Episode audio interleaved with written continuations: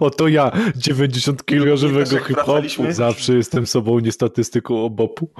Ten, ja w ogóle mam jakieś półtora litra herbaty, bo dzisiaj jak się semestr zaczął i dzisiaj miałem od 7.30 same zajęcia przy tym, przy tablicach kredowych no. i po prostu mam tak zawalone gardło już w tym momencie. Herbaty? Bo jeszcze, nie, nie, chodzi, że piję teraz herbatę, żeby cokolwiek móc mówić. A, rozumiem. Mam jakieś dropsy takie, więc to będę ogólnie, będę cicho mówił blisko do mikrofonu, tudzież będę tak jak ci, jak ci te dropsy już wejdą, to weź nas ostrzeż. no to myślę, że usłyszymy. Będziemy wiedzieć, kiedy wejdzie. Albo ten, albo będę, albo będę ślamał albo przez nos mówił. Mam takie coś, co się nazywa propolki. Bardzo fajnie. Propolki? Czy to jest jakaś prolife'owa akcja? Tak. Tak, to jest propolki. I normalnie z sierz, tu mam właśnie se wyciskam tą Marię Curie Skłodowską. E, tak się domyślałem, że to chodzi o to, żeby dzietność zwiększyć albo coś. Nie, nie, nie, tu po prostu z sierz wizerunki znanych Polek. Aha. Jest Matka Polska? Masz Barbarę Suchocką, oh, Jessica Mercedes. Wszystkie najważniejsze są. No dobra, yy, 262. Muszę się rozgadać, tak dawno nie nagrywaliśmy, że aż mi się język plącze. Okej, okay, to lecimy z tym. Jo. Cze jo, jo, jo. No leć, no co czekać no lecę, na ciszę, no nie ma co czekać. Dobrze. Cześć czołem, rozgrywka, odcinek 262, jak zawsze od zawsze w tym no właśnie mówiłem, że mi się język plącze. W tym samym. Po, pomóż Maciek. Jak zawsze od zawsze w tym samym składzie yy, dziś z wami są Amadeusz Łaszcz, czyli Deusz. Jestem, witam. Maciek Ciepliński, czyli Razer. Siemanowice i Grzegorz Wojewoda, czyli Prez Perez. Witamy Was wszystkich bardzo serdecznie. Postaram się już, żeby mi się język nie plątał, ale tak dawno nie nagrywaliśmy. Niech się plącze. Muszę bo, się bo normalnie rozgrzać. nie rozmawiasz z ludźmi tak na co dzień, tylko jak nagrywasz z nami. Pierwszy raz od dwóch miesięcy usta otworzył. No ale to jest trochę inaczej jednak, nie? Jak nagrywamy, a trochę inaczej jak, jak z kimś rozmawiasz. No I... tak, bo my jednak trochę jesteśmy twoimi kolegami, a raczej otaczasz się wśród wrogów. no tak, mieszkam w końcu w Polsce, wśród Polaków. No, e, dobra, słuchajcie. E... Żeby nie rozmawiać z Polakami, to nie używasz języka polskiego. Dokładnie. dlatego ci się plączą spółgłoski i samogłoski. A poza tym pamiętaj, że ja w pracy jednak y, rozmawiam po, niemiecku, po angielsku. nie, po niemiecku to w ojczyźnie, wiesz. Fur Deutschland, czy tam Fir Deutschland, kurwa, widzisz, wysypałem się, że ze mnie taki Niemiec, że nawet nie umiem po niemiecku. Fur. Fir Deutschland, no. Okej, okay, tak czy inaczej, rozgrywka, odcinek 262. Regularnie ja się bardzo cieszę. Dzień. Regularnie w tym samym składzie. Ja się bardzo cieszę, że słyszę Was, panowie, i że możemy sobie znowu coś nagrać. Tym bardziej, że dzisiaj mamy kilka ciekawych tematów i sporo gier. E... O, mamy kilka ciekawych tematów? To mamy. chyba mamy inną rozpiskę w takim razie. Mamy, mamy. Pierwszy temat na rozgrzewkę, słuchajcie, jest dosyć kontrowersyjny i może bardziej nawet e, pasujący do grubych rozmów, ale bardzo związany z grami. Tak i oto e, Sasha Gray E, będzie e, w Cyberpunku, to znaczy w dodatku do Cyberpunk 2077, wcielać się w postać Ash, e, która jest spikierką radiową i ta spikerka pojawia się właśnie w grze. Będziemy mieli teraz radio w tym dodatku i właśnie Sasha Grey będzie to radio prowadzić. Nie było radia wcześniej? Chyba było, nie było. Pamiętam. Oczywiście, że było. No, ale nowe jak stacje, ale wiesz, no coś tam, coś tam się nowego no, zadzieje po prostu. Była RMF-ka, dodają Zetkę. I, i, i, i, i zaczęła się, zaczęło się ból dupienie w internecie, y, a mianowicie takie, że spermiarze się cieszą, że będzie Sasha Grey, uuu, porno, bo jeżeli ktoś nie wie, Sasha Grey jest byłą aktorką porno, dosyć popularną swego czasu, która obecnie jest streamerką, zajmuje się grami e, i innymi też y, aktywnościami, no i właśnie teraz wystąpi w tym dodatku do Cyberpunk. E, no no i tam oczywiście dużo młodych mężczyzn, pewnie starszych również, bardzo z tego powodu się ucieszyło i zaczęło sobie robić heheszki, no bo wiecie, hehe, cycunie. No i pojawiły się głosy... Których nie się... zobaczył, bo będzie tylko głos w radiu. Dokładnie, no ale wiesz, e, pojawiły się natomiast głosy sprzeciwu, że w ogóle co to znaczy, e, w ogóle kojarzy się ją tylko z jednym i ona dawno już tego nie robi, jak wy możecie. No, a ja się zastanawiam, no jak mogą? No normalnie mogą. Laska przez kilkanaście lat zarabiała jako aktorka porno i Zdarzyło mi się obejrzeć parę filmów z nią, nie ukrywam, i to było dosyć hardkorowe porno, z którego ona zresztą była dumna i, i widać to było nie po niej. to jest porno w ogóle, nie ma E, To takie filmy z nagimi ludźmi, słuchaj. O, o nie wyłączyłem nawet dźwięku w telefonie. dzwoni. Tak. Jak, Grzegorz, jak ci się podobał mój ostatni film, wiesz? Słyszała, że ją wspominasz, wiesz. W każdym razie, y, w każdym razie, wiecie, no dla mnie to jest dziwne, troszeczkę mnie to zaczyna irytować. Te kobiety zarabiały w ten sposób, nie ma w tym niczego złego, E, ale jakby dalej to jest fakt. No i facetom się podobało i chciały się podobać, na tym polega ich praca. Więc jakby o co tu jest ból dupienie? Nie wiem zresztą, czy wiecie, że inna była już aktorka porno, Adriana Czecik, też została streamerką e, i niestety zrobiła sobie dużą krzywdę ostatnio na jakichś targach. Teraz nie powiem wam, co to było. Jakiś E, duży ostatni był Twitch, TwitchCon chyba. TwitchCon, dokładnie. Ponieważ tam był, taki, tam był taki, słuchajcie, e, basen z tymi kulkami plastikowymi. Gąbkami. Czy tam gąbkami. No i to, to Były, było Tylko, że była zrobione. jedna warstwa gąbek. Tak jest. I tam różne osoby sobie w tych gąbkach skakały. No i pani Adriana sobie tak poskakała, że, e, że uszkodziła sobie kręgosłup i to dosyć poważnie, więc jest afera. Zresztą nie, nie ona jedna e, doznała uszkodzeń, natomiast ona najbardziej. To jest bardzo ciekawe, że tyle lat skakała na pindolach i nic jej się nie stało. A teraz widzisz, gry to jednak zło. Wskoczyła do basenu i natychmiast krzywda. E, Także to taka anegdotka w sumie związana z, z, branżą porno trochę, więc Swoją drogą to też wspominam jest o tym. ciekawe, że y, aktorki porno stwierdzają, że więcej kasy i lepsze warunki pracy są na Twitchu streamując gry niż... Nie wiem, nie wiem, czy jest więcej więc- kasy, natomiast na pewno są e, lepsze Myślę, warunki. że kasy też Kurczę, no przecież więcej. wyłączyłem dźwięk w tym cholernym Powiedz telefonie. jej, że nagrywasz podcast, że nie możesz teraz rozmawiać o tym, jak ona się ma przygotować do roli speakerki radiowej. No i właśnie, ten motyw, o którym wspomniałeś Macieju, a mianowicie, że one zauważyły, że w tym są pieniądze. To nie jest tak. Oczywiście, że one mogą sobie te gry kochać, y, lubić to robić, e, ale to nie jest tak, że one to robią e, dla zabawy. One to robią dla pieniędzy, bo one wiedzą, że ci faceci będą rzucać hajsem w monitor, będą oglądać ich streamy i tak dalej. Więc ja nie- ja nie powiem, że to jest cyniczne. To jest prosty ruch biznesowy. Znowuż, nie ma w tym niczego złego. Ale oburzanie się w internecie potem, że jak ci faceci mogą zwracać uwagę na to, że one są seksowne, albo cycunie, albo ona ciągnęła kiedyś kutasy za pieniądze, no taka kurwa jest prawda. No to jakby o, o, o czym my w ogóle dyskutujemy? Pytanie, zanim przejdziemy do, do kolejnego działu, yy, który jest, znaczy do kolejnej, yy, do kolejnego tematu, który jest związany również z cyckami, szeroko pojętymi, za chciałem, chciałem was zapytać właśnie, panowie, jakie jest wasze zdanie na temat tego, o czym przed chwilą powiedziałem? Y, Moje zda- ja bym chciał, w ogóle- ja do tego zdania twojego, to bardziej jeszcze bym dodał aspekt taki, że e, no, że, że, że warto by było ocenić już dzieło gotowe, bo w sumie nie wiemy, bo może akurat jej głos będzie super pasował do tej postaci i, i to będzie jak najbardziej poprawne wykonanie. Jeśli to będzie poprawne wykonanie, to nie ma się za bardzo, nie ma się za bardzo czym e, Ale ekscytować. nikt, tutaj- ale nikt tutaj nie jakby- powiedział, że ona źle zagra, czy coś takiego. Nie o to w ogóle chodzi. Chodzi o to, że faceci w internecie na hasło Sasha Grey w Cyberpunku zaczęli sobie robić heheszki, hehe, cycki, na co część odbiorców internetu się po prostu obraziła. I No po- ale chyba też pewnie, pewnie takie zadanie było między innymi zatrudnienia Od- no tego, właśnie. tego ruchu, no bo myślę, że jak się No panowie właśnie. w garniturach zebrali w salce i wpadli na ten pomysł, to na pewno wszystkie analizy rynkowo-marketingowe wskazały na to, że będzie dokładnie tak jak jest. No bo zatrudnili ją przede wszystkim dlatego, że jest bardzo znanym głosem lektorskim, prawda? No dokładnie, dokładnie. Czyli rozumiem, że się zgadzamy w tym temacie, więc E, jakby Też należy jest dziwne. e, wspomnieć przy tej okazji zawsze to, co ludzie powtarzają, e, czyli odwieczny dylemat, czy oddzielać twórcę od dzieła, czy nie. Czyli czy oddzielać głos pani Saszy od reszty kariery pani Saszy, czy nie. Ale dlaczego? Przecież ona niczego złego nie zrobiła.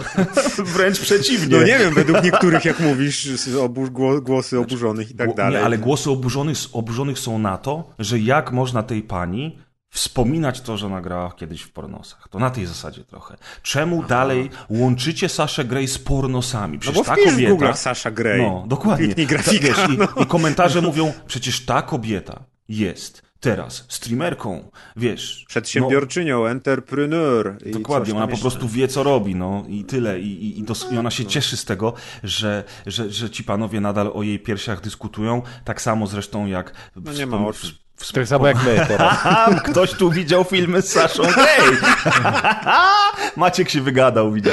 No, w każdym razie, e, w każdym razie, e, tak samo jak wspomnieni już, wspomniani już przez Amadeusza panowie w garniturach wiedzieli, co robią, tak samo Aleśmy tą Sasza. sprawę rozgryźli jak Nie, bo, bo wiesz co, Holmes zaczyna i... mnie irytować bardzo irytować. Internet. E, nie, Ludzie. obrona, obrona sex workingu w internecie i mówienie, że wiesz, czemu wy nie szanujecie, albo czemu wy gapicie się na cycki laski, która siedzi z walonymi cyckami na wierzchu. To obrona I robi to specjalnie. Nie, o, o, e, denerwuje mnie przypierdalanie się do, do tych facetów, że oni się tym podniecają, skoro te kobiety, które robią, te streamy chociażby, pamiętacie te wszystkie streamy na Twitchu, które dalej nie są kontrolowane i dalej się od, odstawiają tam dantejskie sceny, i krytyka tego, że faceci się gapią na cycki. Hello! Te laski te cycki specjalnie wypychają do, do, kamery, żeby oni właśnie się na nie gapili, bo wtedy zostają przy ich streamach i płacą im donaty. I nie oszukujmy się, że to jest robione po coś innego, bo to jest robione dokładnie po to. A do czego już zmierzam?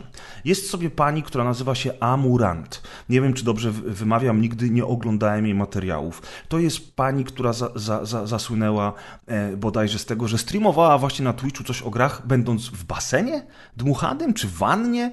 Nie mam pojęcia. No i teraz Okazało się, że na jednym z ostatnich streamów owa pani wyznała bardzo przykrą e, rzecz, a mianowicie, że jej mąż jakby nie tylko znęca się nad nią psychicznie, ale też fizycznie, groził jej psą, e, e, zabiera te pieniądze, które ona zarabia i często zmusza ją do tego streamowania, ponieważ on na tym korzysta. Wiecie co, za moich czasów to się nazywało po prostu stręczycielstwem. I teraz pojawia się informacja. Sex working na streamach jest toksyczny. Uuu, internet zdziwiony. Biedna pani Amurant. Oczywiście, że biedna. Natomiast właśnie pojawia się wreszcie problem tego, że taki Twitch pozwala na takie rzeczy. Bo dla mnie żadnym zaskoczeniem jest to, że jeżeli piękna, atrakcyjna kobieta, która jest w miarę znana, zaczyna zarabiać pieniądze, to pojawia się jakiś toksyczny fagas, który będzie z tego korzystał. Oczywiście nie zawsze, ale przecież tak, tak świat się kręci od zarania dziejów i, i takie sytuacje się zdarzają i oczywiście bardzo współczuję tej pani. Ale po pierwsze, czy jej, mm, czy jej spowiedź na antenie platformy streamingowej do gier to jest dobre miejsce. Okej, okay, ja rozumiem, że ona to zrobiła e, w pewnej chwili, ona się po prostu złamała, coś w niej pękło i ze łzami w oczach to opowiedziała. Ale jednocześnie siedzi przed kamerą e, z ogromnym dekoltem, ogromnym biustem, wywalonym specjalnie tak. Może ona tak lubi się ubierać, sama dla I, siebie. I jacyś faceci skomentowali, że no, oni bardzo by chcieli, jakby, znaczy to nie czułe, może ktoś chciał zaśmieszkować, ale no, bardzo by chcieli się skoncentrować na tym, co ta pani mówi, ale nie mogą, bo ich zwrok ucieka cały czas w jedno miejsce. No i znowu fala oburzenia. Jak oni śmią tę kobietę teraz w ogóle atakować? To nie był atak, tylko głupi żart. Mm, ona jest biedna, pokrzywdzona i tak dalej. To się wszystko zgadza. Ona jest biedna i pokrzywdzona, ale do kurwy nędzy. Dlaczego Twitch nic, niczego z tym nie robi? Ta kobieta powinna iść na policję, do adwokata i do psychologa, a nie puszczać stream o tym, że jest prześladowana przez męża. Puściły jej nerwy, rozumiemy. Natomiast kiedy wreszcie ktoś za zacznie przy, przyglądać się seksworkingowi w internecie, bo ja już nawet nie mówię o kamerkach, bo wiadomo, że to wszystko i branża porno i kamerki, tam zawsze byli stręczyciele, którzy te kobiety wykorzystują, mnie często zmuszając je do tego, ale teraz pozwolono na to, żeby również sytuacja taka zaczęła dziać się na streamach o grach wideo. I, I, moje pytanie do, do platformy Twitch, jakim kurwa chujem wy nadal na to pozwalacie? Ja wiem jakim, macie z tego ogromne pieniądze, ale może czas wreszcie się tym zainteresować i problemowi się po prostu przyjrzeć, a nie zostawiać sprawę ludziom, którzy dyskutują na ten temat w internecie. I teraz znowuż moje pytanie, jakie są wasze przemyślenia na ten temat? Ja nie znam dramy, znaczy widziałem tylko jakiś kawałek filmiku, ale panią też kojarzę ledwo skąd, więc ja nic nie wiem w ogóle. No ale słyszałeś, co powiedziałem przed chwilą, prawda? Słyszałem, tak. Ale on ci po prostu nie ufa, Masz że rację. przekazałeś to obiektywnie. Może, może jest, trzymasz z nią, bo ci zapłaciła. Yy, a ty, Amadeusz?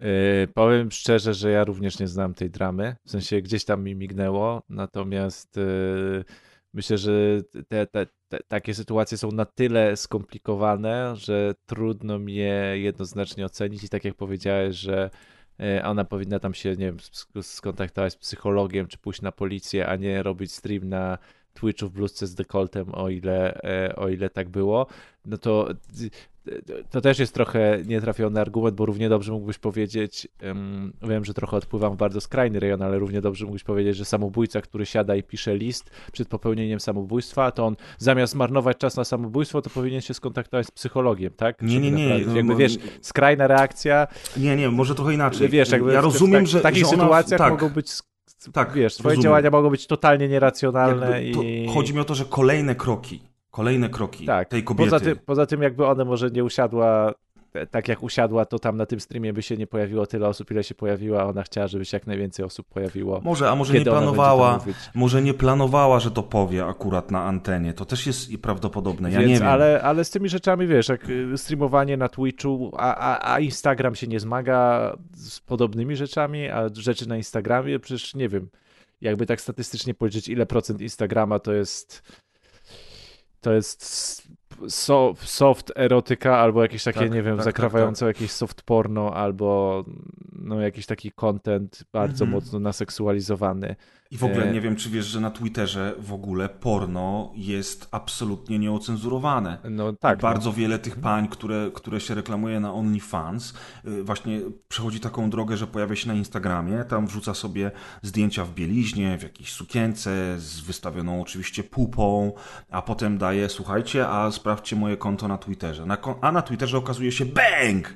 Krótkie filmiki, zdjęcia nago, seks, wszystko się dzieje, waginy, odbyty, wszystko jest po prostu pokazane, a na dole jest podpis, a teraz wejdźcie na moją stronę OnlyFans i dajcie mi pieniądze. I znowuż, Twitter też tego w ogóle nie pilnuje w żaden sposób, nie? Y, no, to, to, no tak, zresztą to chyba w zasadach Twittera jest tak, że możesz takie rzeczy wrzucić. Tylko w sensie, jak to jest z dziećmi? Ja rozumiem, że oczywiście klauzula mówi, że czy masz 18 lat, żeby założyć no. konto na Twitterze, no, no ale nie róbmy sobie jaj. Tak no właśnie. Na każdej no stronie porno tak masz przecież. No w sumie racja, kto by szukał na Twitterze porno, skoro można wejść na Pornhub po Ty prostu. Boomerz! Pamiętajcie dzieci, www.pornhub.com za darmo. No tak, no tak. To, to, oczywiście to nie jest problem, który rozwikłamy dzisiejszego wieczoru i którym się będziemy zajmować, bo ten problem nas przerasta, ale niestety od zawsze problem e, seksworkingu e, i wykorzystywania kobiet, nie tylko kobiet, mężczyzn, dzieci, e, zawsze istniał, istnieje, istnieć będzie dalej, a niestety internet i wszystkie platformy oraz aplikacje tylko pomagają tym stręczycielom, żeby swój biznes rozwijać. No, Teraz już nie a... musisz być Alfonsem i mieć prostytutki na ulicy. Tak, a, z, a wiesz, a z drugiej strony takie bardzo za, e, prawodawstwo, powiedzmy, w, w naszym takim cywilizowanym świecie, y, powiedzmy, europocentrycznym świecie, to prawodawstwo też jest takie, że wiesz, że gdzieś tu ci, że tak, że y, pozwalamy na takie rzeczy, ale, y, ale żeby mieć sumienie czyste, to mówimy, że to musi być za klauzulą 18 e, lat, tak, bycie pełnoletnim, ale jednocześnie w internecie nie ma jak tego sprawdzić, więc wystarczy kliknąć, że tak, ma się 18 lat. Wiesz, z jednej strony masz takie rzeczy, ale w większości krajów, w, w dużej części krajów prostytucja jest nielegalna albo, a, albo inne seksualne czynności są nielegalne, ale istnieją i wiesz, i to tylko powoduje y, y, powstawanie szarej strefy, więc to prawodawstwo też nie sprzyja temu, żeby ułatwić firmom, które się z tym zmagają, powiedzmy Twitchowi, o ile za, zakładając w dobrej wierze, że on się próbuje z tym zmagać, to takie lokalne prawodawstwo, czy, czy nawet bardziej zdecentralizowane prawodawstwo, e, na, nawet na gruncie organizacji takich jak Unia Europejska, nie pomaga w egzekwowaniu pewnych rzeczy również, bo bo to gdzieś jest tak purytańsko zepchnięte na drugi plan i po prostu od lat żyje nieregulowane albo regulowane w takim stopniu, że każdy ma czyste sumienie, mm, że wszystko jest ok, no bo każdy na w jakimś kroku, w jakimś etapie powiedzmy swojego życia z tego korzystał, czy chce korzystać, czy ma znajomych, czy to przynosi odpowiednim ludziom odpowiednie korzyści, więc, więc to też jest w ogóle cały ogromny aspekt e, samych regulacji prawnych które by pomagały organizacjom prywatnym, tak, jako, jakoś to też regulować, sprawdzać i, i też pewne rzeczy egzekwować. Widzisz, Maciek, jak teraz głupio wyglądasz przy Amadeuszu, który się wypowiedział i to tak mądrze?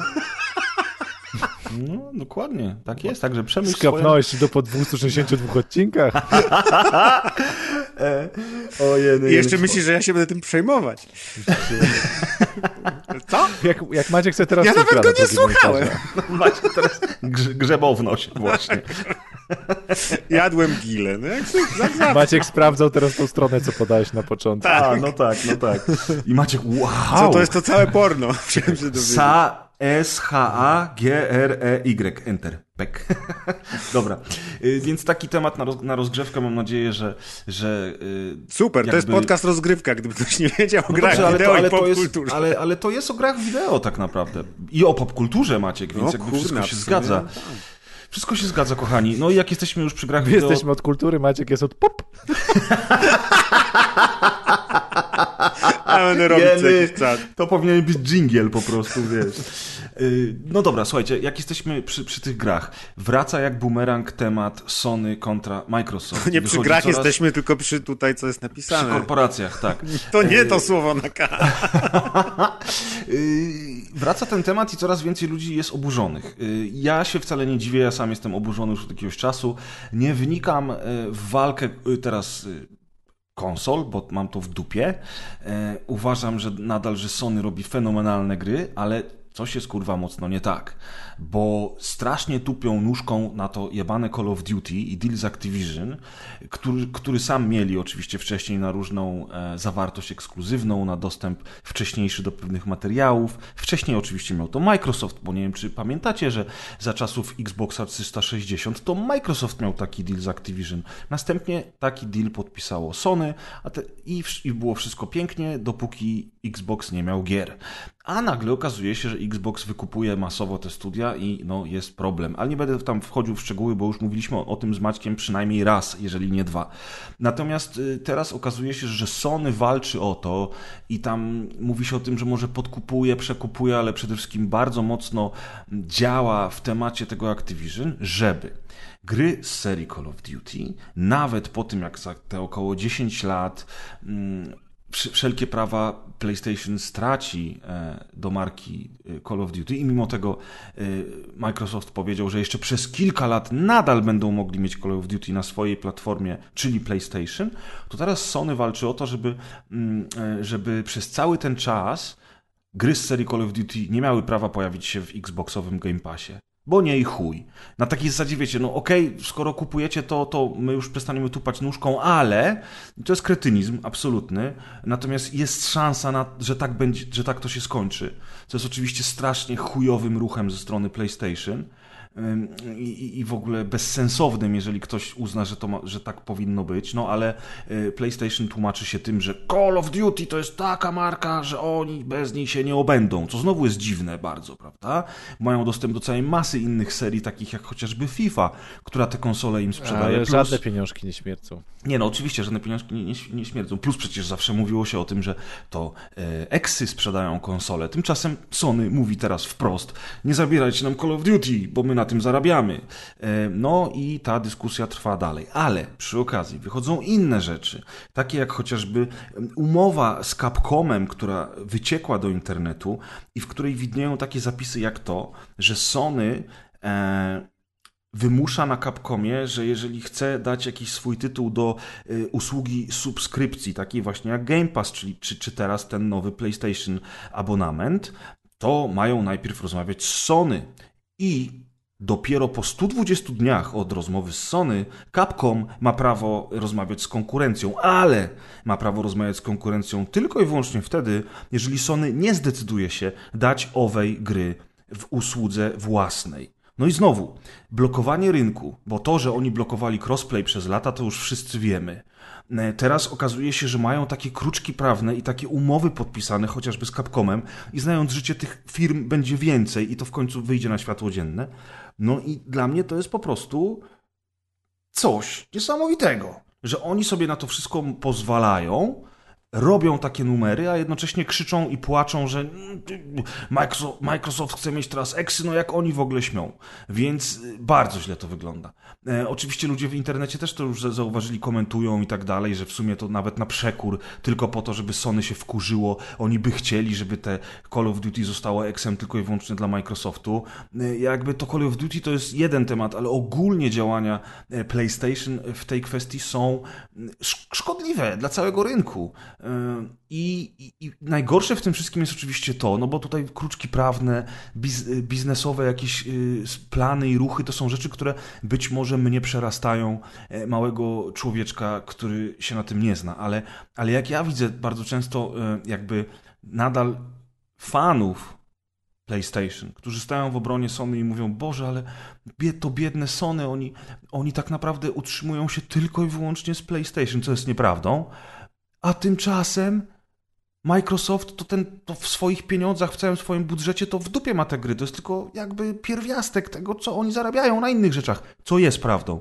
I jakby ja tego nie rozumiem, nie? Ja, ja nadal nie rozumiem, jak ludzie są w stanie tak bardzo przywiązać się do jakiejś korporacji, że będą robić rejtana e, w jej obronie. No to jest po prostu śmieszne dla mnie, no. Tym bardziej, że ewidentnie PlayStation robi bardzo niefajne ruchy. Z punktu widzenia PlayStation te ruchy są bardzo fajne, a nie niefajne, bo myślę, że oni się nie troszczą o rynek jako taki, tylko się troszczą o samą, o samą, siebie, o samą siebie, tak? Tak, Przecież... ale w kontekście wykupu różnych firm przez Microsoft jest cały proces sprawdzania, czy nie będzie to monopoliza monopolizacja rynku.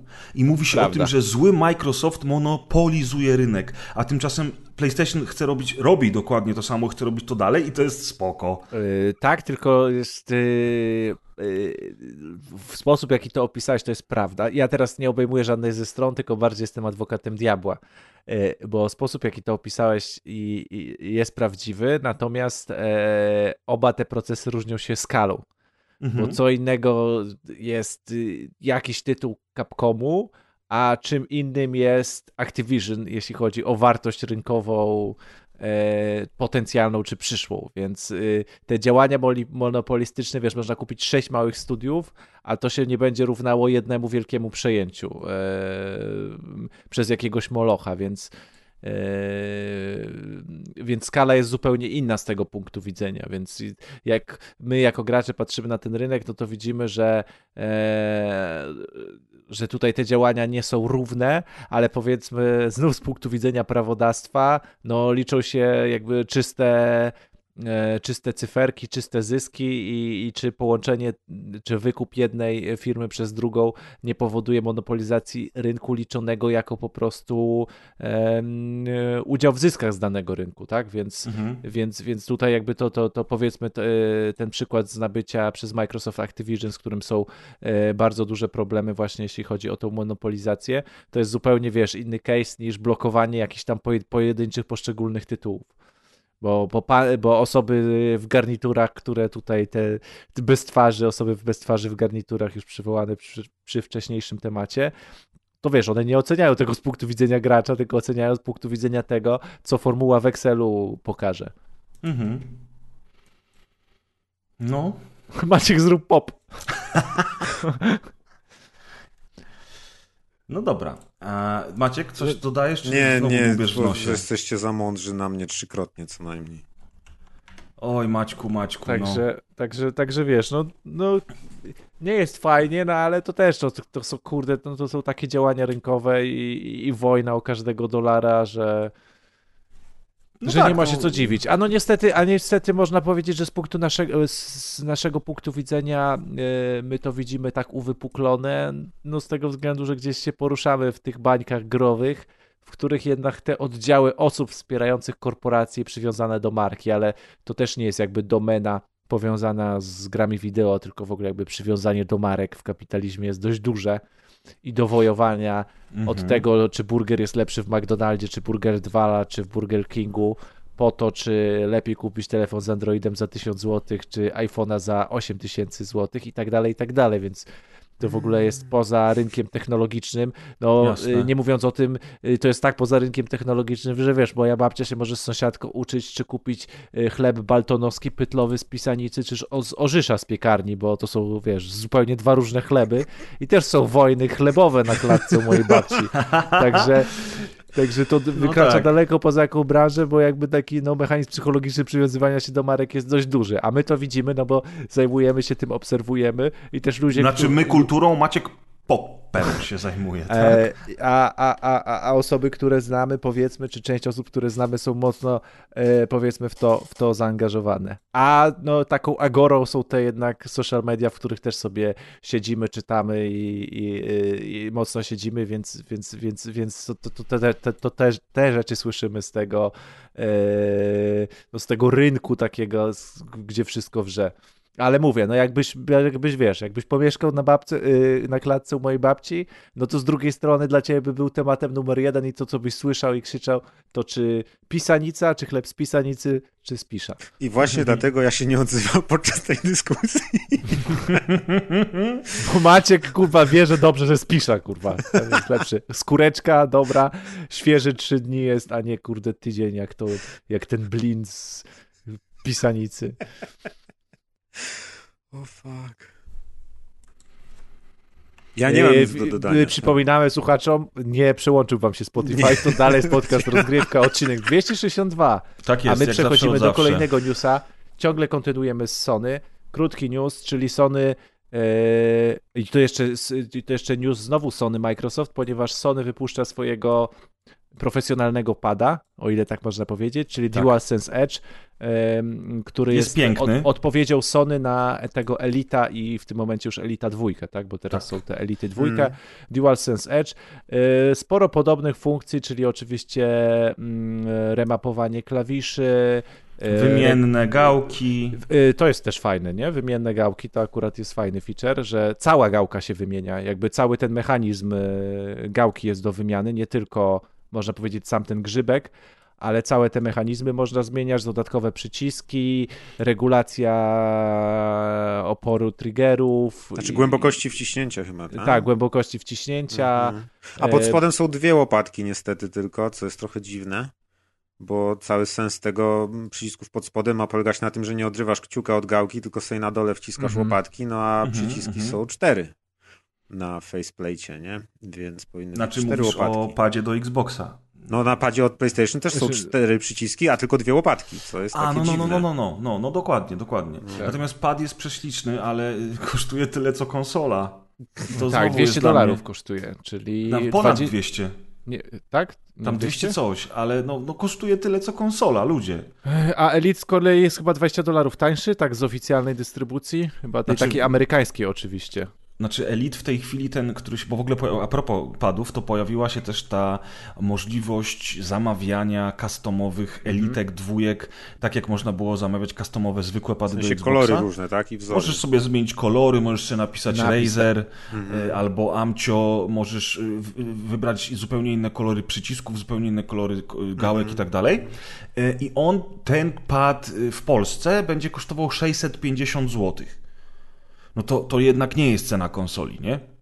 Więc jeżeli mówisz, no, że prawie. w Stanach to jest tylko nie, 20 dolarów mniej, no to jednak się, że drogo. Jak czytałem news amerykańskie, to było 180 euro za tego Elita dwójkę i 180 y, dolarów za Elita dwójkę i 200 za e, tego DualSense Edge'a nowego. Ale no może ciekawe. coś kręcę. Wiesz co, to ja trochę też, też się rozpędziłem, no bo jednak 200 dolarów to nie jest cena konsoli. E, szczególnie jest, po podwyżkach. Szczególnie po podwyżkach, oczywiście, ale to nadal jest teraz na, na nasze około półtora tysiąca złotych zapada, tak? To jest strasznie dużo pieniędzy. E, no jestem ciekaw. No oczywiście znajdą się chętni i, i, kupią, tu w ogóle nie ma wątpliwości, natomiast no jednak ja dałem 900 zł za tego pada Halo Elite 2 i to już było dużo za dużo. Pozwoliłem sobie na to, stwierdziłem, że jakby. To okay. żałujesz? Nie, nie żałuję w ogóle, bo te pady są fenomenalne. Ale lepiej ci idzie w multi przynajmniej? Znaczy ja zawsze byłem dobry w multi, więc jakby bez różnicy. Ale ogólnie mi się bardzo dobrze gra. Szkoda, i dlatego... że nie ma takich padów do kobiet, co? O, ty Kabum. rozbójniku, ale żeś mnie teraz. A Maciek aż zrobił pop-pop, tak? No, y... Czekałem po prostu na tę puentę, zawsze byłem dobry wy. to, to też prawda. Jak, jaka cisza teraz zatkało. Nawet Maciek zapomniał zrobić pop. Zatkało kakao! Ha! No, y, okej, okay. DualSense Edge, czyli nowy padzik od PlayStation, tymczasem w listopadzie wychodzi, tylko chciałem o tym wspomnieć, dlatego że chciałem powiedzieć o tym Deuszowi, ale nagrywamy, więc powiem wam wszystkim. Na początku listopada wychodzi WRC Generations i ja już się nie mogę doczekać. O Jezu, ja też. O! Hmm, to jest po prostu jakieś kolejne WRC? To, to jest kolejne WRC, tak, tylko to jest kolejne WRC to jest, to jest sezon, sezon tak. 22. Skylotona. Mhm. Sezon, sezon 22, wszystkie samochody, wszystkie trasy i tak dalej, plus 37 samochodów klasycznych i coś tam jeszcze. Wygląda to brzydko oczywiście, tak samo jak poprzednia odsłona, ale mam to w dupie, będę tak jeździł bardzo. A to jest to, wow. co u ciebie grałem. Tak, to jest to, co graliśmy u Na mnie. tym zwiastunie wygląda ładnie, ale potem się kapnąłem, bo oglądałem to na telefonie, że to, co te fragmenty, które były ładnie, to chyba były normalne fragmenty, jakby live, na żywo nagrane. Już z kolejną edycją WRC mamy tą dyskusję. Jak siadasz i zaczynasz to grać, to nie patrzysz, czy to jest brzydkie, no bo nie masz tak, żeby tak, tak, nie masz czasu. Znaczy nie no, umówmy się, pamiętasz Maciek, jak myśmy grali u mnie w 120 FPS-ach, to jednak no. bardzo biło po oczach to, że ta gra jest okropnie brzydka. E, ale to nie robiło różnicy. Spędziłem przy niej wiele godzin zachwycony. Zresztą był cały odcinek o WRC 10, gdzie również ty, Amadeuszu, chwaliłeś ten tytuł oczywiście. Tak, ja w ogóle też tej marki jestem fanem i w ogóle to mnie zaskoczyło, bo jakoś sensie wiadomo było, że wyjdzie to WRC, ale nagle jak wrzuciłeś, patrzę, czy jakoś tak szybko, premiera. Nie? W ogóle premiera tak, miała być już w październiku, ale przesunęli. No tak, tak, tak ale w ogóle jako, jakoś tak wszystkie materiały mnie ominęły. No, mnie też, dlatego ja w ogóle zapomniałem o, o, tym tytule i nagle patrzę w WRC Generations, mówię, kurczę, super sprawa. A y, y, taki news właśnie bardzo miły, bo, bo jesień i siedzenie w, w, domu to jest idealny moment na to, żeby sobie porobić parę rajdów. A to a propos y, gier wyścigowych, rajdowych i w ogóle samochodowych, to też ukazał się nowy zwiastun, nowy zwiastun, zwiastun nowego Need for Speeda. Ach, no tak. I co sądzicie? Need for Speed Unbound. Need for Speed jest bardzo ziomalsko, graficiarsko, nie wiem nawet jak to określić. No właśnie, Co on jest bardzo? wygląda jakby Undergrounda trochę pożenić z TikTokowym graffiti? Nie Coś wiem, takiego, taki... tak, bo na mhm. ekranie jak ktoś nie widział, to to jest taki jakby zwykły Need for Speed, tylko że są pododawane efekty w stylu powiedzmy rysowane sprayem, czyli ruszasz normalnym samochodem, ale wokół niego pojawiają się nagle pioruny i dymki rysowane niczym z mm, jakiejś Trochę jakiejś animacji albo z jakiegoś tak. komiksu takiego. Trochę jak te, te, te, może te tam Spider-Versy jakieś, czy tam któreś z odcinków y, Love, Death and Robots, czy coś takiego. Przy czym bardzo, bardzo, bardzo ważne, wszystkie te efekty można będzie sobie wyłączyć. tak, to prawda. Aha, no to tak. ciekawe, jak ta gra będzie wtedy wyglądać. No i jest bardzo podobno taka hip-hopowo, tam trapowa. Tak, nawet ASAP Rocky w niej występuje, czyli bardzo popularny czyli... w Stanach raper. Tak. E, generalnie rzecz biorąc, y, ja jestem zainteresowany, dlatego że to wygląda jak underground. E, no tak, y, niby wygląda, ta baza jest podobna do Undergrounda, czyli mamy ten taki klimat tuningowych aut, tylko tego takiego tuningu klasycznego, ale ale jakiś ten taki zwiastun jest dla mnie taki bardzo, tak jak powiedziałem, TikTokowy, że tu się dzieje, tu się dzieje, tu tak palenie gumy, ale z takim dziwnym przejściem, taką szybką pracą kamery, że, że on nie jest zrealizowany e, można powiedzieć, taką klasycznymi ujęciami, montażem, nie wiem, pracą kamery, tylko on jest taki tu, tu, tu, tu, tu, szybko, tak, tak, bawimy się no, ale z widzisz, tych, Ale może to tylko bound. zwiastun, nie? Ale widzisz, ale już odkryłeś dlaczego, sam to powiedziałeś. Jest TikTokowy, tak? To jest gra, która ma się sprzedać, ma trafić do młodych ludzi i dlatego taki montaż, dlatego taki styl. Więc, ale wiesz, no, no, no, no trailery też mają oddawać jakiś klimat, więc jest pytanie... No nie wiem, zobaczymy. zobaczymy. No ja z drugiej ja strony nie, jestem, też... nie jestem też negatywnie nastawiony, ale... Ja mogę też powiedzieć a propos oceniania po trailerach, że już widzę, że to będzie słaby model jazdy. Słaby, czyli taki jak we wszystkich ostatnich Need for Speedach, czyli nie, dla mnie słaby. No właśnie dzisiaj I będę wspominał o emulacji. zainteresowany raczej w ogóle tym, co zobaczyłem. Dzisiaj będę wspominał o emulacji. Dobrze, że Maciek o tym mówisz, bo właśnie grałem sobie wczoraj w, w PlayStation 2 wersję Need for Speed Most Wanted I no, ten model jazdy wtedy, a dziś, kurwa, to jest przepaść. Mam nadzieję, że oni, że oni jednak coś zrobią dobrego z, z, z tym gameplayem w nowym Need for Speedzie, bo, bo po prostu kolejnego takiego nie modelu jazdy oddechu. jak ostatnio. Dokładnie, Myśl, kolejnego myślę, takiego modelu jazdy nie zniesę. na jaką tam w tych Need for Speedach patrzą, to, to myślę, jest, to jest model jazdy, tak. To chodzi o to, żeby były dobre te płomienie spod opon, wiesz, ale to... i fajne naklejki. I dobra muzyczka, tak. a nie tam... No, dobrego modelu jazdy macie w WRC Generations po prostu. Jo. Znaczy, no ten model jazdy w WRC to też nie jest jakiś super taki, wiesz, dobry, o, jak ty mówisz. sorry. ale jest chciałem. niezły, powiedzmy. Dobry model jazdy to nadal no to mamy, mamy emulację PlayStation 2 na szczęście już dobrą. Na szczęście. O, człowieku, jak ja ci dzisiaj opowiem, Dobra, co tam się zaraz. dzieje. Ale zaraz, oczywiście zaraz. A propos konsol. A propos konsol i brzydkich i ładnych gier. I to, płynnych i niepłynnych. To jak wiecie, w przyszłym tygodniu, tak? Wychodzi już Gotham Knights. Chyba w przyszłym, tak? To też jakoś tak nagle. To, tą grę tak dawno zapowiedzieli, I... potem była cisza kompletna. Nie w przyszłym tygodniu, w tym tygodniu, w piątek bodajże. Za Aha, dwa dni. Dobra, czyli, już, czyli jak to słuchacie, to, to już, już wyszło. No i jednym z głównych newsów przed premierą, jaki się pojawił, to fakt braku performance mode na konsolach. To znaczy, że brak performance mode y, na konsolach, przypomnijmy, na konsolach nowej generacji, mm -hmm. czyli na nowym Xboxie i na PlayStation 5, powoduje, że gra będzie działała natywnie w 30 klatkach na sekundę. E, o ile będzie działała oczywiście. Twórcy tłumaczą to z tego względu, że e, e, mamy otwarty świat i w tym otwartym świecie mamy koopa i że jakby nie dałoby się nie dałoby się pogodzić tego wyższego klatkarzu kosztem jakichś feature'ów gry. Po prostu wszystkie feature'y, które muszą być w grze są na tyle wymagające, że ta gra musi chodzić w 30 e, klatkach na sekundę w wersjach na konsole nowej generacji, które mają dwa lata, tak? Tak, tak myślę? Mhm. Teraz tak. pytanie, ile chodzi w wersjach z konsole starej generacji? Czy to w ogóle wychodzi na konsolę starej nie, generacji? Nie, nie, to chyba nie wychodzi nie na konsolę starej generacji. Tak, nie, tylko mówię. No to już wiemy, dlaczego nie wychodzi. Natomiast, natomiast to, jest, to jest ciekawostka, bo w tym samym czasie ukazał się nowy Plague Tale, e, sequel, e, sequel gry o szczurach i on również e, chodzi w 30 klatkach na konsolach mm -hmm. nowej generacji, przy czym ledwo te 30 klatek trzyma. W związku z czym ja wczoraj zainstalowałem grę z Game Passa na PC, bo uznałem, że jak sobie ustawię ustawienia medium, Full HD będę mógł sobie spokojnie grać w 60 klatkach. Otóż nie, nie. niezależnie od tego co ustawię, nawet 720p i wszystko nalał, to ta gra chodzi tragicznie tak. źle. Ty masz jaką kartę? Ja mam 1070. A, ja, no to ja mam 2070 i tak samo też dzisiaj popróbowałem trochę i czego tam nie ustawię, to po prostu jest bardzo niepłynne od, od 60 do 30.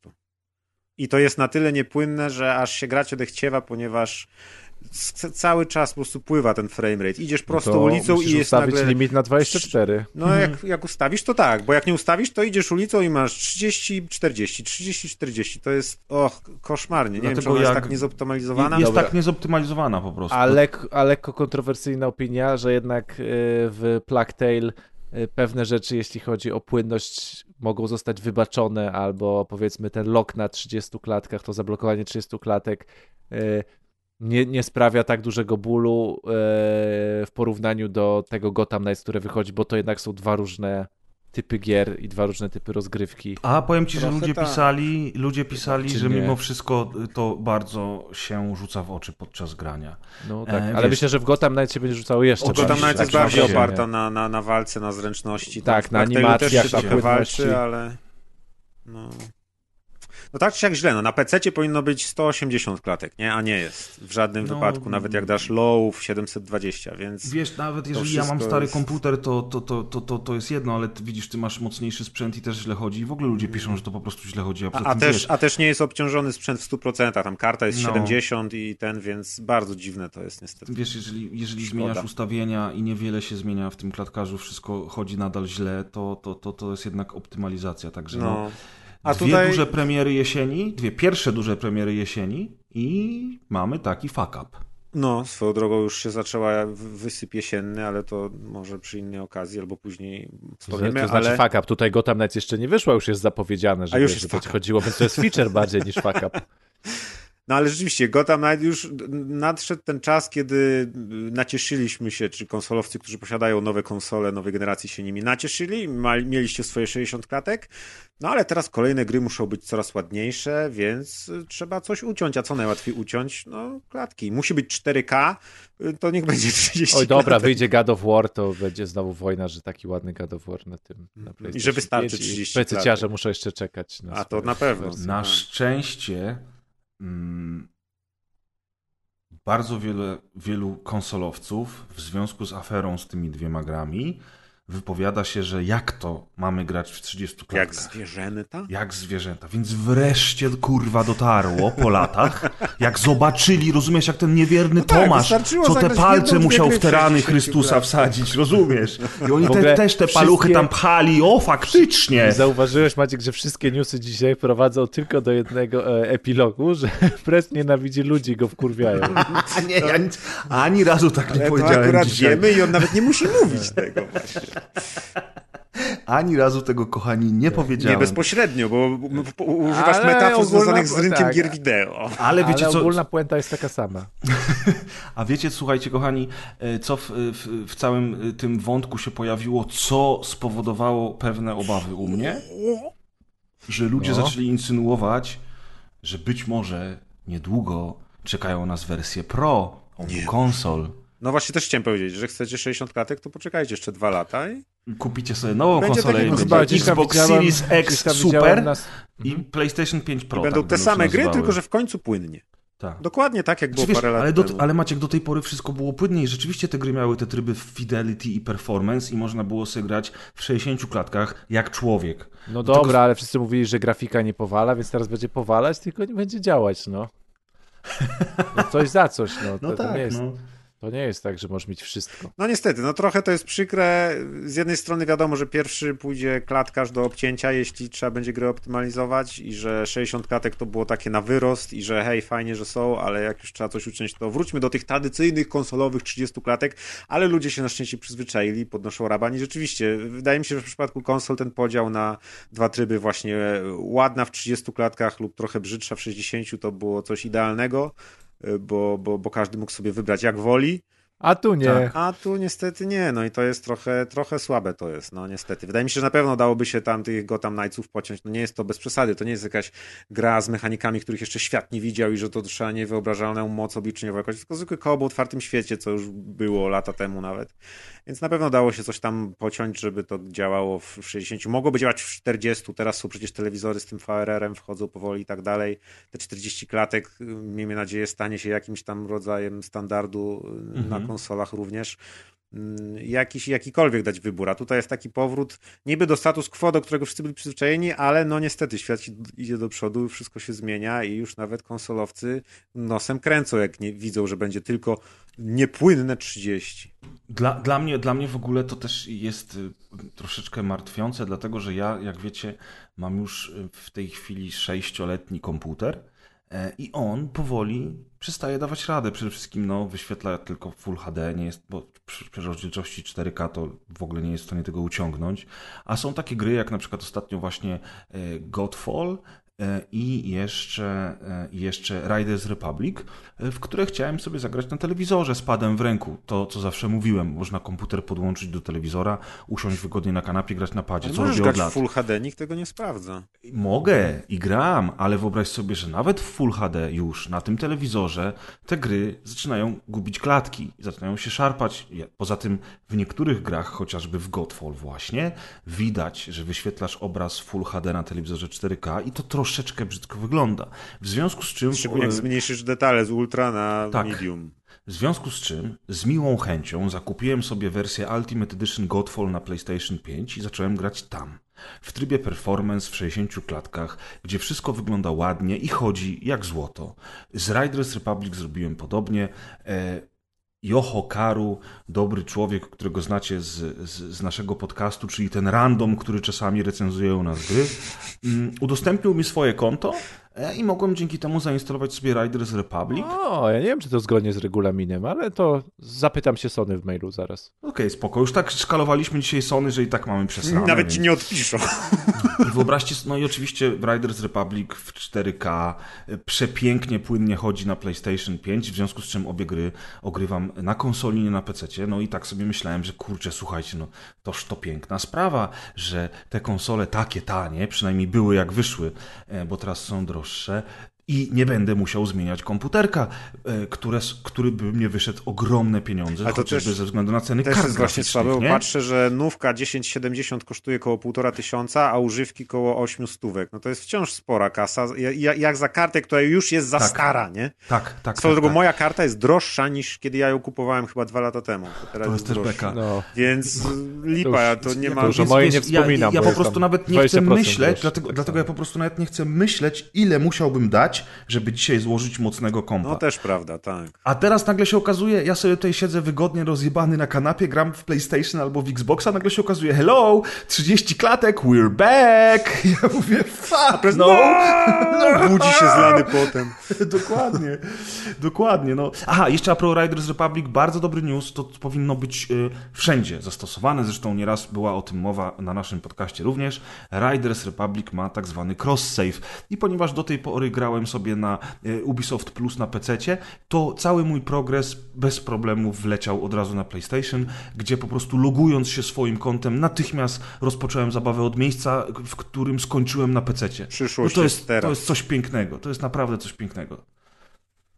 Grubo. E, no i tyle, słuchajcie, jeżeli chodzi o, o te, te, sprawy, rzeczy i sprawy tak zwane, ale mamy też takiego pięknego newsa, którego zakładam wpisał Maciej.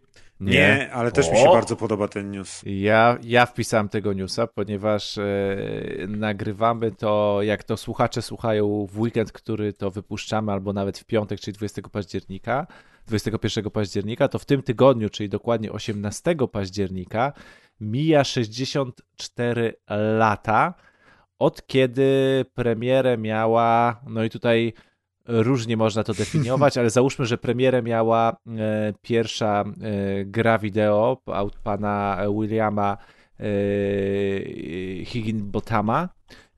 Ta gra się nazywała Tennis for Two i była taką symulacją tenisa, ale nie ponga, ponieważ ona uwzględniała grawitację i wiatr, czyli to był taki te tenis od boku, gdzie normalnie, wiecie, piłeczka spada grawitacyjnie przez siatkę.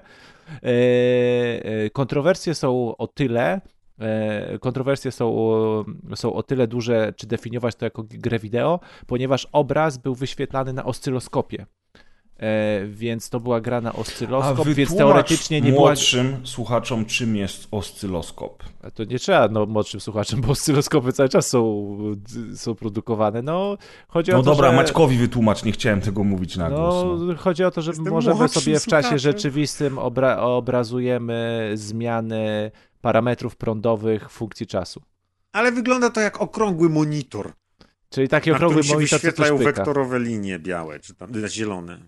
E, tak, albo niekoniecznie. To... No teraz, są oscylos... teraz są oscyloskopy cyfrowe. Kolorowe Full HD 8K. Yy, więc, yy, więc, no ale oczywiście wtedy to, to nie był, to, wtedy to, to, to nie był oscyloskop. No, ale wyświetlają się cyfrowy. linie, obraz, animacja, więc. No tak, w każdym, razie, w każdym razie część osób nie uznaje tego Tennis for Two jako pierwszej gry wideo, ponieważ no, jako nie było to podłączane bezpośrednio do obrazu wideo. Ale tak? zaraz, do... ale przecież, a co z tym, że na przykład ktoś uruchomił Duma na teście ciążowym i to nie jest gra wideo, bo to jest też ciążowanie telewizor? No come on. Yy, no w sumie tak, według no. tej definicji tak. No. Ale, na notepadzie. Ale, Ostatnio tak. uruchomiono Duma na notepadzie. O. To jest po prostu ale, niesamowite. Ale, ale, ale, ale należy, to, należy to podkreślić, bo bardzo, no tak. ciekawa jest historia też z tym związana, ponieważ yy, no, mm, ta gra wideo została zrobiona e, tak naprawdę przy okazji bo, bo, bo, bo, bo, bo, bo pan wynalazca był fizykiem e, i po prostu były jakieś dni otwarte na uniwersytecie w laboratorium i po prostu postanowił stworzyć, no dzieci się będą nudziły ze zwykłym oscyloskopem, tak? Więc postanowił yy, więc postanowił po prostu stworzyć taką grę wideo do pogrania na oscyloskopie. Ale o nim się mówi jako o twórcy gier wideo w ogóle? Pierwszym twórcy gry wideo? No właśnie, są dwie drogi. No. Zależy no. jak zdefiniujesz grę wideo. Część osób uznaje to jako pierwszą grę wideo, a część osób yy, nie. A część osób nie. I definiuje już Ponga, tak? Na przykład jako... No tak, tak, bo ogólnie właśnie Pong zawsze jest, jest y, pokazywany jako ta pierwsza gra wideo. Tak, no bo oczywiście... Pong już był wyświetlany na, na urządzeniu tak. wideo jakby, tak? Na, ale Pong jest 72 a tak, tenis Fortu jest, jest 58. 58. Tak, tak, tak. Tak, I tak zresztą... bo w ogóle on został zapomniany, on został, była nie. pokazana premiera, on był na tych dniach otwartych, ale wiesz, oni... On, on... Nie, ale, znaczy zapomniany w tamtych czasach, o to Stan... ci chodzi. A, no tak, tak, zapomniany w tamtych bo czasach. Bo teraz w każdej książce o grach wideo, czy w jakichś dokumentach o grach wideo mówi się o tenis Fortu. I on się zawsze pojawia obok Ponga. Ale to zobaczcie, jakie to jest niesamowite, że po pierwsze, pomysł na grę wideo powstał nie jako pomysł na grę wideo, tylko... Tylko tak z dupy, no bo coś z dupy, żeby na oscyloskopie się nie nudzili, więc im zrobimy coś takiego. I nawet pewnie koleś nie, nie uznawał tego za grę, nikt tego nie uznawał za grę wideo, tylko jako coś dziwne na oscyloskopie, co, po co czym można to porobić. zapomniane. Tak, I nikt tak. nie pomyślał, zajebisty pomysł, zróbmy tak, tego tak. więcej. Nikt nie pomyślał o tym na wiele lat. No bo, to jest bo tak naprawdę, bo tak naprawdę jak nie było tej idei gry, no to co on pomyślał, musiał pomyśleć, no, żeby coś porobili, żeby te gałki, żeby te kręcenie gałkami miało sens, tak? Niesamowite to jest. I wiesz, jak sobie też tak naprawdę, jak sobie zobaczycie, jak wyglądał ten tenis for two i sobie pomyślicie o Pongu, który tam wyszedł 15 e, lat później, tak, prawie, czy tam 14 lat później, e, to też zobaczcie, że Pong to tak naprawdę no, można powiedzieć taki rzut z góry, tak? I piłeczka się odbija od ścian i od paletek. A tutaj mieliśmy siłę wiatru, mieliśmy grawitację tak. uwzględnioną. Tak, to wygląda jak taka właśnie wektorowa symulator tenisa. No. tenisa od boku, więc w ogóle tak. poziom zaawansowania tego jak na, pierwszy, jak, jak na pierwszą grę, bo jakbyście sobie wyobrażali pierwszą grę, to właśnie bardziej takiego ponga albo, no tak, albo a tu jakieś jest odbijanie fizyka czegoś. liczona, nie? A tu jest normalnie fizyka. Ten, e, Niesamowite to jest. Ciekawe, co ten koleś sobie potem, znaczy właśnie, Wiesz, nie spodziewał żadnej, się tak, bez żadnej, wiesz, bazy języków programowania, Unity i tak, no. wiesz, bez w ogóle tego takiego podejścia y, całej metodologii tworzenia pewnych rzeczy. To chciałem właśnie powiedzieć, że ciekawe, co sobie musiał myśleć y, później, wiedząc, że rozpoczął całą gigantyczną branżę, cały dział, całą w ogóle nie wiem, no właśnie taki dział sztuki, no ale skoro to zostało zapomniane, to znaczy, że nawet nie wiedział, że coś takiego tworzy. Tak, w ogóle. I złotówki z tego nie ma. Tak, no prawdopodobnie on w ogóle tego nie chciał też opatentować, bo to nie widział w ogóle w tym. Bo to było nic. Sensu, nie? żeby to patentować, tak, bo z jego punktu widzenia to było nic, bo to nie niosło żadnej wartości naukowej, więc. Wow, e, to nie wiedziałem tego nawet, że to jest taka historia niesamowite. Szczególnie to zapom zapomnienie tego, że nikt nie popatrzył na to, że to jest genialne i żeby od tego zacząć. Tylko, eh, tak jakby teraz co? ktoś wymyślił, wiesz, latający samochód. E, fajne, zapomnijmy o tym na 30 lat, nie? No, wiesz co, ja podejrzewam też, że technologia im nie pozwalała na Ale to, mieli oscyloskopy, mogliby chociażby no to, tak. nie wiem, sprzedawać no. albo coś do jakichś, wiesz, centrum handlowych czy cokolwiek. No pewnie to było drogie jak na technologię taką domową. Kto, chociaż wiesz, jak w świecie Fallouta każdy ma w domu oscyloskop na przykład, nie? Jeszcze telewizora nie mają, ale już mają oscyloskopy. Ale sam pomysł, że nie, nie, nie chwycił, nikt nie poszedł w tym kierunku, nie? Ciekawe. No, ale tak to już było, wiesz, z tymi technologiami. Tak jak te pierwsze komputery, to też wydawało się ludziom, że nikt tego nie będzie chciał używać, bo po co tak, maszyny jak, liczące. Jak się te więc... artykuły mm. czyta z gazet takie stare, tak, albo internet naszej... nigdy nie chwyci, to bez sensu, nie? To zaraz upadnie. Tak, no z naszej perspektywy to zawsze jest głupie, więc y, mm. albo coś, co się wydawało y, równie dobrze, oglądając ten tenis Fortu wtedy na żywo, to moglibyśmy wyjść z tego laboratorium sobie pomyśleć, no w sumie fajne, ale to oscyloskop to chyba powinien pokazywać napięcie, tak? I funkcję prądu, a Typ nie nie umie takie... korzystać w ogóle Typ z urządzenia. Nie umie korzystać. Są książki i filmy. O, dobre. No to kurde, udała ci się ciekawostka. I 64 lata. Kurde, balans. Tak. I patrzcie, 64 lata jebanego rozwoju gier wideo i kurwa w ten weekend gracie w 30 klatkach. I wy mi powiedzcie o rozwoju technologicznym. A tu też jest dokładnie to, no. Że... I wy mi powiedzcie o rozwoju ja. technologicznym. Cofamy się ludzie, kurwa. Otóż to. Tyle wam powiem. Dobra, lecimy dalej? Oczywiście. E, to oczywiście. Wszystkie reszt, cała reszta newsów zaczyna się od preza w rozpisce. Tak jest. Preza przygoda przeczytam wam, przeczytam wam wszystkie trzy wpisy, bo bardzo mi się podoba ostatni. Ktokolwiek zrobił ten dowcip 10 na 10. No więc najpierw będzie preza przygoda z graniem mobilnym. Następnie będzie preza przygoda z emulacją. A na końcu preza przygoda z homoseksualizmem. Dziękuję. Piękne to jest. Zobaczyłem to już wcześniej. Powiem wam, że w 2020 roku w erze woke, woke, woke, woke culture, culture. taki news, no. jako ostatni, to naprawdę to tylko u nas. Dokładnie. W ogóle rozgrywka jest najlepsza, ale to wiecie, kochani, dlatego z nami jesteście. Rozpocznijmy no i... już przygody Preza, bo się nie mogę doczekać.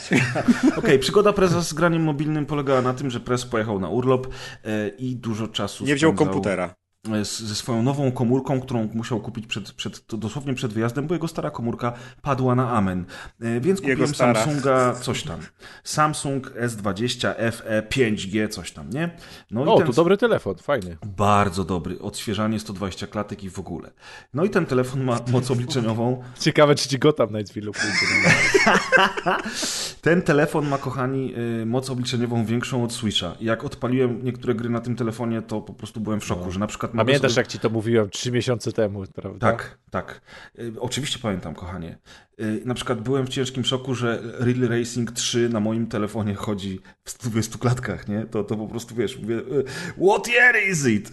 No, no i tak wiecie, no, ponieważ spędzałem bardzo miło czas u dwóch moich przyjaciół. Najpierw w Lizbonie, a następnie w Szwajcarii, w Verie to oni chodzili do pracy, więc wieczorami chodzili wcześniej spać, a ja sobie po całym dniu zwiedzania czy tam mm, innych rzeczy siadałem z komóreczką i sprawdzałem te tytuły. A okazało się, że, że, że mój dobry przyjaciel Jacek Ambrusiewicz, którego znacie, bo nie tylko jest z branży growej, ale również wystąpił dawno temu w jednym z odcinków Grubych Rozmów, bardzo polecam odcinek z Jackiem, że Jacek... Chyba w specjalach też jakiś był Jacek, prawda? A czy tego nie, nie kojarzę, czy Jacek był w specjalach. Natomiast na 100% nagrał z nami kiedyś grube rozmowy. I prawie nagrał kolejne ze mną, jak byliśmy w Lizbonie, ale jednak 30 stopni i spacery wygrały z siedzeniem w domu przed mikrofonem. Tak czy inaczej, e, tak czy inaczej, Jacek, Jacek ma w domu Racek. E, Jacek ma w domu Razer Ishi, czyli ten taki bajer, żeby sobie zamontować pada w telefonie. Bajer bardzo podobny do tego oczywiście bajeru, o którym wspominałeś ty, Amadeusz jakiś czas temu już na rozgrywce, prawda? Mhm. Więc pochwal się nam, jaki ty masz zestaw. Yy, no, Gameser, Gameser X2. To chyba są takie dwa najbardziej popularne na rynku, czyli Gameser i właśnie Razer, e, Razer Kishi. Są jeszcze inne rozwiązania. Kishi czy Ishi? Bo ja Kishi. chyba źle... Kishi, Kishi. dobra, sorka. Razer Kishi zresztą jest e, druga iteracja, chyba niedawno wyszła. Razer mhm. Kishi 2 jest V2, i tak. Gameser też zresztą wypuścił nową iterację tego sprzętu. No sprzęty, które polegają, jeśli słuchacze nie wiedzą o co chodzi, rozsuwany switch, czyli rozsuwamy to urządzenie i wkładamy komórkę i komórka z tymi padami wygląda no dokładnie tak samo jakby jak switch, czyli po dwóch stronach mamy mhm. sterowanie, a komórka jest na środku urządzenia. I to jest absolutny game changer, jeżeli chodzi o granie mobilne, bo ja na przykład mam na komórce i na tablecie zakupione Rush Rally Origins, o którym kiedyś Wam opowiem, bo chciałbym najpierw je całe przejść, a gram sobie tylko podczas podróży. E, przecudowna gra. To jest gra twórcy gier Rush Rally, ale tym razem jest to gra bardzo podobna do Art of Rally, czyli w widoku z góry. Mega, mega Deusz. Jeżeli chcesz, to po prostu, jeżeli chcesz na komórce, to koniecznie kup, to nie kosztuje drogo. Nie, przepraszam, tak, na komórce też jest płatne bo można też to kupić na Steamie. O, o to mi chodziło, że to też można sobie na PC zagrać. E, no i Rush y, Rally Origins jest przecudowne, a poza Rushem Rally mm, mam jeszcze właśnie ten wspomniany Real, Real Racing 3 czy Rush Rally 3. Mm, no i z tym padem to jest po prostu inna śpiewka. E, Marvel Future Fight też z tym padem sprawdzałem. E, co tam jeszcze sprawdzałem z nim? Alien vs Predator Revolution, Evolution, Asphalt 8 i 9, E, Brothers in Arms 3, ja kocham serię Brothers in Arms, a to jest taka mobilkowa odsłona, również robiona przez Gearbox, naprawdę przyjemna gra. No i przede wszystkim Dungeon Hunter 5 oraz, uwaga, uwaga, Diablo Immortal. No i to jest niesamowite, słuchajcie, to jest niesamowite, jak w tym malutkim urządzeniu yy, można zmieścić taką moc obliczeniową, żeby grać sobie w takie Diablo Immortal, e, gdzie na ekranie masz 50 przeciwników, lecą cyferki, wybuchy i, i kurcze lasery, a ten telefon nawet nie pierdnie. E, I granie na tym padzie to jest. No, ja, ja bardzo bym chciał teraz takie urządzenie sobie kupić, dlatego że no, już nie ma co brać tableta w podróż, czy tam PlayStation Vity, po prostu bierzesz komórkę w kieszeń, a do plecaka wsadzasz sobie e, ten kontroler i jesteś gotowy. Natomiast właśnie, Deusz, pamiętasz, rozmawialiśmy ostatnio na ten temat. Razer Ishi nie ma funkcji mapowania przycisków dotykowych i współpracuje Kishi, Razer Kishi, i współpracuje tylko i wyłącznie z grami, które obsługują ten system. Natomiast twój kontroler daje przemapować nawet gry, które nie współpracują tak, z kontrolerami. Ponieważ, ponieważ należy tutaj wspomnieć, że e, twórcy gier mobilnych cały czas stoją w rozkroku pomiędzy tym, jak skonstruować sterowanie. I są gry mobilne, z takim, można powiedzieć, trochę rodowodem typowo growym, czyli, od, yy, czyli gry, część gier, o których wspominałeś, ale też tytuły no takie jak choćby, nie wiem, Dead Cells, tak, w które można grać, czy nie wiem, czy Moonlighter, mm -hmm. czy jakieś takie rogaliki, które oczywiście mają pełne wsparcie, pełne wsparcie e, pada. Jeśli się tego pada nie ma, no to pojawiają się e, e, przyciski dotykowe na ekranie. Ale są również takie tytuły, które zdają sobie sprawę, że jednak większość mobilnych graczy nie ma tego typu sprzętów i jakby na stałe implementują granie mobilne. Czy to wymuszają jakby przyciski, które są po prostu przyciskami dotykowymi na ekranie, takie, taka jakby dodatkowa warstwa z przyciskami, czy to tak jak w przypadku chociażby tego Mortal Kombat na, na e, też w wersji mobilnej, e, że po prostu część ciosów wyprowadza się e, szurając po ekranie palcem, tak? Przeciągając palcem, że to nie jest jak ruch padem, tylko mm -hmm. gestami, tak jak nie wiem, w Fruit Ninja się grało 10 lat temu, jak były ekrany dotykowe. To tak samo tutaj sterowanie gestami. No i automatycznie, jeśli twórcy się na takie sterowania różnego typu decydują, no to jednocześnie nie dają wsparcia dla nie dają wsparcia e, dla, e, dla padów, tak? Jakikolwiek, bo trzeba tutaj nadmienić, że oczywiście do urządzeń na przykład z Androidem bez problemu możecie również podłączyć pada do Xboxa, tak? Tak Tylko jest i je, jebać nubów w Call of Duty Mobile, co zresztą robiłem.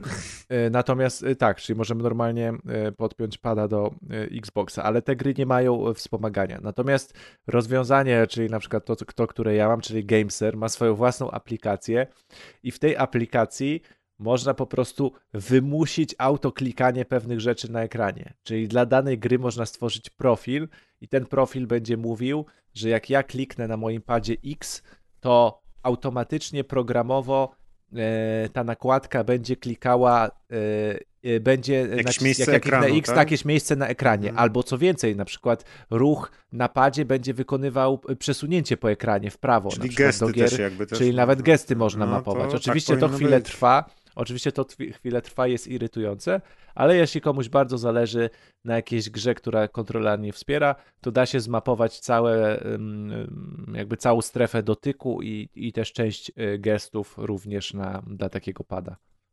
To tylko kwestii wyjaśnienia, jakby ktoś nie miał pojęcia o co chodzi i się zastanawiał też nad zakupem ewentualnie. Tak, tak. Y, bardzo, bardzo fajna sprawa. Ja oczywiście wiem, że ja nie będę grał na co dzień na mobilce, bo mnie do tego nie ciągnie, natomiast właśnie w podróży czy na jakimś wyjeździe służbowym, no to jest po prostu coś pięknego. Ja jeszcze chciałem polecić osobom, które grają w tego typu gry, jak ty chociażby, Amadeuszu, poza wspomnianym przeze mnie już Rush Rally Origins, chciałbym wam również polecić taką grę jak Warhammer 40 000 Tacticus, który jest y, dosyć prostym y, tytułem e, turowym, ale naprawdę wciągającym. Niestety też nie obsługuje te, te, tego kontrolera, trzeba, trzeba bawić się e, w dotyk. Marvel, chyba Contest of Champions jest też całkiem niezłą bijatyką, która wygląda obłędnie, także jak macie ochotę, to też sprawdźcie. A jako ciekawostkę powiem wam, ja nie wiedziałem o tym e, niedawno jeszcze, że za 35 zł można kupić sobie na komórce całe pierwsze Campaign of Heroes i dodatki do niego, mhm. co jest w ogóle no wiesz, dla mnie rozwalające. Y, a niedawno za darmo wyszła beta Homeworld Mobile. Ty Maćku wspominałeś, że to jest MMO. Ja nie wiem, czy to jest MMO, bo jak ja zacząłem w to grać, to no tak jest, jest normalna kampania. w tytule na stronie sklepu. No właśnie, nie? A, a jest Może normalna nie kampania. tutoriala jeszcze. Nie wyszedłem, dlatego że absolutnie nie, nie będę grał w Homeworlda na komórce. Doceniam starania, gra wygląda przepięknie, ale system sterowania jest dla mnie nie do przejścia. E, na, na, na, dotykowym ekranie małego telefonu to jest po prostu bez sensu, żeby grać w Homeworld. Nie no wiesz, jak masz porządnego tableta, to pewnie będziesz się dobrze bawił, nie? Natomiast na moim tablecie ta gra po prostu nie ruszy. Przez to, że ona jest w becie, to nawet na mojej nowej komórce widziałem, że delikatnie sprawia nie trzyma 120 problemy. klatek. Tak, nie trzyma 120 klatek, dokładnie. Skandal! Złodzieje! Złodzieje Za darmo! cię co najmniej ze 100 klatek. Co najmniej. Natomiast jedna, jedna rzecz jest pewna, wszystkie mechaniki y, mobilkowe zmu- zmuszające cię do codziennego grania, zasypujące cię mnóstwem Mm, Wspaniałe, to powiadomień, jest to, walut i mikropłatności są okropne i z przerażeniem zauważam, że wszystkie te mechaniki przez lata wkradły się do grania niemobilnego, chociażby w takim Call of Duty, co jest i wszystkich Battle Passach, co jest trochę przerażające. Zawsze byłem przeciwnikiem grania na siłę z obowiązku, bo gra nas do tego zmusza i nadal jestem, ale potem opowiem wam, jak to gram w Diablo Wiesz, no, ojcem chrzestnym tego był Candy Crush na Facebooku, także Tak od jest. tego się wszystko zaczęło. I... Od tego się wszystko zaczęło i niestety dzisiaj jesteśmy w To dupie. wszystko przez nasze mamy i wszystkich księgowych w całym kraju. jest, tak tak super. jest. Tak jest, dokładnie. W każdym razie y, powiem tak, jestem zaskoczony, ile dobrych tytułów jest na mobilkach, ile pełnoprawnych tytułów jest na mobilkach. Przecież można kupić nawet GTA San Andreas, GTA Liberty City Stories. Ale najlepsze GTA na mobilkach to jest GTA Chinatown Wars. Wiesz co, próbowałem parę razy, nawet za, zagrałem z tym kontrolerem Razera i nadal mnie nie wciągnęło. Nie wiem, z czego to wynika. To Bo trzeba ty na zawsze chwaliłeś. bardzo Znaczy na, bardzo nie, to fajny na, klimat. na DS-a czy na PS? Na DS-a. Na no. Wicie, ja mam to na Wicie też kupione. A zawsze Ja próbowałem to grałem zagrać i za na każdym razem się odbijam. Ale też nie dałem rady się wciągnąć. Na PC grałem. Adeusz chwalisz, to opowiedz tam dlaczego, tak w skrócie. Yy, bo to jest bardzo fajne GTA. W sensie GTA z, ze względu na y, fabułę, postaci, dialogi i sposób tego, może nie prowadzenia misji, no bo te misje są takie powtarzalne i w tylu, z typu GTA, ale jakby wydarzeń fabularnych, które się dzieją w trakcie misji, że to jest jakby pełnoprawne GTA. Mi się tam Tylko w, tylko w innym widoku i, i też ten inny widok mi się, mi się też No podoba. jak w z tego innym widoku? W widoku takim jak klasyczne odsłony. No tak, tak, ale chodzi mi, że nie udaje takiego nowego GTA, że to nie jest 3D takie z, y, z trzeciej osoby, tak, tylko przypomina te klasyczne odsłony, czyli mamy widok z góry trochę, w, trochę e, no, pod odpowiednim kątem, więc natomiast postacie są fenomenalne, dialogi, humor, to jest jakby fabularnie to jest e, pełnoprawne GTA, a ja najbardziej to zawsze lubię w, we wszystkich odsłonach GTA. Mi się bardzo podobało, że tam była rozbudowana w miarę mechanika handlu narkotykami i jeszcze na Mhm. DS-ie był ten ekran podzielony i jak tam coś kupowałeś, to na dole się wyświetlała walizeczka i tam mogłeś Tak, sobie tak, przerzucać tak, różne rzeczy, Mhm. tak, potem żeby To, cię... to, to, to, to normalnie jest zaimplementowane na dotykowy ekran, także Mm. to wszystko jest na dotykowym ekranie e, telefonu. To ja tu jeszcze wtrącę a propos tych dużych tytułów. Jakby ktoś chciał sprawdzić z naszych słuchaczy, a nie chciałby nawet wydawać tych 5, 10, 20 czy 30 zł na dany tytuł, e, to mianowicie e, tutaj należy podkreślić, że jeśli macie konto Netflixa, to Netflix w ramach płacenia abonamentu również udostępnia gry mobilne na Androidzie. Jeśli sobie wyszukacie e, gry mobilne, które udostępnia Netflix w ramach abonamentu, tam się po prostu musicie zalogować jakby swoim kontem, y, ściągając daną grę, musicie się zalogować swoim kontem Netflixa, to Netflix ma naprawdę kilka bardzo ciekawych tytułów. Przede wszystkim ma już wspomnianego Moonlightera, y, którego się e, super gra mobilnie. Ma Oxenfree, które niedawno też wyszło, można sobie zagrać na telefonie. Bardzo Ma bardzo gra. dobrze oceniane e, ekskluzyw, e, w sensie ekskluzyw, e, specjalnie dla Netflixa robioną grę, która też wyszła na PC, czyli Desta The Memories Between chyba pod tytuł. W to jeszcze nie grałem. Teraz wyszedł Spiritfarer, czyli bardzo fajny tytuł, też dobrze oceniany, chyba z zeszłego roku, czy sprzed dwóch lat. Bardzo ładny zresztą, nie? Bardzo ładny. No i ostatnio wyszło moja kokaina, którą się boję odpalać, czyli Into the Bridge. Och, A Into the gra. Bridge na mobilkach, na dotykowym ekranie, to jest po Hmm. prostu to, że lepiej tego nie odpalajcie, jeśli nie chcecie stracić pracy, bo to Hmm. jest taka kokaina i od kiedy tylko wyszło Into the Bridge, nawet nie wiem, czy na rozgrywce nie mówiłem, że ja to chcę mieć grę na telefonie lub na tablecie, bo to jest po prostu stworzona gra do tego. Teraz jest i jest za darmo w ramach płacenia abonamentu Netflixa, więc normalnie duże tytuły sobie możecie w ramach Tak, tego abonamentu ograć. sprawdzić. Yy, W ramach tego też będzie przecież Valiant Hearts 2, które Mhm. będzie XM, a ja jedynkę kocham. Jest to jedna z najlepszych gier, jakie w życiu grałem. Z cudowną, poruszającą historią e, o drugiej, o pierwszej, przepraszam, Mhm. wojnie światowej. Także bardzo czekam na dwójeczkę.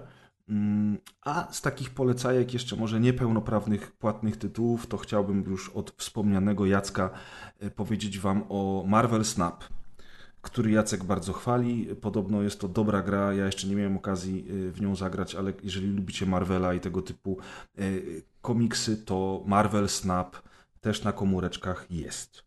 Tak, mam, y, jakby Kaz był świadkiem tej rozmowy teraz, to myślę, że... tak, umarł. A to nie, a to nie koniec, się. a to nie koniec. Jeszcze będziemy bezcześcić zwłoki. w każdym razie, słuchajcie, y, to by było na tyle, y, jeżeli chodzi o moją przygodę z graniem mobilnym, ale powiem wam, chuj tam z tymi mobilkami. Wczoraj przyjechał do mnie jo, wspomniany już Yohokaru, który pomógł mi ustalić emulacja na moim PC. Tak, wiem, to nie jest do końca e, zgodne z prawem, czy też może jest to dyskusyjne. Ja bym Natomiast... pierwszy bym powiedział, co sam nie umiałeś? Wiesz co, y, nie chciało mi się za bardzo bawić, kiedyś próbowałem jakoś... No w sumie tak. To wiesz, że na tym swoim telefonie super też masz emulację. Wiem, wiem, wiem, ale no już bez przesady. Emulacja nie jest trudna, jest... ale trochę trzeba poczytać o tym, więc tak. trzeba jakby najpierw się lekko do, tak. do, doszkolić, zanim się zacznie. Ale tak jakby ktoś chciał, to, to nie jest trudne i nie trzeba A poza tym, jak bagiety mi wiadą tylko... do domu, Maćku, to ja powiem, to nie ja ustalałem tą Ta, emulację, to kolegi tylko komputer jest. ja tu nawet nie mieszkam. Nie. Przez w ciekawo, ciekawostka, że bardzo dużo e, obrazów, płyt e, w Stanach Zjednoczonych można pobrać ze strony, e, nie pamiętam teraz nazwy tej strony, Archive ale jest to strona, no, tak, należąca do biblioteki w ogóle, więc to nie jest, ja nie wiem, wiesz, to jest dyskusyjne Ale to też jest wciąż dyskusyjne, ja też tam z kimś ale rozmawiałem od 20 kiedyś, lat oni rozwijają te emulatory, ja mam masę gier PlayStation 2 kupionych na, w pudełku i przede wszystkim właśnie te gry testowaliśmy po prostu e, z obrazów, z płyty, dlatego, że chciałem sobie komfortowo w to zagrać. Dalej marzy mi się ten mój stojący w kuchni na ziemi e, telewizor Sony Flatron podłączyć i podłączyć do niego to moje PlayStation 2. stówkę, przejściówkę Mam przejściówkę, ale, to, ale słuchaj, o co chodzi? Nieważne jaka będzie przejściówka. Granie na współczesnych telewizorach w PlayStation 2 mija się z celem. Albo obraz jest za ciemny, albo zbyt rozmyty. Poza tym to wszystko chodzi kurwa w 15 klatkach. Te pady dzisiaj to jest udręka. Tymczasem emulacja pozwala ci zagrać w tę samą grę w rozdzielczości Full HD na dużym telewizorze e, z widescreenem, z obsługą współczesnych padów. Wystarczy przemapować sobie przyciski i jakość płynąca z obcowania z tymi tytułami jest dużo lepsza niż obcowanie z nimi w wersji vanilla na oryginalnej konsoli. No tak, ale to ja mówię, że sobie kupujesz przejściówkę, y, żeby podłączyć komputer z emulacją do telewizora. CRT. Aha, w taki sposób. W taki myślisz. sposób. No. Wow, to jest dobry klimat. No raczej. Wow, Maciek pop! A poza tym możesz spoza emulacji odpalić sobie najnowsze y, Call of Duty i też grać na CRT-ku. I ktoś przyjdzie, a ty masz pada od PS1 i grasz nowe Call of Duty. No co ty, nie? Py, pytasz boomera, jak być boomerem. No nie? właśnie, no hello. W każdym razie, słuchajcie, opowiem wam o paru tytułach. Y, ja wczoraj miałem taki dzień dziecka, że, że, że, że to się w głowie nie mieści. Y, przede wszystkim odpaliliśmy sobie Czekaj, gry. Yy, odpaliśmy teraz sobie... wchodzi C, Romy. PS2. Nie, nie, nie. Odpaliśmy Sasha Grey, nie ten katalog. Takie, nie ten katalog. Yy, takie, takie klasyki jak chociażby ogrywany przeze mnie za dzieciaka. Mój kolega, dobry przyjaciel, serdeczny z podstawówki, miał PlayStation 1 jako jedyny na osiedlu u nas i zawsze z chłopakami po szkole albo w weekend chodziliśmy do niego grać. Yy, graliśmy w różne dema, ale też oczywiście w pirackie, pełne wersje i jedną z takich gier było Overboard. Yy, o malutkim stateczku, mm. który sobie pływa yy, w perspektywie rzutu izometrycznego i szczela sobie do innych innych stateczków oraz wież wszelakich. Piękna gra. Po prostu zagrać w to znowu to było coś niesamowitego. Odpaliliśmy Wu-Tang Shaolin Style, czyli tą chodzoną bijatykę, wiesz, z PSX-a. Ale mieliście bluzy założone utangowe, uerowe no, i tak no, dalej. No, moja leżała akurat w sypialni, fakt nie pomyślałem, ale w ogóle wiesz, słyszysz tą muzykę, którą Wu-Tang specjalnie nagrał do tego soundtracku tej gry i po prostu masz takie wow, przecież ja pamiętam ten kawałek w ogóle. Cofasz się w ogóle do dzieciństwa. Pierwszy Spider-Man od twórców e, Tonego Hawka. Spawn The Eternal, o którym świat zapomniał, a który jest całkiem dobrą grą i nawet dzisiaj się broni, to jest niesamowite. Mm, Battle Arena Toshinden, Bloody Roar 2, czy wreszcie po raz pierwszy w życiu i jestem w ciężkim kurwa szoku. Pozdrawiam tutaj Tomka Pieniaka, który jest fanem i który szuka chyba nadal, a może kupił już za jakieś horrendalne pieniądze, bo ja sam się kiedyś tym interesowałem.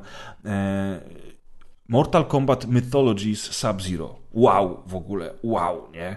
Ja wiem, że tam różne były opinie na temat tej gry, ale tam jest tak, taka fajna grafika e, w tym 2D, ale z tymi wnętrzami, z oświetleniem, że jak idziesz tym Sub-Zero, to nagle w ogóle e, widzisz, jak na przykład światło lampy odbija się na jego niebieskim stroju, który robi się trochę pomarańczowy, wiesz, na ramionach, na, na głowie i tak dalej. I mam takie, ej, ale tego w normalnym Mortal Kombat nie było. I idziesz sobie tam tym korytarzem w prawo, tak jak Mario dzielnie, i walczysz sobie z kolesiami. No coś pięknego po prostu, wiesz, coś pięknego. No i oczywiście kochane PS2, Burnout Dominator w Full HD w widescreenie chodzący w chuźwielu klatkach, bo to było takie szybkie, że to się w głowie nie mieści. E, Mortal Kombat Shaolin Monks chodzona bijatyka dla dwóch osób, piękna gra, do dzisiaj się broni. Ale na przykład widać właśnie takie rzeczy, widzisz, y, jak rozmycie y, ruchu, bo Shaolin Monks to miało i to było okropne już wtedy. Jak podłączyłem moje PlayStation 2, wrzuciłem oryginalną moją płytkę i odpaliłem to na monitorze z moim bratem, to to rozmycie ruchu dalej było i przeszkadzało jak cholera. W emulacji ono nadal jest, ale nie jest takie tragiczne, bo ta emulacja troszeczkę to niweluje. Więc chociażby z takich względów warto się emulacją zainteresować. Need for Speed Most Wanted. To jest ciekawe, bo mówiliśmy dzisiaj o nadchodzącym Unbound. Need for Speed Most Wanted jest jedną z najlepszych, najlepiej ocenianych i kochanych przez graczy odsłon serii w historii całego Need for Speed. I powiem wam, że jak odpaliłem tę grę teraz e, w wersji PS2 i pograliśmy parę wyścigów, to niestety ona, ona się już bardzo postarzała. Mhm, bardzo. To prawda. Ulice są puste, e, przeciwników jest niewielu, natomiast, natomiast Ale to jest gra z 2005 jazdy... roku, czyli oczywiście, oczywiście. 17 lat. Tak, więc ona miała prawo się postarzeć, natomiast y, y, model jazdy w tamtej grze jest dużo lepszy niż w nowych Need for Speedach. No kurwa, sorry, ale po prostu jest. Wiesz. wiesz, która gra się wyścigowa nie postarzała z PS2? Burnout. Odpalałem też, nie, nie, całkiem niedawno, Automodelista. A, no tak. Bo ona ma tego. grafikę taką cel shadingową jak z anime. Super wygląda i gameplayowo też bardzo. Mhm. No to się nie starzeje. To w ogóle nie znam tego tytułu, nie? Albo coś. Tak. To chyba dwie części nawet wyszły. No proszę, muszę się zainteresować tym. No. Sprawdziłem też taką grę jak Spawn Armageddon, czyli taki Spawn na PS2. Bardzo dobry slasher, naprawdę dobry i do dzisiaj się broni. Bo wiecie, większość tych gier, jak ten Wu-Tang, czy to Overboard, yy, właśnie, czy, czy wspomniany przeze mnie Need for Speed Most Wanted, to są gry, do których wrócisz na 15 minut z sentymentu, sprawdzisz pierwszą misję albo dwie i powiesz, kurwa, kiedyś tu było, nie? A potem nadzieję, wyłączysz. Jako, jako, jako, jako, prawdziwy emulator upscalowałeś sobie ten e, rozdzielczość, czy nie? No mówię, Full HD miałem. Okej. Okay. E, I, I ten, i, i wyłączysz, ale, ale są takie gry właśnie jak ten Spawn Armageddon, w którego wcześniej nie grałem którego po prostu chętnie zagram, bo to jest naprawdę ciekawa gra, nie jakaś wybitna, ale ciekawa. Już nie wspomnę o pierwszych gadoworach, które przechodziłem sobie na Wicie, a teraz będę mógł sobie przejść normalnie na telewizorze na kanapie, bo Sony ma te gry w streamingu, także no nara, a tutaj mogę sobie zagrać w te gadowory.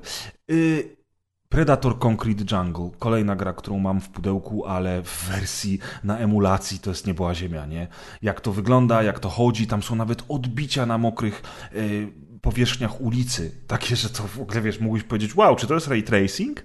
E, także, e, także naprawdę co, coś pięknego. I taki, taki Predator Concrete Jungle to też jest taka gra, w którą ja po prostu chcę grać. E, więc jakby w dużym skrócie to tyle. Powiem wam jeszcze, że na GameCube'a ma, mam Rogue Squadron 2 i 3, a to dlatego, że te gry nigdy nigdzie indziej się nie ukazały.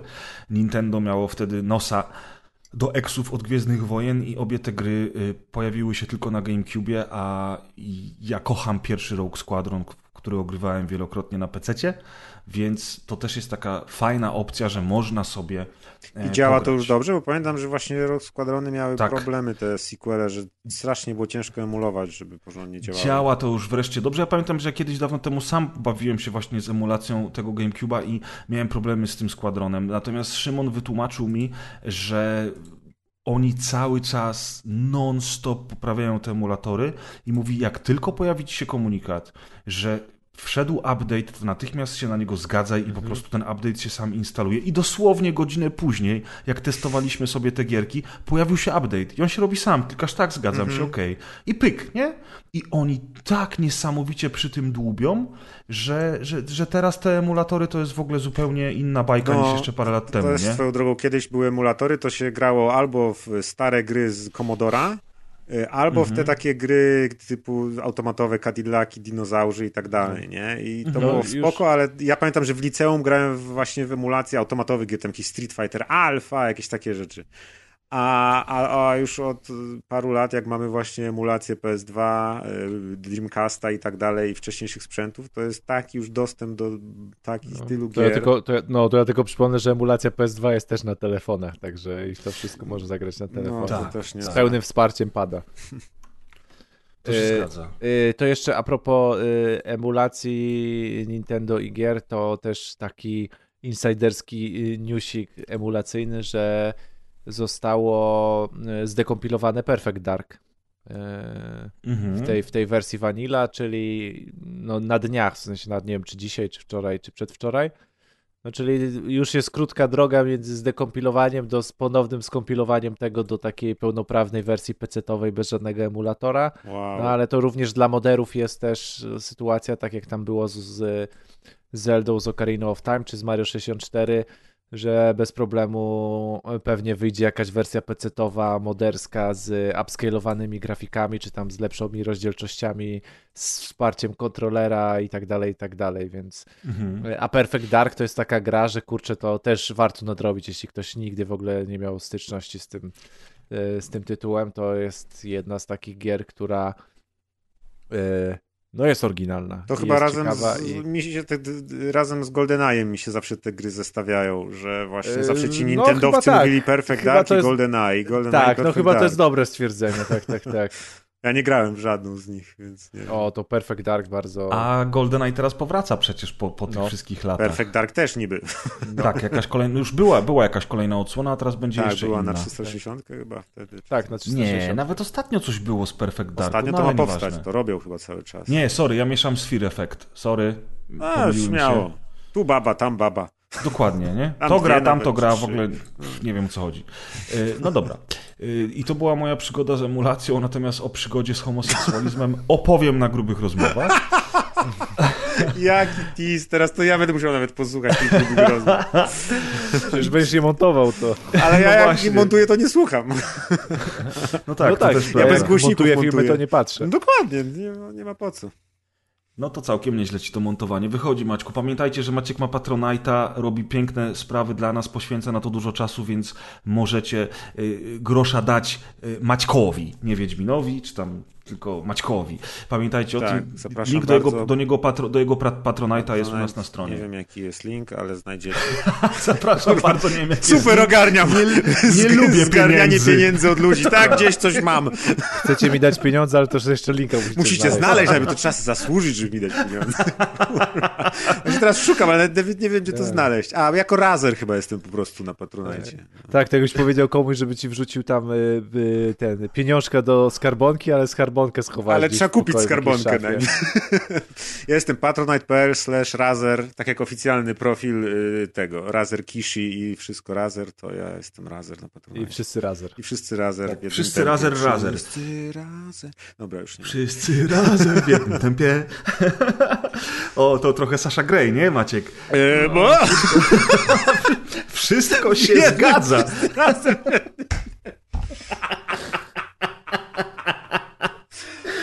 Okej. Okay. No dobra, y, kochani, to był dział newsów. Mam nadzieję, że wam się podobał. Mi bardzo. Świetnie się bawiłem. Y, a teraz przechodzimy Śmiechą do działu nie było końca. Dokładnie. Teraz przechodzimy do działu gier i szybciutko, ponieważ tych gier jest trochę. Mm, zaczynamy od tytułu The Last Ori Crew, czyli tytułu, który mnie wziął osobiście trochę z zaskoczenia, natawiast wydawcy i twórcy y, powiedzieli, że Nie bardzo... wziął ich z zaskoczenia. Oni tak. się spodziewali. bardzo fajnie by było, gdybym ograł go w wersji kanapowej.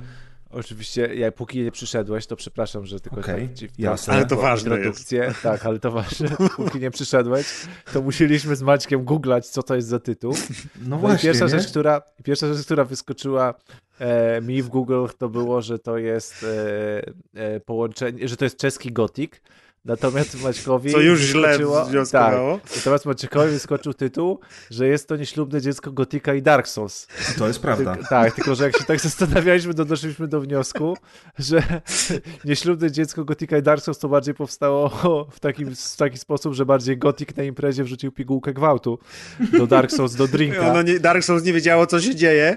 No bo Gothic nie swoje się, ale wątpię, żeby Dark Souls tak zabadzierzyło na imprezie, żeby... Dobrowolnie z własnej tej, tej nie przymusi. W jednym tempie z gotikiem, że tak a może, gotik, a może gotik był cały wieczór zabawny? Hello, ale może był zabawny i zwracał uwagę na Dark Soulsy, a reszta... zabawny. To nie wystarczy, na Call of Duty, uwagę, tak, Gothic zabawny. Chyba dawno w Gotika nie grałeś. Nigdy nie grałem w Gotika. Gra, grałem tylko w trójkę Gotika. Swoją drogą pamiętam, że się dobrze bawiłem. Gotik to nie Gotik. Jest tylko jeden gotik. Co gwarantujecie, że jeśli ta gra ma cokolwiek wspólnego z gotikiem, to możemy przejść do następnego tytułu. Nie, nie, nie, słuchaj, y, powiem wam tak. Y, twórcy i wydawca wyraźnie zaznaczyli, że naprawdę, naprawdę warto zagrać w tę grę na kanapie. Serio? Wydawca zaznaczył, że warto zagrać w grę? To się nie zdarza w tej branży. Ale szczery jest. Ja tu chciałem profesjonalnie. Ale czekaj, no właśnie, bo ja też przeglądałem Zapomniałem, screeny, że to rozgrywka. Ja przeglądając screeny do tej gry i śmiejąc się w niebogłosy, zanim przyszedłeś razem z Deuszem, e, zauważyłem właśnie, że tam były takie screeny, gdzie był interfejs ekranowy i z przerażeniem stwierdziłem, że to chyba gra mobilna. Nie, no co ty? Nie? To jest pełnoprawna gra. Stary, normalnie pełnoprawna gra, wiesz co wydawca mówił? Że nie grałeś lepszą grę. I że warto zagrać, że jest świetna, i żebym tak. naprawdę zagrał. Ty, ale przynajmniej chodzi w 60 klatkach, a Tylko Batmany nowe nie. no, słuchajcie, no więc tak. Split screen kan i koop kanapowy to są dwa hasła, które zachęciły mnie do sprawdzenia tego tytułu. I wyobraź sobie, Amadeuszu, o ile wszystkie twoje skojarzenia z Gotikiem i obawy o jakość tej gry są słuszne, to jednak wydawca nie kłamał. I ten tryb kooperacyjny naprawdę jest fan. Ale zanim do tego przejdę, powiem wam o tym, jak kurewsko nudny jest wstęp. I gdyby nie to, że gdzieś tam na horyzoncie jawiła się możliwość grania z drugą osobą, bo w tutorialu na początku gramy sami i nie możemy grać w kooperacji, to prawdopodobnie już w tutorialu wyłączyłbym tę grę.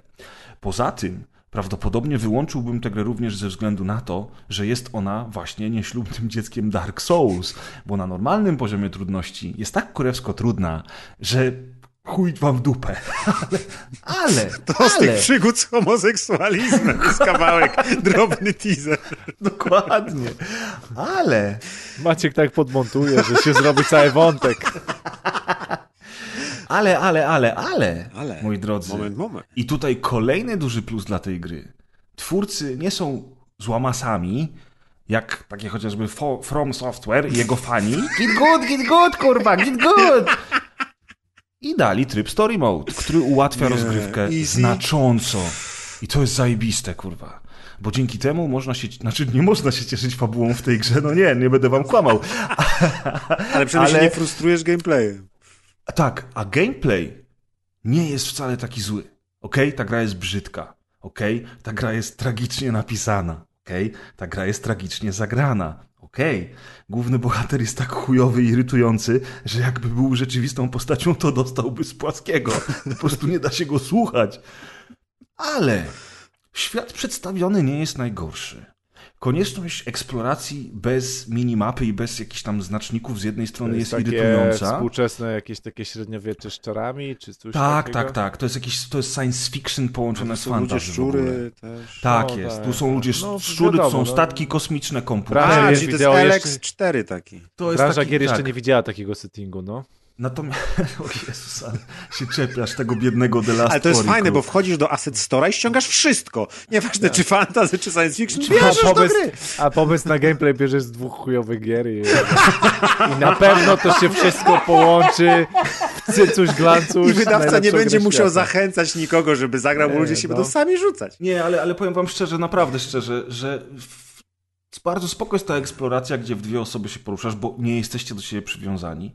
I na przykład jedna osoba szuka gdzie, czegoś, ty robisz coś w tym czasie w innej części I mapy. to całą tak grę dalej. możemy przejść w kopie. Możemy przejść całą nie grę widząc w kopie, się ale... w ogóle.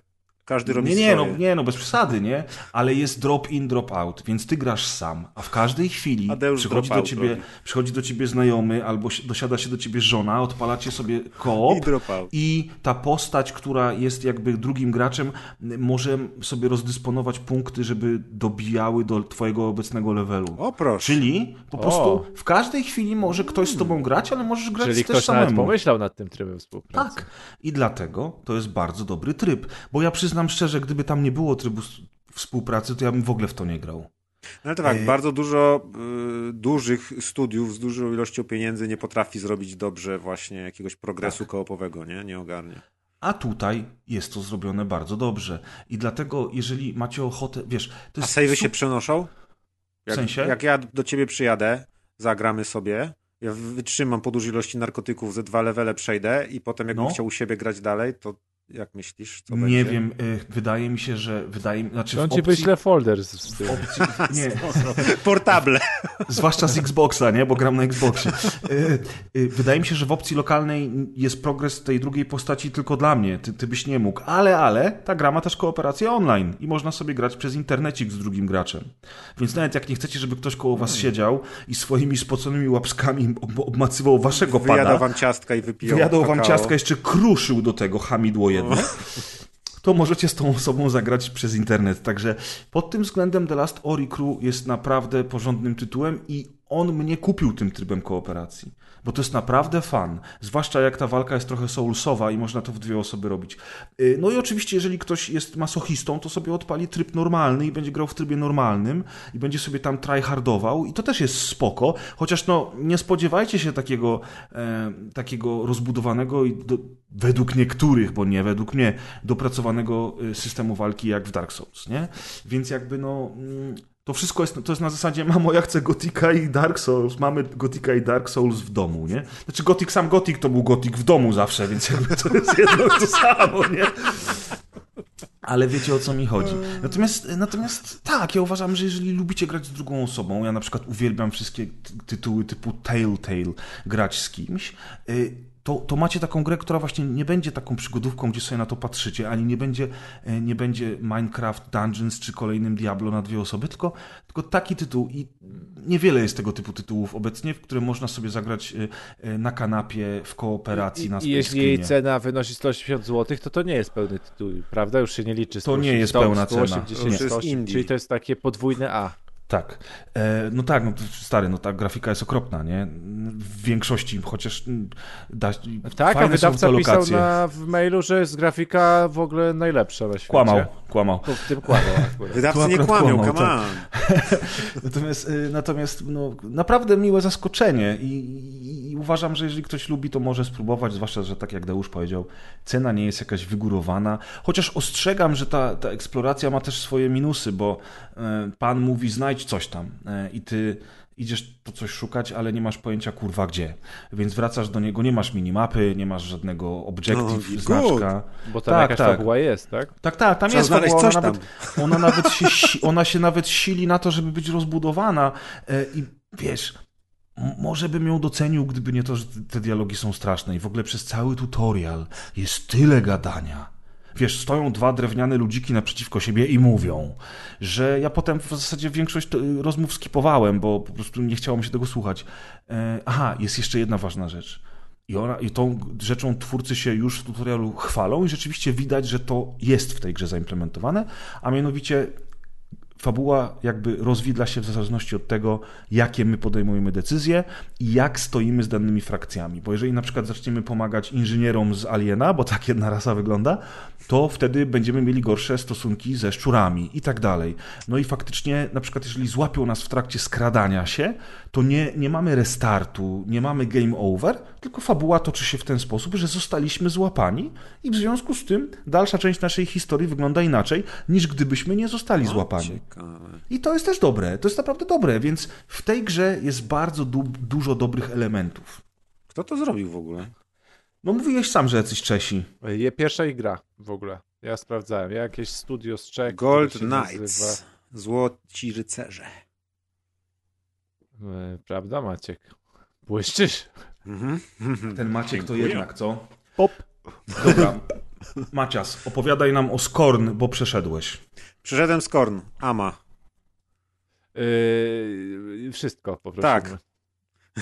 Co to jest za gra i Skorn to jest ta gra, która wygląda jak y, wyciągnięta z uniwersum obcego, czyli z głowy y, Gigera.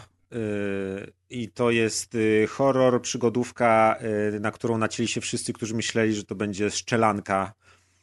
I to jest ta gra, która powstawała w bólach od tam, nie wiem, chyba 12 czy 13 roku po Chrystusie. Yy, I co, jest w Game Passie? To też jest trochę dziwne, że w sumie w tym Game Passie wylądowała na premierę. Nie, od dawna się mówiło o tym, że ona będzie w Game no Passie. No wiem, ale tak jakby tak, nie wiem, no tyle lat się męczyli i tak dalej i, i ta, tak jakby w Game Passie wylądować na premierę, to tak nie wiem, czy za fajnie. No ale mniejsza z tym, przynajmniej można było za 4 zyla y, zagrać. Y, no i co? Skorn trwa 4 godziny. I z tego co widziałem, ja go przeszedłem za jednym praktycznie posiedzeniem, a z tego co widziałem, to ludzie się potrafili odbić y, bardzo z, z różnych powodów. I w sumie się nie dziwię, y, bo rzeczywiście jest się od czego odbić, ponieważ ta gra przede wszystkim jest bardzo powolna. Y, nic nie tłumaczy, Y, no i przede wszystkim jest właśnie tak naprawdę grą przygodową, a nie takim horrorem, do jakiego się przywykliśmy ostatnio, czyli jakichś tam takich horrorów akcji czy, czy, czy coś, tylko nawet nie przypomina za bardzo jakiejś tam amnezji i innych takich chodzonych symulatorów, tylko jest to tak naprawdę przygodówka, która mi się najbardziej kojarzyła z takimi starymi grami jak Myst albo coś, gdzie są naprawdę zagadki typu że to jest w ogóle, to jest to, to, co mi się spodobało w tej grze. Może od tej strony podejdę do tego, że Mm, na początku też, żeby mieć z głowy stronę wizualną, wizualnie obłęd, naprawdę. Dla każdego, kto jest zakochany w tych gigerowskich formach, y, w statkach y, z, Aliena, Space Jockeyu i tak dalej, korytarzach, tych wszystkich takich bioformach no tak, genitalnych. Każdy screen z tej gry mógłby być tapetą, jak tak się zatrzyma. Tak, tak, tak. Pięknie to I, wygląda. I są momenty, kiedy naprawdę ciary na, na rękach, włosy na karku stoją dęba i ja po prostu idę gdzieś korytarzem niesamowitym, który wygląda jak jakiś pępowina i nagle wychodzę na jakiś widok sypiącej się katedry na tle czerwono-krwistego chmur, dymu, jakiegoś zachodu słońca w jakimś tam postapokaliptycznym niby settingu, gdzie wiatr wieje i w ogóle jest klimat po prostu przez duże K. Yy i, i ta część jest zrobiona świetnie. Jest, y, jest, miałem takiego baga dźwiękowego, y, który sprawiał, że kiedy zaczynałem grę, to miałem bardzo dziwnie podkręconą głośność, ale to tak ekstremalnie, jakby wszystkie dźwięki były podniesione do jakiegoś górnego rejestru, było bardzo głośno. Na początku o tym nie wiedziałem, a był taki moment, gdzie się nagle z takich korytarzy wychodzi na takie pustkowie i to wygląda tak, jakby się spacerowało po jakimś takim Marsie, już jest czerwone, jest dosyć ograniczona widoczność, bo tam wszędzie jest taka atmosferyczna, atmosferyczna mgła, z której jakieś tam właśnie takie światła przybijają, więc to jest bardzo klimatyczne, ale wychodzi się na tą przestrzeń i tam wieje wiatr i jest jakieś takie wycie i takie ambientowe, ponure dźwięki. Tylko, że jak ja sobie właśnie tam wczytałem tego save'a, bo tam jakieś opcje graficzne zmieniałem czy coś, to właśnie miałem tą głośność podkręconą i ona była naprawdę bardzo głośna, ale myślałem, że to jest efekt tej gry. I chodziłem właśnie przy tym ryczącym dźwięku prosto w moje uszy które było trochę niekomfortowe, ale na tyle mi się podobało, że myślę, kurde, nie będę tego ściszać, bo to jest naprawdę przerażające. I sam ten dźwięk po prostu powodował taką niesamowitą atmosferę. Później jak się kapnąłem, że to jest bug i że wystarczyło wyjść do menu na chwilę i wrócić i już to było wiele ciszej, to trochę się zawiodłem. To był jeden z niewielu momentów w tej grze, kiedy się zawiodłem, że kurde, to było takie fajne, bo było tak, ta gra mnie wpędziła w tym momencie w taki niepokój i taką nieprzyjemność, bo to był taki atak dźwiękiem nieprzyjemny, mhm. ale jednocześnie pasowało to do tego klimatu, że uwierzyłem, że oni to autentycznie zrobili. Pomyślałem, wow, to jest genialne, strasznie upierdliwe, przerażające, ale czuję, że to na mnie oddziałuje. Więc to było fajne przeżycie i naprawdę są niesamowite przeżycia, kiedy się, y, kiedy są te etapy w tej grze, kiedy się rzeczywiście gdzieś idzie i się tam otoczenie zmienia. Kiedy nagle przychodzimy gdzieś korytarzem, znajdujemy jakąś nową miejscówkę. Ponieważ nie jest tak zawsze, bo w tej grze y, istnieją takie jakby huby, po których krążymy. Dochodzimy do jakiegoś miejsca, które jest na przykład powiedzmy jakąś taką pseudokatedrą, czy jakimś tam pseudostatkiem, czy pseudo czymś, nawet ciężko powiedzieć, co to są za miejsca. I widać korytarze w różne strony wychodzące. W prawo, w lewo, na górze. Często możesz z balkonów oglądać to, tą miejscówkę. Widzisz ten hub trochę jak w Soulsach powiedzmy, że widzisz te wszystkie ścieżki i tak dalej, że po jakimś czasie wchodzisz na tą samą miejscówkę z zupełnie innego miejsca. I w tych miejscach, w tych hubach masz rozwiązać jakieś zadanie. I to jest trochę słabsze na mnie to wrażenie robiło, bo wtedy przez jakieś 40 minut musisz chodzić w prawo jednym korytarzem, tam na końcu jakąś wajchę pociągnąć, wrócić się, otworzyć się drzwi, idziesz wtedy na piętro. Na piętrze robisz kolejną jakąś zagadkę i tak dalej, i tak dalej. I wiecie, krążysz wokół tak naprawdę jednej dużej zagadki, ale w jednym miejscu. I przez to, że też w tej grze się dosyć powoli chodzi, to jak któryś już z kolei raz chodzisz po tych samych korytarzach, wiesz, że cię raczej tam nic nie zaatakuje, bo tam też y, jakby walka później się w tej grze pojawia, to potem opowiem, ale ona jest jakby w miejscach, gdzie się można spodziewać, więc jak już wiesz, że ci nic nie zaatakuje i wiesz, że zaraz te drzwi otworzysz, tylko wajcha jest na górze, więc musisz tam pójść i wrócić, to już jest trochę nudniej i nawet y, opatrzy się ta strona wizualna. A właśnie w tych momentach, kiedy już rozwiążesz zagadkę i idziesz w nowe miejsce, o to wtedy jest super, bo naprawdę nie wiesz, czego się możesz spodziewać i niektóre widoki po prostu sprawiały, że ja siedziałem i tylko mówiłem do monitora na głos, ja pierdolę, no zajebiste to, no ja pierdolę, po prostu super, więc rzeczywiście Yy, niektóre z tych screenów, które tam się robi, no to to są takie miejscówki, które robią wrażenie, ale niektóre to są takie miejscówki, w których spędzicie 20 minut i to już szybko przestaje robić wrażenie, tylko człowiek się skupia na tym rozwiązywaniu zagadek.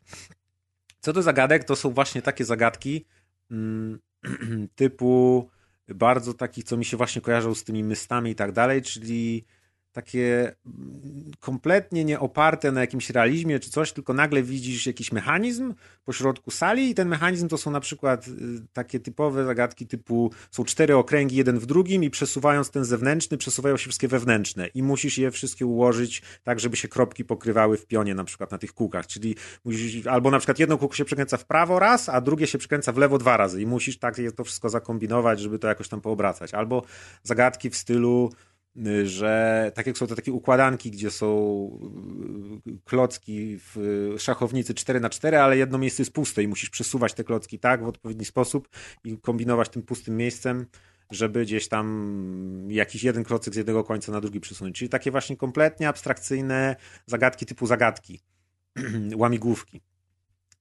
Y, chociaż wplecione jakby wizualnie w całą tą wizualną właśnie biomasową, przedziwną otoczkę. Nie są one zbyt trudne.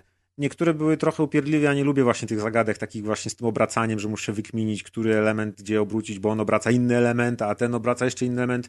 Niektóre robiłem na pałę i obracałem, aż się nie zaskoczyło, bo to w którymś momencie musi zaskoczyć. Y, ale tak jakby to nie było na, na moją głowę, która nie jest do zagadek przyzwyczajona, nie było to jakieś trudne. Y, nie zdążyłem się przy żadnej zagadce specjalnie zirytować. Mm, no i tak. I drugą rzeczą poza zagadkami w pewnym momencie pojawia się walka. I tu jest już troszkę gorzej, ponieważ y, ta walka jest dosyć toporna. Ja grałem na myszce i na klawiaturze, bo w FPS-y tak wolę grać, nie, nie na padzie. Y, I ta walka jest trochę ciężka, ponieważ są głównie dwa rodzaje przeciwników, którzy idą do nas powoli i w nas e, strzelają. Jedni wraz plują kwasem z bliższej odległości, a drudzy, ta, takie przypominające trochę kurczaki powiedzmy, e, plują w nas z dużej odległości takim pociskiem i w dodatku są na tyle sprytne, że potrafią przewidzieć, gdzie się ruszamy, więc nie można cały czas stryfować, bo one nas i tak trafią, tylko trzeba trochę kluczyć. A ta nasza postać się porusza dosyć ślamazarnie, więc nie ma tu mowy o jakichś szybkich unikach, tylko trzeba to wszystko jakoś odpowiednio zaplanować. Plus na początku dysponujemy tylko bronią taką ala powiedzmy yy, młot pneumatyczny, coś takiego, czyli bronią na bliską odległość, czyli trzeba do tego przeciwnika podejść. I strasznie mnie irytowała ta walka, kompletnie sobie z nią nie radziłem. Yy, trochę tam poczytałem, jak sobie inni ludzie z tym radzą i po prostu w tej grze trzeba po pierwsze bardzo na tych przeciwników uważać, a po drugie walczyć totalnie podjazdowo, czyli Y, spróbować do kogoś podbiec, dziabnąć go, potem gdzieś odbiec, schować się za rogiem, poczekać aż ta broń się naładuje, bo ta broń pneumatyczna ma dwa strzały, a później musi się tam parę sekund naładować. Y, więc y, jeszcze walcząc z tym, że ta nasza postać się właśnie dosyć, dosyć ślamazarnie, koślawo i drewnianie niczym w gotiku porusza, no to ta walka sprawia trudności dopiero jak musiałem trochę jakby nauczyć się nie tyle walczyć, co nauczyć się tych przeciwności, które są rzucane mi kłód pod nogi i jak mimo, mimo tych kłód sobie tam z tym radzić. Później dostajemy broń palną i już wtedy jest y, o wiele łatwiej, bo można tam z daleka tych przeciwników wykańczać. Chociaż wciąż jest to strzelanie tak jak w grze przygodowej. To nie jest żadna strzelanka, to jest po prostu fragment, gdzie walczymy, ale wciąż to jest, jakby wiecie, w mechanice, w feelingu gry przygodowej zrobione, czyli mhm. kompletnie nie, nie shooterowe. Mm, ale też nie było to jakieś zupełnie fatalne. Kiedy miałem już tą broń palną, ona też ma ograniczoną amunicję, ale ta gra jest tak zrobiona, że tak naprawdę, wiesz, tu dostaniesz trzy pociski, zaraz je wykorzystasz, już się martwisz, że ich nie masz, ale znowu zaraz dostaniesz trzy pociski, bo zaraz będzie kolejny przeciwnik. Czyli jest to wszystko zbalansowane tak, że jak nie będziemy strzelać po ścianach, to nam tej amunicji wystarczy. Yy, już na sam koniec gry są takie pojedynki też z bossami, one są dosyć upierdliwe, bo ci bossowie się i dosyć szybko poruszają i trzeba im strzelić w konkretne miejsca i oni wtedy upadają i to trzeba sekwencję powtórzyć ze trzy razy, zanim się ich wykończy i tak dalej, więc to już jest dosyć trudne i upierdliwe.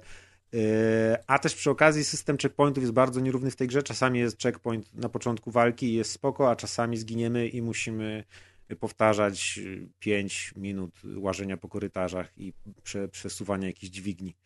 Więc mm, nie jest to też jakoś dobrze zbalansowane.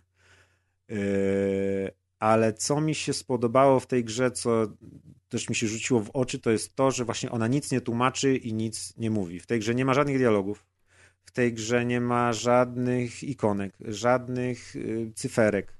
Nie ma w ogóle jakby UI-a przedstawionego w żaden sposób. Kiedy chcemy zobaczyć, y, co mamy w inwentory naszym, wciskamy przycisk i niczym w tym takim jednej części Alone in the Dark y, nasza postać patrzy się w dół na siebie i mhm. widzi, że w rękach trzyma jakieś tam y, zbiorniki na pociski albo jakąś tam broń i, i tam sobie klikając prawo-lewo możemy tylko broń zmienić, ale mm, jakby właśnie nie ma żadnych obiektywów, nie ma mapy. Co może być trochę upierdliwe, bo w tej grafice, w tym designie można się troszkę czasami pogubić, ale to też nie jest jakieś takie bardzo skomplikowane, więc ten brak, jakby te huby, w których mamy rozwiązać zagadkę, nie są na tyle pogmatwane, że, że, że nie wiadomo o co chodzi. Trzeba tylko pamiętać, że no dobra, teraz potrzebuję klucza, to muszę szukać jakiegoś tam urządzenia, które mi poda klucz do kolejnej bramy, a potem muszę wiedzieć, gdzie mijałem bramę, która wymagała tego klucza, więc trochę trzeba zapamiętać, ale y, wbrew pozorom to jest coś, co mi się właśnie bardzo w tej grze spodobało bo to mi przypomniało czasy właśnie jak się kiedyś za dzieciaka grało w grę i przynosiłeś grę od kolegi i ją włączałeś powiedzmy nawet nie umiałeś angielskiego albo coś, nie miałeś instrukcji do tej gry i wszystko musiałeś sam wymyślić, o co chodzi, którym się steruje, gdzie mam teraz iść, yy, co, co mam robić. I tu miałem dokładnie to samo, że ten brak jakichkolwiek podpowiedzi ze strony tej gry właśnie mi się spodobał, że muszę sam wszystko znać. Wchodzę do pomieszczenia i widzę jakieś dziwne urządzenia. Widzę tu jakiś panel kontrolny, ale też korytarz w prawo i korytarz prosto i wszystko jest otwarte i gdzie mam iść. I włączam to urządzenie, widzę, że tu jest jakiś dźwig, ale widzę, że on się nie może ruszać. No dobra, to idę korytarzem, widzę, że tu jest jakaś, a, tu jest chyba dalsza część tego jakiegoś tam dźwigu, to jest jakiś wagonik, ok, ale nie mogę go teraz ruszyć, bo coś tam. No to idę jeszcze sprawdzę. I potem nagle wykminiam, aha, dobra, to tu ruszyłem, wagonik się odblokował, teraz pewnie mogę go wrócić, popchnąć. No i wracam i go popycham i tak dalej. Więc yy, yy, widziałem, że ludzie narzekają, że właśnie ta granica nie podpowiada, a ja nie miałem momentu, gdzie nie wiedziałem, co zrobić, albo, albo coś wystarczyło trochę gdzieś pochodzić, trochę skojarzyć i... No widzisz, Deusza, ty mówisz, że Maciek jest tylko od pop. No. No, pozostałe umiejętności na razie jeszcze mi nie imponują, ale nie się stanie. Więc, więc właśnie to, ten brak jakichkolwiek growych elementów, takich wizualnych i tak dalej, sprawił dla mnie, że jeszcze większa taka aura tajemniczości była w tej grze. I to mi się podobało, bo to pasuje do klimatu. My nie wiemy, kim jesteśmy, nie wiemy, co robimy. Co więcej, nie, nie będę za bardzo spoilować, jak się ta gra kończy, ale ona ma zakończenie bardzo otwarte do interpretacji. To nie jest definitywne zakończenie. Dzieją się rzeczy i sprawy, i jest koniec gry i tak mówisz, aha, czyli o co stało? chodziło. Tak, co czyli dalej stało. nie byłem. I tak, y, i oczywiście są wytłumaczenia, są tam drobne rzeczy, których ja też nie, nie zauważyłem y, grając, a potem rzeczywiście zauważyłem, że no tak, rzeczywiście tak tu jest, że tutaj to, no tu coś tam. Ale jest absolutnie nie. Jak ktoś potrzebuje, wiesz, że gra się ma skończyć, ja mam wiedzieć wszystko, to, to nie polecam, bo nic w tej grze nie wie się więcej po tym, jak się ją skończy. Ten był zły, ten był dobry. Tak, tak, ale, ale to też jest fajne. To jest taka gra, gdzie jesteś praktycznie właśnie samotny, nie wiesz kim, nie wiesz gdzie i przechodzisz przez jakieś rzeczy i potem to się Czyli w sumie taka, taka gra o życiu trochę, co? To tak. Coś no, z mojego punktu widzenia to w ogóle wygląda fenomenalnie, tak jak powiedziałem, każdy screen i yy, no tak, wizualnie to jest, to jest Rozgrywka że... nawet też bym nie przyciągnęła, ale jednak to nie jest na moje nerwy. Tak A czy ta gra nie jest, ona nie jest straszna, właśnie, tu nie ma żadnych jumpscarów. To jest, to jest śmieszne, bo właśnie to, to jest horror, ale na takiej zasadzie, że po prostu przeraża cię, nie wiem, bycie w jakimś dziwnym miejscu i że to jest jakieś takie no, ale to jest, przerażające jest, miejsce. Tak, ale to jest właśnie najgorsze, ale to jest najgorsze właśnie, to jest ten typ horroru, którego ja właśnie nie lubię, Aha. bo jak gram w to The Quarry, o którym zresztą Aha. rozmawialiśmy, to takiego dekory, gdzie ma, wiesz, wilkołaki, od, odrąbywanie głów i jakieś takie rzeczy, no to ja się tego w ogóle nie boję, bo to są głupoty, nie? W sensie wiem, że to jest tak głupie, że to nawet nie jest y, przerażające. Właśnie przerażające są takie rzeczy, że nie wiesz, co się stanie, że tam nie ma jumpscare'a, że to jest przerażające, bo nie potrafisz sobie tego znaczy, wytłumaczyć. Tak, ta gra jest na przykład, y, ja się zastanawiam, czy będą jakieś tutaj ludzie wspominać o tym, że powinny być te modne ostatnio trigger warning i tak dalej, ponieważ są tutaj y, elementy dosyć obrzydliwe, jeśli chodzi o cielesność, jeśli chodzi o y, samookaleczanie się, jeśli chodzi o jakieś płody, mniej mhm. lub bardziej rozwinięte, zazwyczaj mniej rozwinięte. Okej, okay, dzięki. To już I to, to co się robi tym płodą, różnymi maszynami czy coś mhm. i ja Czyli trochę agonii. takie rzeczy. Co? Trochę agonii. Agonii też miało Możliwe, trochę tak, tak. Na pierwszy rzut oka to jest podobne, chociaż wydaje mi się, że Agoni robiło swoje rzeczy bardziej, żeby zaszokować, żeby było takie shock value, a tu jest to jednak jakby takie, no po prostu taki jest y, estetyka, więc to jest jakby wpisane w, w tą estetykę. Chociaż tak, jakby mm, to są bliskie gry sobie, tak mi się wydaje. Chociaż nie grałem w Agonie, tylko kojarzę tam te jakieś screeny i, i, i, takie rzeczy.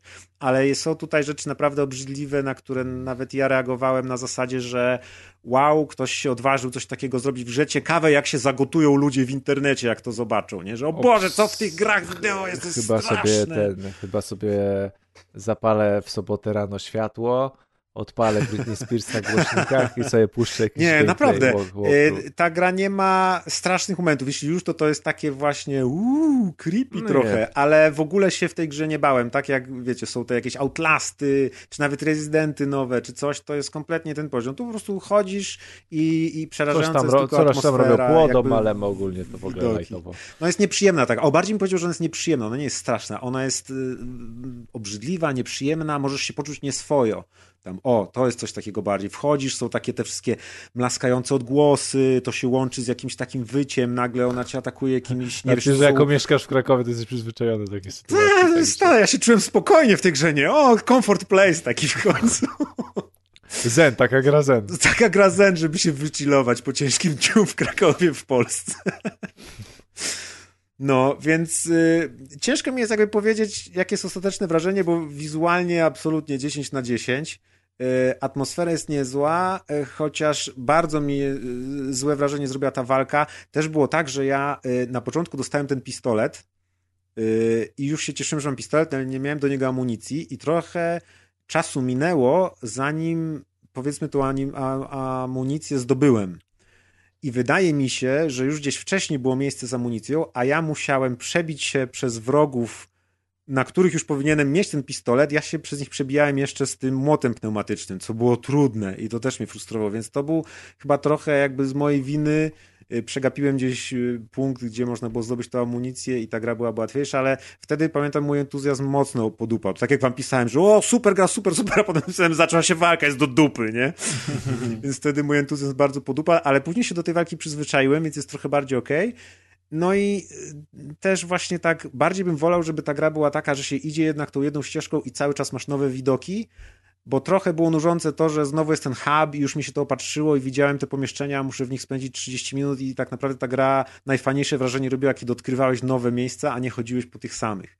Więc ostatecznie to się wszystko zbalansowało na taką grę y, nie wiem, no 7 na 10, coś takiego. Ma swoje minusy, ale ma też takie zalety bardzo y, powiedziałbym, no oryginalny, nie? Bo to, to że nic mm. nie mhm. tłumaczy, dla mnie jest właśnie oryginalnością wybijającą się spośród wszystkiego. To jak wygląda zdecydowanie. Tu, nie wiem, The Medium chyba jest najbliżej tylko takiej estetyki, chociaż The Medium było bardziej Beksińsk, Bek, Bek, od Beksińskiego brało, a tutaj zdecydowanie ten Giger bardziej. Kradło jest. wręcz. Tak. No, no, ale tutaj też trochę Beksińskiego jest w tym sklepie. Trochę jest, bo właśnie to, to jest fajne, bo ten świat jest gigerowski, ale powiedzmy atakuje go bek, beksińskowe, e, beksińskie mm, e, takie mm, organiczne, e, pasożytnicze coś. Więc czasami jest fajnie, że idziesz korytarzami i czujesz się jakbyś był w ekranizacji Aliena, bo są wszystkie te korytarze i tak dalej, mm -hmm. ale później się nagle okazuje, że właśnie jest coś, co ten świat powiedzmy trawi i wtedy nagle idziesz i kończysz, że brniesz przez jakieś cieliste coś, co po, porosło wszystko i zniszczyło i są jakieś rucha, ruchające, przepraszam, ruszające się y, odnóża i coś tam i wszystko jest takie bardzo biomasowe właśnie. Więc ja mimo wszystko polecam, szczególnie, że jest w Game Passie. Y, trochę krótka, w sumie to bym, bym się bardziej z tym pobawił. No jak to robił zespół, bodajże to jest chyba 6 osób. Więc jak te biedne 6 osób przez te nie wiem ile lat, 8 lat, oni modelowali te wszystkie żebra i te penisy i te wszystkie rzeczy, mm. to się nie dziwię, że to im ale tyle też, czasu zajęło. Ale też przy takim powiedzmy experience i przy takim stylu graficznym i tym klimacie, który mówisz, czy to jest klimat, żeby obcować z tym, nie wiem, 12 godzin, myślisz? Czy... Jakby były nowe miejscówki fajnie wymyślone, to myślę, że tak, bo tu są, okay. są momentami Czyli to naprawdę nie jest takie fajne męczące, zmiany. jakby psychicznie tak. Nie, właśnie nie. Właśnie bardziej, no chyba, że ja jestem już pokręcony kompletnie, ale mnie to bardziej zachwycało, kiedy widziałem kolejne właśnie widoki, bo to jest tak, jakby ci ktoś okay. po kolei pokazał właśnie obrazy -hmm. Beksińskiego, może nie te najbardziej makabryczne, ale te takie ciekawe, te takie katedry, czy coś, nie te takie tam krwawiące -hmm. ciała cały czas, tylko właśnie takie różne. I są tu momenty naprawdę niektóre fajne, gdzie masz tą zmianę taką, że idziesz, raz właśnie masz poczucie takie metalicznych wnętrz, zimnych, nieprzyjemnych, a później nagle jesteś na otwartej przestrzeni niby z czerwonego Marsa, a potem idziesz jakimś tam czymś, więc trochę szafluje tym, tymi klimatami. Wciąż to jest takie, wszystko jest takie obce. Cały czas jest to poczucie takiej obcości. Idziesz, widzisz dookoła, no to też trochę jest tak fabularnie, ale jakby masz wrażenie w tej grze, że jesteś ostatnim człowiekiem, który przebywa tą drogę, którą właśnie przybywasz. I że przed tobą próbowało wielu i ty prawdopodobnie jesteś już ostatnim i po tobie już nikogo nie będzie na przykład. Więc jest takie poczucie właśnie pustki. No, ładnie. Mhm. Ładnie, ładnie. Dla Więc mimo, gra... wszystko, mimo wszystko polecam. Y, jak ktoś ma problem z zagadkami, to sobie sprawdźcie na YouTubie i, i, i cheatujcie i się nie przejmujcie. Tak, Jak tak. ktoś ma problem z walką, to nie dzień wiem. po premierze już były walkthrough całe. No, no bo to mówię, no ja chyba mam 4,5 godziny przejście, a, a trochę tam ścian lizałem i trochę tam oglądałem. Dla mnie ta gra wygląda obłędnie, ten klimat jest niesamowity.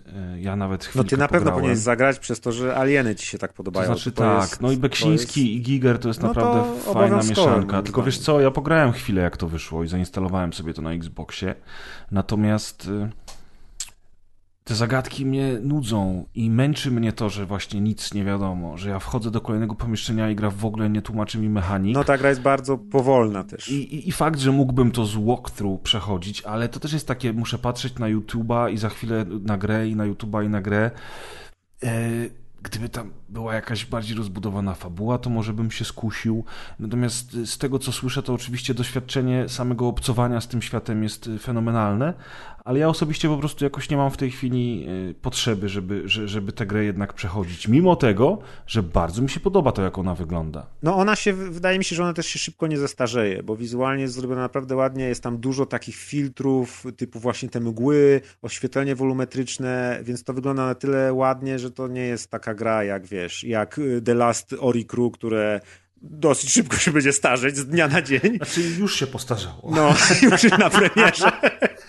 Wydaje mi się, że Skorn będzie mieć długi ogon i patrząc na to, jak te gry się teraz powoli ro, posuwają do przodu, to że wiesz, nawet za 5 lat będzie można spokojnie w niego zagrać i stwierdzić, że ale to wygląda obłędnie i tak dalej. Jeszcze jedna ciekawa rzecz, którą zauważyłem, nie sprawdzałem tego y, w sensie, że nie, nie przychodziłem etapu dwa razy, żeby zweryfikować, ale zauważyłem parę razy, że y, kiedy widziałem jakiegoś przeciwnika, który gdzieś tam fajnie wychodzi, przeciwnicy też niczym trochę obcy, nagle potrafił wyjść z sufitu albo wyłonić się z jakiejś kupy glutów mięsnych i zaczyna, zacząć powiedzmy patrolować ten korytarz. Parę razy zdarzyło się, że taki przeciwnik jak nie wchodziłem w ten korytarz, tylko go oglądałem z daleka, wchodził sobie gdzieś i znikał. Czyli tak jakby y, możliwe, że jest też opcja, że niektórych przeciwników można przeczekać i niektóre walki można pominąć, bo to było fajne, że tak pomyślałem, a ciekawe, zobaczę jak on będzie chodzić, nie? A on przeszedł się raz korytarzem i wrócił i se wlazł gdzieś tam. I ja potem przychodzę w to miejsce, no nie ma go, nie? Ominąłem go, zajebiście, zaoszczędziłem amunicję. To też było takie fajne, że wow, można, można nie walczyć z kimś, tylko poczekać i on sobie po prostu pójdzie. To było takie, też takie realistyczne i też niespotykane, nie? Mhm. Więc tak. Ja mimo, mimo wszystko polecam. Jednak no, teraz jak wspominam, jak o tym opowiadam, to, to, to było warto. Jeśli ja przebrnąłem przez grę, w której są zagadki logiczne i, i jest wolne tempo i tak dalej, to myślę, że wiele osób też da radę przebrnąć. No, no słychać, słychać, że, że faktycznie jesteś całkiem podekscytowany. Ja to, jak, jak już jesteśmy przy horrorach i ekscytacji, to powiem tylko, że 5 minut temu wylądował news, więc nie, nie zdążyliśmy dać go w sekcji newsów, a mianowicie Bluebird Team robi remake Silent Hill 2. Czyli coś, o czym spekulowano już od paru dni. Jutro, jutro, chyba miała być oficjalna premiera. Nie, no te, teraz jak to. Nie, no teraz leci aktualnie stream. A, leci Silent teraz. Hillowy okay. i już trzy gry z Silent Hilla zapowiedzieli. Trzy Jedna... gry? Tak, no wow, no jeden nieźle. to jest ten remake, jedno to jest y, z, we współpracy z Anno, Annapurna Interactive i jeszcze jeden Silent Hill F, też od jakiegoś studia.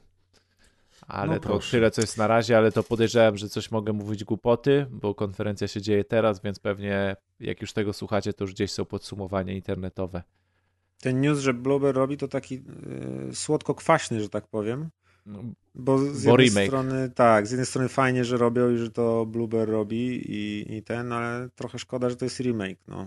No ale wciąż remake świetnej gry, zawsze warto, szczególnie, że Resident Silent Hill 2 najlepszą wersję miał na tak. PS2. I jeszcze nawiązując do naszego Więc pierwszego newsa, emulacja zostaje raczej. czasowy ekskluzyw dla PS5. Także Aha. i PC-ta. Ale, ale y, na PC będzie od razu, czy, czy będzie Tak, tak, tak. Będzie na PC i na PS5, a y, rok później na reszcie konsol. Mhm, w ten sposób. No dobrze. No, y, to mamy ten temat już za nami. Teraz zaczynamy sekcję boomer shooterów. Y, ja od razu jako taki disclaimer tylko chciałem powiedzieć. Chciałem że... przeprosić wszystkich. Nie, nie, właśnie nie chciałem przeprosić. Chciałem powiedzieć, nie że chciałem pojawiły się jakieś takie komentarze. Często się pojawiają, że wiesz, o Boże, te boomer shootery i w ogóle znowu gry, które wyglądają jak 20 lat temu. Y, no ale tak sobie pomyślałem, że w sumie to mm, tak naprawdę to chyba każdy jest wam nas... To jedno, to Ale reszta gier wygląda jak gry 5 lat temu. No to tak, y, nie, po prostu pomyślałem sobie, że w sumie cholera, no gramy w to, co lubimy, prawda? I to jest mój podcast przykład... i ja będę opowiadać. Tak, nam się podoba, zamknijcie mordy. chodzi, mi o to, że, chodzi mi o to, że jakby no, mm, nie wiem, są mango zjeby, które grają ciągle w mango gówniane gry, nie? I nikt ich nie krytykuje za to, że I oni, oni nie grają... przepraszają nas za tak, to, że oni grają tak, w tym mango Że oni co chwilę grają w to mango zjebstwo, nie? Są, są ludzie, którzy na przykład cisną, kurczę, nie wiem... E, Menadżery piłkarskie na przykład. O, albo menadżery piłkarskie, czy coś, wiecie. No. A ja cisnę, kurwa, boomer shootery i chuj wam do tego. E, jeżeli wam się nie podoba, to możecie nie słuchać. E, tym bardziej, że podcast nagrywamy dla was za darmo, prawie, że tak naprawdę to, to za darmo. E, I no wiecie, no przesady. Także jakby ja lubię, mi to A Prezowi nikt za to nie płaci, on sam te gry kupuje. Wy nie uwierzycie, on pewnie nawet promek dostał własne pieniądze ja na te mam... gry, co wyglądają jak 20 lat temu wydaje. Tak jest, dokładnie. Tak, tak, taka prawda.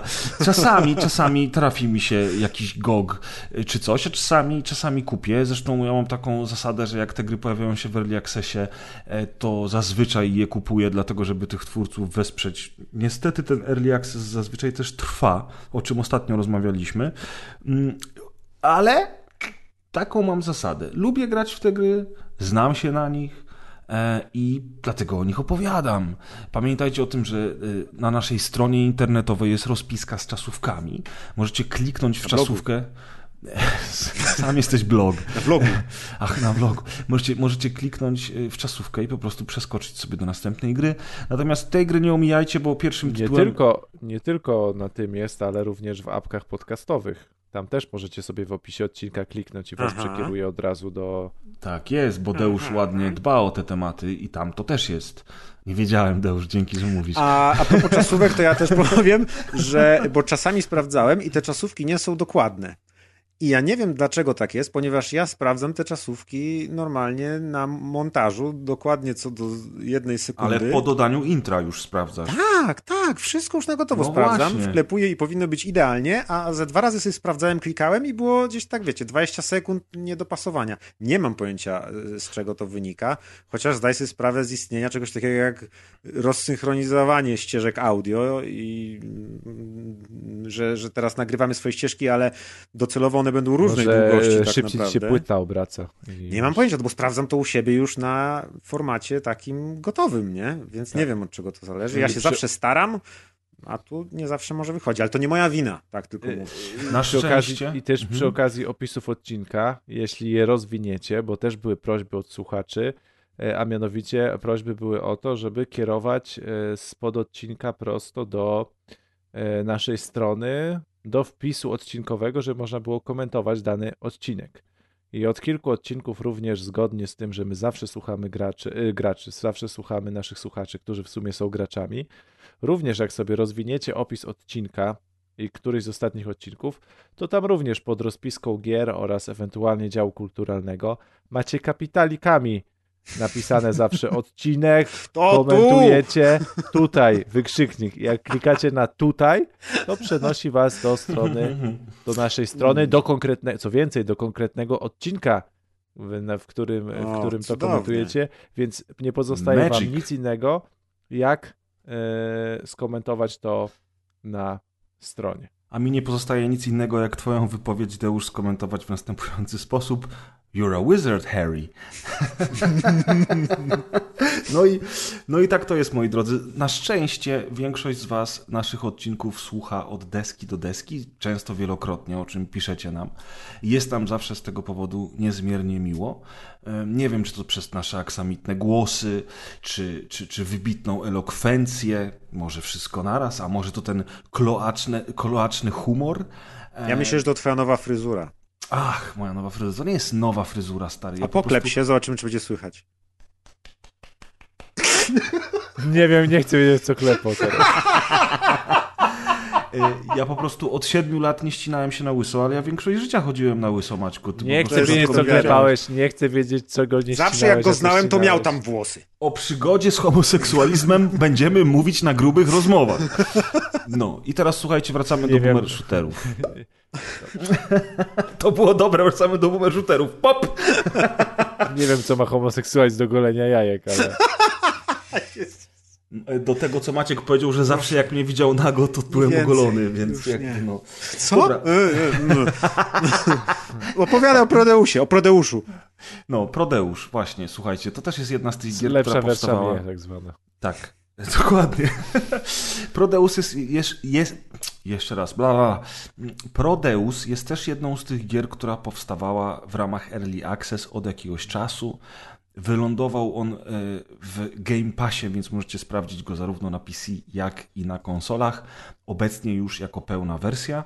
Jest to jeden z najwybitniejszych i najciekawszych e, boomer shooterów dzisiejszych czasów, dlatego że po pierwsze jest on takim troszeczkę hołdem dla Duma, zarówno w tempie rozgrywki, jak i w przeciwnikach, w settingu, e, w zagadkach i nie tylko, ale jednocześnie ma on bardzo ciekawą oprawę graficzną, która jest dosyć wyjątkowa i rzuca się w oczy. I widać, że to nie jest taka gra, która jest zrobiona tak, żeby wyglądać jak, jak gra z lat 90., ale jest to gra, w której oprawę wizualną wsadzono naprawdę sporo pracy. Prawda, Maćku? Prawda, Grześku. No to powiedz coś o tej oprawie graficznej nam teraz. O Matko Boska. Y, no nie wiem, no jest, y, jest, y, Jezu. Pop! To, pop, dokładnie. Nie, bo to nawet, nawet ciężko powiedzieć. Jest, yy, znaczy, z Dumem ta gra jest tak blisko, że też się zastanawiam, czy to jakaś pigułka w klubie do drinka nie była wrzucona, yy, bo ona jest dumowa i w feelingu, i w grafice również, w takim połączeniu y, właśnie bazy kosmicznej i metalowych paneli z jakimiś tam skałami i lawą i magmą.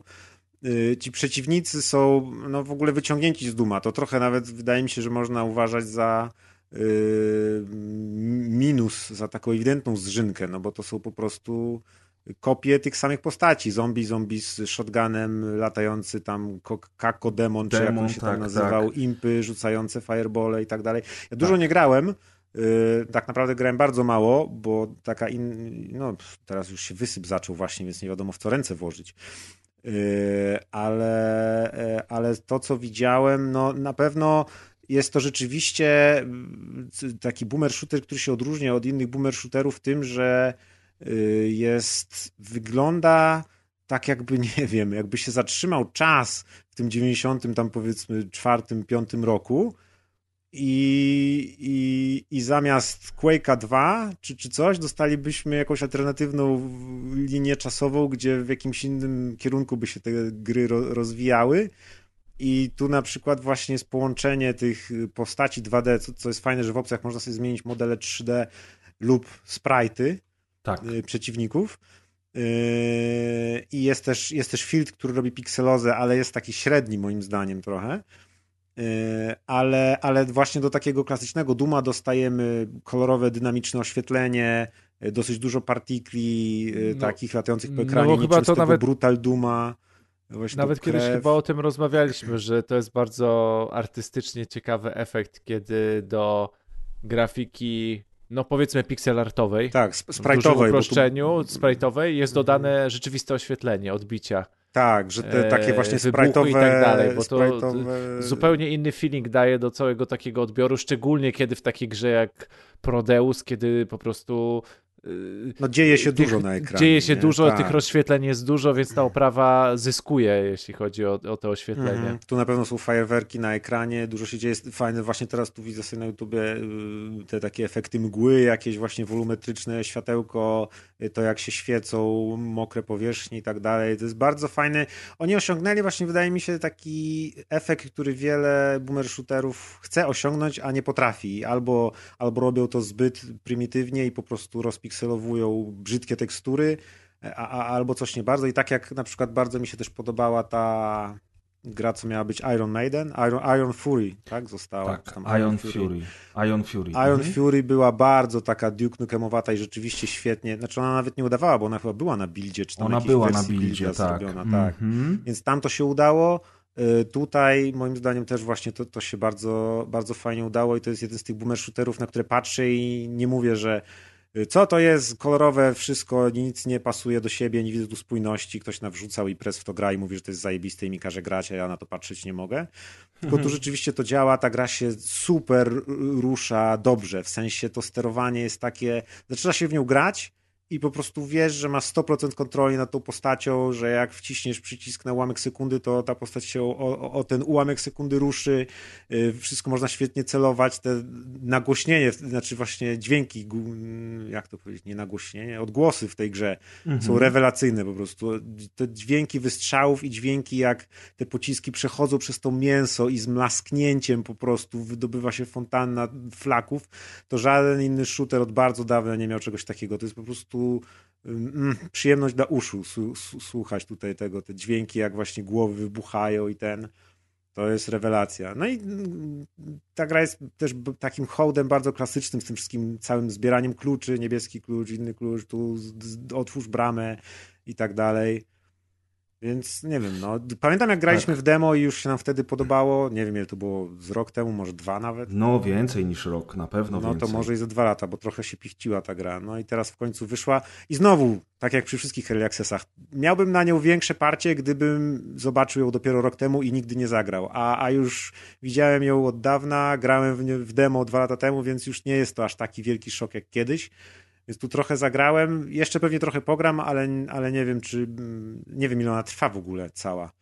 Jak... Nie wiem, ja jeszcze jej nie przeszedłem do końca. Ale na pewno nie, nie trwa trzech godzin. Jakby trwa trzy godziny, to jeszcze bym pewnie przeszedł, ale więcej już mi się pewnie nie zechce.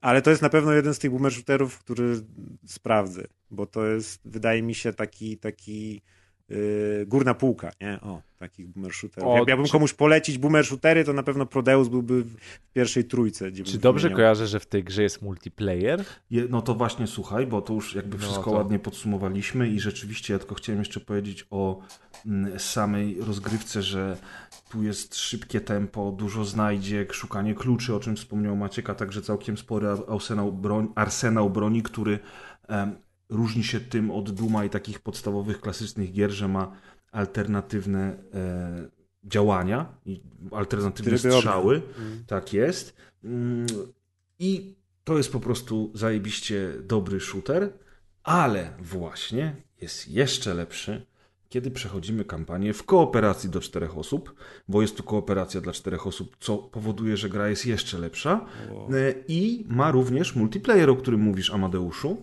Co więcej, ma ta gra edytor map i już społeczność tym edytorem się bawi. Mat. Powstają wręcz mapy z pierwszego Quake'a, które można przechodzić w Prodeusie. O, Także już tak. sprawdzę. Ta gra jest całkiem rozbudowana jak na tego typu produkcje więc naprawdę jest godna polecenia. No i przede wszystkim jest w Game Passie, więc jeżeli opłacacie abonament, to po prostu możecie ją sobie w każdej chwili zainstalować. Co polecam zrobić, zwłaszcza jeżeli macie kompana bądź też kompanów do wspólnego grania, bo jak zwykle wiadomo, w kooperacji wszystko jest lepsze, co udowodnił już nam dzisiaj The Last Ori Crew. Także no, ty no typie, no zrobili mapę z Quake'a 1. No, mówi, no mówiłem, no. Ja, ja, ja. Mogę zagrać znowu w Quake'a 1, nie w Quake'u 1. Z ładnym oświetleniem. Ale ja. Ludzie to jednak nie są tacy źli czasami. Tak jest, czasami nie. I ci, ci, ci, ci co robią emulacje, i ci, co robią mapy z Quake'a 1. I Sasha Grey, e? I Sasha Grey, tak. A z drugiej strony sobie tak myślisz, tak, dobra, ta gra była dwa lata w Game Passie, nie? Robili ją, w sensie w Game Passie, przepraszam, dwa lata temu zrobili ją, robili i trzy dni po premierze już masz Quake'a w grze zrobionego przez mo narzędziami moderskimi, nie? Może to trzeba dać ludziom do robienia gry i to ale będzie widzisz, szybciej. Ale te, ten edytor map ktoś też musiał przygotować no ja dla wiem, tych ludzi. Wiem, no przecież ja upraszczam teraz, ja sobie zdaję sprawę, tak samo jak fizykę, żeby te, w tym edytorze map tylko pewne elementy przyciągać, tak, to ja sobie zdaję sprawę, no ale dalej to jest taki ciekawy efekt, jak E, jak zawsze w te parę tam dwa, trzy dni po premierze już tak, ci moderzy no to, to, poprawili, to tak. poprawili, to tego baga już nie ma, Maciek a tu jeszcze druga gra fajnie mapa z Quake'a, a teraz te no life.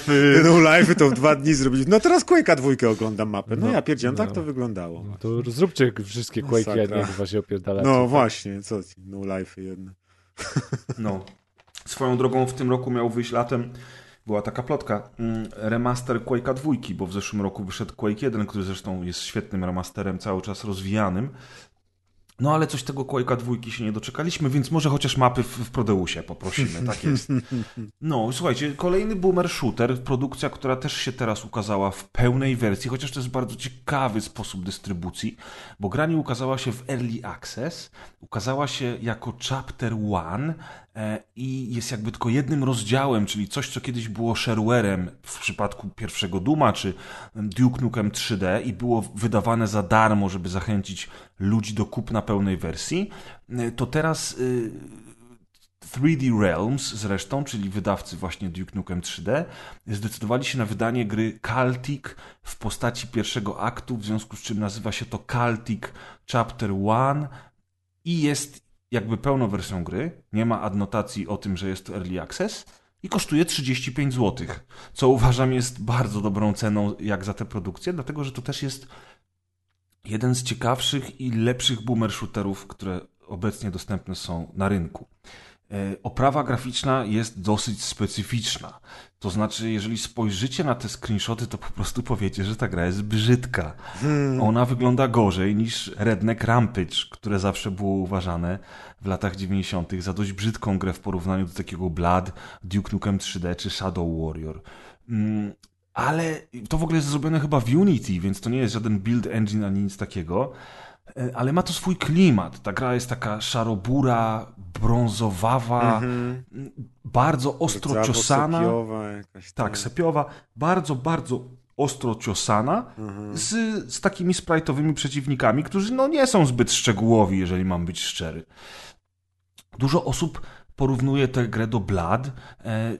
Skąd inąd słusznie, ale nie do końca.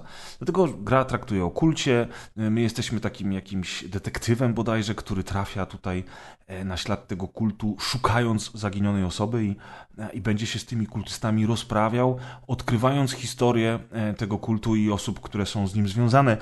W postaci oczywiście tam notatek, które czytamy, więc nie spodziewajcie, że tam jest jakaś nie spodziewajcie się, że tam jest jakaś rozbudowana fabuła. Mm, więc i to już jest pierwsza różnica między Blood a Celtic. Celtic traktuje się dużo bardziej poważnie i stara się opowiedzieć taką historię okultystyczną, gdzie Blad jednak był takim, no powiedzmy, szalonym horrorem, pełnym groteski i udanych żartów oraz nawiązań popkulturowych. Tutaj Kaltik idzie w inną stronę. Mm, gra nawet momentami stara się być straszna, e, ma takich przeciwników i takie lokacje, które są naprawdę klimatyczne i jest też jakby nie jest takim shooterem jak Blood czy Duke Nukem 3D. Tutaj tutaj macie hitpointy, na przykład można pięk, piękne headshoty sadzić. Pociski potrafią przebijać się przez kilku przeciwników naraz e, i walka jest dosyć wymagająca. Ja grę przechodziłem od razu na hard, e, więc trzeba było się postarać. Amunicji co prawda nie brakuje, ale jednak łatwo jest tutaj zginąć. Trzeba więc uważać, myśleć, planować ataki czasami nawet, co jest bardzo ciekawe, bo nie spodziewałem się tego po tej grze, a jednak to dostałem. Z tego oczywiście mamy jakieś tam szukanie kluczy, e, zagadki środowiskowe i bardzo dużo sekretów, no ale jest to boomer shooter, więc wszystkie no, te sekrety elementy... tutaj są srogie w tym Kaltiku, naprawdę, żeby niektóre znaleźć, e, ja też trochę pograłem i tam e, są rzeczy typu, że musisz, wiesz, zbudować sobie piramidę ze skrzynek, żeby tak. gdzieś tam wskoczyć, przejść po jednopikselowym jakimś tam Y, parapecie i tam jest taka mała, maluteńka ta kratka wentylacyjna i tam jak ją kopniesz, to wtedy wchodzisz i znajdujesz sekret. I normalnie w życiu byś tego nie znalazł. I na końcu przechodzisz etap na przykład i masz sekrety znalezione dwa z dziesięciu. I sobie mhm. myślisz, co? Mhm. Tak, niektóre mapki mają więcej, inne mają mniej sekretów, ale jest ich całkiem sporo, są ciekawe. E, mi się bardzo podoba design przeciwników. E, ci podstawowi, czyli ci kultyści, rzeczywiście są trochę tacy jak, jak ci kultyści z Blad, ale, ale to się szybko zmienia, bo pojawiają się inne rodzaje przeciwników, o których nie będę opowiadał, bo nie chcę psuć wam zabawy, dlatego że niektórzy z nich są naprawdę ciekawi. I kurczę, strasznie mnie ta gra wciągnęła. E, to, że jest ona wymagająca i trzeba kombinować podczas walki, bardzo mi się podoba. Że mogę właśnie z, z odległości eliminować przeciwników, używając strzelby Winchester, wiesz, waląc im heady z daleka, a mogę strzelić w lampę naftową, która stoi na biurku i podpalić przeciwników. Mogę wziąć dynamit, który podpalę i rzucę, ale mogę też ten dynamit po prostu rzucić na ziemię, a później w niego strzelić, kiedy goniący mnie przeciwnicy znajdą się w jego pobliżu. Więc to jest bardzo dobre dobre, bo tam ta walka jest dosyć, dosyć dynamiczna, ale też nie taka szybka, jak chociażby w Prodeusie, gdzie w Prodeusie to jednak idziemy na, że tak powiem, na ilość, a nie na jakość. Mhm. Chociaż I tutaj jest takie dosyć szybkie to poruszanie się, jeszcze jest ten taki wślizg jakby. Tak, właśnie, można zrobić wślizg, można kopnąć. Mhm. No i, i, i, i ten Kaltik jest naprawdę wyjątkowym tytułem. On jest on się wydaje brzydki, jak w niego gramy, to docenimy oświetlenie, budowę lokacji. Niektóre, niektóre mapki są bardziej otwarte, inne są bardzo klaustrofobiczne, e, co jest dobre, dobrym rozwiązaniem, dlatego że po prostu ta gra się zmienia wraz z tym, jak ją przechodzimy, i mimo tego, że wszystko jest brunatne i w sepi cały czas niestety, no ale to jest chapter one, ja mam nadzieję, że kolejne będą troszeczkę się różnić jednak klimatem. Tak na szybko sprawdziłem, na How Long to Beat jest około 4,5 godzin. 5,5 no. godziny przejść. Mhm, dokładnie. Dokładnie, ale za 35 zł to jest dobra cena, no tak. bo, bo mamy też te różne poziomy trudności i mamy też tryb survival. Ja osobiście w ten tryb jeszcze w ogóle nie grałem, no ale wszyscy możemy się domyślić, na czym może polegać Jakieś tryb survival. hordy pewnie, nie? No Jakieś hordy. Czy, Chociaż nie wiadomo, może też coś. nas zaskoczą, może to coś będzie. Jak, jak spróbujemy, to na pewno się podzielimy, bo ja grałem, Maciek grał, e, a, a i, i rzeczywiście, no, czy tobie się Maćku ta gra podoba? No, to jest ciekawe, bo mi się ta gra o wiele bardziej podoba niż Prodeus i tak naprawdę mm, będzie pierwsza w kolejce do zagrania teraz dla mnie. Y, chyba, że w Plague może będę grać, ale on tak działa, że sam nie On wiem. tak działa, że lepiej czekać na pacze, nie? No, no. A tu naprawdę ten Kaltik, nie wiem co on w sobie ma. Ja, Klimat pewnie? może, bo ja fanem Blada wielkim nie byłem. Jedynki nigdy nie przeszedłem. Ona chyba była dla mnie za trudna, bo to była w ogóle chyba jedna z trudniejszych gier na tym build engine. Tak, ona była najtrudniejszą grą z wszystkich no, trzech. No, ja tam pamiętam, że właśnie zaczynało się wszystko fajnie, haha, hiha, ale później nagle byli z tymi Y, Thompsonami ci kultyści już tam człowieka kosili. Tam Na wyższych poziomach trudności rzucali dynamitem do tego, no. pojawiały się te wszystkie potwory. Tak, Blood jest, do, jest do, do, dzisiaj bardzo trudną grą, ja zresztą zawsze przechodzę go na wyższych poziomach trudności i i rzeczywiście trzeba się momentami napocić przy nim. No, a tutaj póki co ja sobie gram na normalu. Y, tam jest w ogóle chyba pięć tych poziomów trudności, nie? Tak, Jakoś w starym tak. stylu. Y, więc na tym środkowym, na normalnym y, jest... Nie, nie, środkowy jest hard, nie? Jak jest tak? pięć, to środkowy jest hard, dokładnie. Dla gitgoodów i tryhardów FPS-owych, czyli dla mnie. No Bo ja na hardzie właśnie ja na, To na defaultowym grałem w każdym mhm. razie. Y, nie było jakoś super trudno, ale y, naprawdę podobają mi się te wizualia. Y, one, te, i ta paleta kolorów trochę wygląda jak właśnie jakaś taka, nie wiem, ośmiobitowa albo coś z jakiejś takiej starej karty graficznej. To ociosanie rzeczywiście jest dla mnie świetne, tak samo jak ta gra Szymańskiego, co mi się z Quake'iem kojarzyła, dwójką.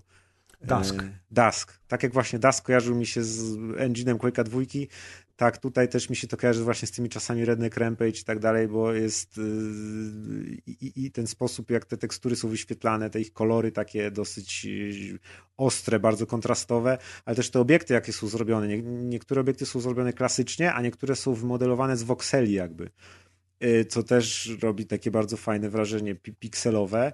Y, ma fajne filtry w przeciwieństwie do Prodeusa. Według mnie ma fajniejsze te filtry, które robią z niego pikselozę, bo w Prodeusie mm, jest jakby, mamy mniejszy zakres możliwości. Tam można tylko emulować chyba tam 320 pikseli albo 240 i 120, a tu jest taki suwak, gdzie możemy sobie od 0 do 100% to ustawić i, i naprawdę można fajne efekty osiągnąć.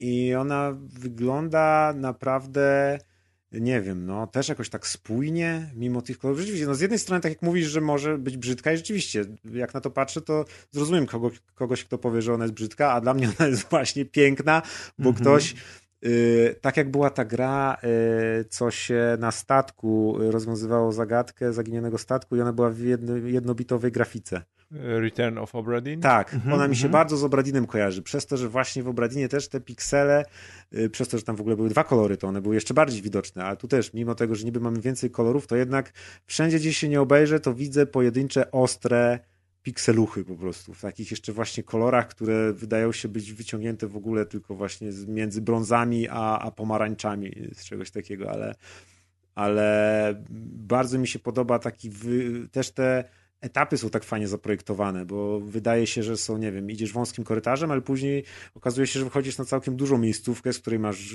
odległe widoki i to są też takie rzeczy, które na przykład wyglądają jak ze starych gier, ale kiedyś mimo wszystko te gry nie potrafiły generować tak dużych przestrzeni na przykład. I teraz mamy y, grafikę jak kiedyś, ale trochę większe możliwości, więc trochę też jak powiedzmy w Prodeusie. No i strzela się naprawdę fajnie dźwięki rzeczywiście headshotów tutaj, które robią są bardzo mięsiste, bardzo fajne. Yy, jest ten klimat taki, taki właśnie takiego tego amerykańskiego gotiku, yy, właśnie jakichś takich yy, okultystycznych klimatów trochę fajne, więc mi się, mi się bardzo podoba, jak ta gra ostatecznie wyszła. Chyba nawet bardziej, bo też pamiętam, że grałem w demo, już mi się podobało, ale teraz ta pełna, pe, pe, pełna wersja jeszcze bardziej mi się chyba podoba. Ja więc... mam dokładnie to samo wrażenie, że demo było bardzo dobre, ale pełna wersja jest jeszcze lepsza. I, i faktycznie naprawdę ta gra mnie wciągnęła też bardziej niż Prodeus. Prodeusa bardzo szanuję, jest bardzo fajny, y, ma ten taki klimat i oprawę, o której mówiliśmy, ma świetną kooperację i całą resztę elementów, ale Kaltik ma w sobie coś takiego, Prodeus że chce jest się chyba, w to grać. Nie? Prodeus że jest jakby troszkę, można powiedzieć, generyczny. Patrzysz na niego i mówisz, a, to jest jak Doom. A mhm. patrzysz na Kaltika i myślisz, kurwa, to jest do chuja niepodobne.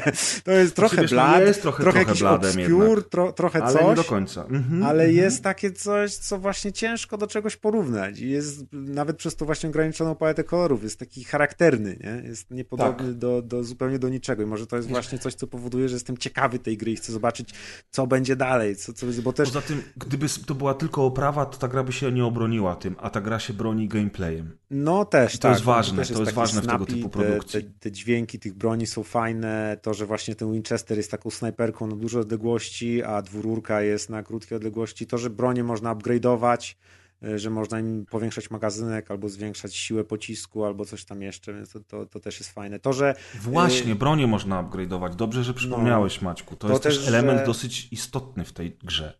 No i to, że fizyka w niej działa fajnie, y, bo na przykład można sobie kombinować motywy typu widzisz, że gdzieś jest jakiś secret na półce wyżej, ale nie da się do niego doskoczyć, to sobie cofniesz się trochę, weźmiesz beczkę, która wcześniej stała, a jej nie rozwaliłeś akurat i przyniesiesz i rzucisz ją tutaj wskoczysz na nią i z niej wskoczysz na tą półkę.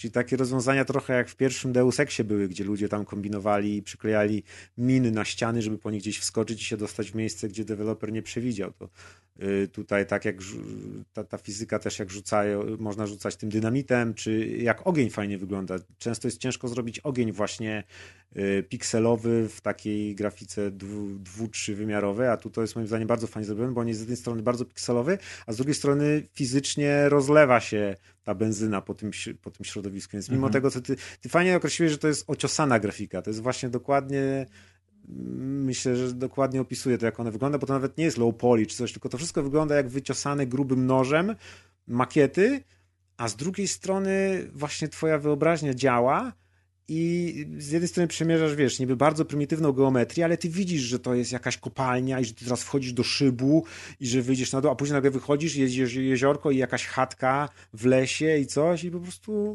główka pracuje i wszystko dopowiada. To jest niesamowite. No tak. Tobie się podoba, Deusz, to jak ta gra wygląda? Eee, w sensie, no ja mówiłem już, że ona klimatycznie wygląda bardzo fajnie i może na, w, i że jakby Maciek teraz leżał na kozetce i miałbym stwierdzić, czemu mu się bardziej podoba, to może dlatego, że w Prodeusie, mm, że jakby wiedział, czego się może spodziewać po Prodeusie, a Mhm. natomiast e, w Kaltiku dostaje coś bardziej oryginalnego i coś, czego jeszcze nie widział i czego się nie spodziewa i dlatego to jest może takie bardziej mm, po prostu bardziej nowy efekt świeżości. Okej, Maćku, czy tylko ja go słyszę tak słabo? Właśnie to samo się chciałem zapytać. Masz bardzo cicho mikrofon nagle, tak jakbyś był, nie wiem, bardzo daleko od mikrofonu. Ach, bo moi drodzy, z, moja wypowiedź była pełna inteligentnych odniesień i żartów, natomiast wcześniej wyciskałem sobie e, propolkę z witaminą C i propolisem i wyciszyłem mikrofon, żeby nie nie, wyciskaj sobie propolki, bo płeć ci się zmieni. W pięć minut. Raz będziesz chłopczykiem, raz dziewczynką. No zwariowałeś? Ojej, Y, To skracając moją bardzo inteligentną Ale słychać to było. Nie, no ludzie Ale się to posłuchają. było. Jak im zależy, to posłuchają. Dokładnie. Za darmo Ja nie będę mówił. żeby nie było. Mogę, ale No. nie. Okej. To by było za proste. Nie, nie, oczywiście, oczywiście było wszystko, było to słychać Deuszu, więc nie musisz powtarzać. Dziękujemy Okej. Ci ślicznie. Bardzo mądra wypowiedź, jak zawsze zresztą. Myślałem, że nie było słychać i tylko ja wiem, że nie była. W każdym razie, ja, ja tylko do jednej rzeczy chciałem się jednak przyczepić, a mianowicie do dosyć generycznej muzyki, która bardzo często nijak ma się do klimatu gry, bo go nie buduje. Do tego stopnia, że Maćkowi nawet pisałem, że w pewnym momencie wyłączyłem tę muzykę i zacząłem grać z soundtrackiem z Blood. I wtedy gra zyskuje ocenę oczko w górę, bo Złodziej. soundtrack z Blood jest tak zajebiście klimatyczny, że to jest nie do opisania. Ja kompletnie nie E, pamiętam tego soundtracku o, z Kaltika. A soundtracku z Blada też nie pamiętam. Będziesz w outrze miał ten soundtrack z Blood. O, fajnie, to sobie przypomnisz sobie to dokładnie. zrobi. Znaczy ja za ciebie już wymyśliłem, a ty zrobisz. Klasycznie. No w każdym razie, w, w każdym razie ten. E, mega, mega dobra gra. Miłe zaskoczenie, a cena to jest po prostu super sprawa. No domyślam się, że każdy kolejny rozdział będzie też kosztował te 35 zł, no ale jak będzie, będą te rozdziały wychodziły po kolei, no to raz tam na parę miesięcy te 35 zł wydać i kupić sobie, i pograć sobie kolejne 5 godzin, to myślę, No to właśnie, za spoko 5 godzin to jest nie? spoko, nie? Gorzej jakby to było za godzinę, nie? Żeby wyszło, że na Tak. przykład pełna gra to są cztery rozdziały i to wtedy jest tam ileś tam godzin grania. A tu 35 zł za 4, to tyle grania, co w Skornie, nie? No. A za 35 zł. Także Kaltik bardzo, bardzo mocno polecamy. Mhm. Ostatnim shooterem dzisiaj będzie pełnoprawny retro shooter, więc tu musimy rozgraniczyć boomer shootery i retro shootery, dlatego że boomer shootery to są te współczesne produkcje, które, mm, które wychodzą obecnie, ale chcą naśladować czy też przypominać te klasyczne produkcje z lat 90. Natomiast Chasm The Rift, o którym będziemy teraz mówić, a który otrzymałem e, dzięki uprzejmości GOG, e, jest to gra z lat 90., która przez bardzo długi czas była niedostępna, a w wielu kręgach takich boomerów jak ja uchodzi za grę kultową. I fajnie, że nareszcie pojawiła się ona znowu w dystrybucji cyfrowej. Jest to ja bym tego nie nazwał remasterem. To jest port dostosowany do współczesnych e, maszyn, w związku z czym mamy i widescreen, i, i wyższe, e, wyższe opcje rozdzielczości i tak dalej, ale żaden remaster to, to nie jest. E, więc Chasm The Rift powraca po latach i ląduje z powrotem na, naszym na naszych komputerkach. Czym w ogóle Chasm The Rift jest? Bo zakładam, że większość ludzi tak naprawdę o tej grze nie słyszała. Jak powiemy Quake, Duke Nukem czy nawet Blood, to ludzie wiedzą o co chodzi. Ale Chasm, Deusz, kojarzysz w ogóle ten tytuł? No, wydaje mi się, że na którejś z ostatnich podcastów mówiłeś, że Chasm wychodzi i Tak, tak, ale czy kojarzysz go jakby, wiesz, z przeszłości? A nie, no to tak to nie, tak to nie. To, to już teraz to musi jakiekolwiek wspomnienie zatarło z tym, że ostatnio jak o tym rozmawialiśmy, to sobie sprawdzałem o co chodzi. A przecież jak wychodził Chasm, to Deusz w przedszkolu był. Dlatego się pytam, czy on A. kojarzy, no bo wiesz, jak spotkasz, y, spytasz młodego człowieka, no Deusz już taki młody nie jest, hehe, ale, ale spotkasz, spotkasz studentów Deusza i spytasz ich, czy wiedzą czym jest Quake, to większość ci powie tak, wiemy czym jest. E, no ale czas, no, no niekoniecznie. No tak. No, i, no ale oczywiście no, są, są gry wybitne i są gry, które próbują te gry naśladować. Tak samo jest z filmami i muzyką.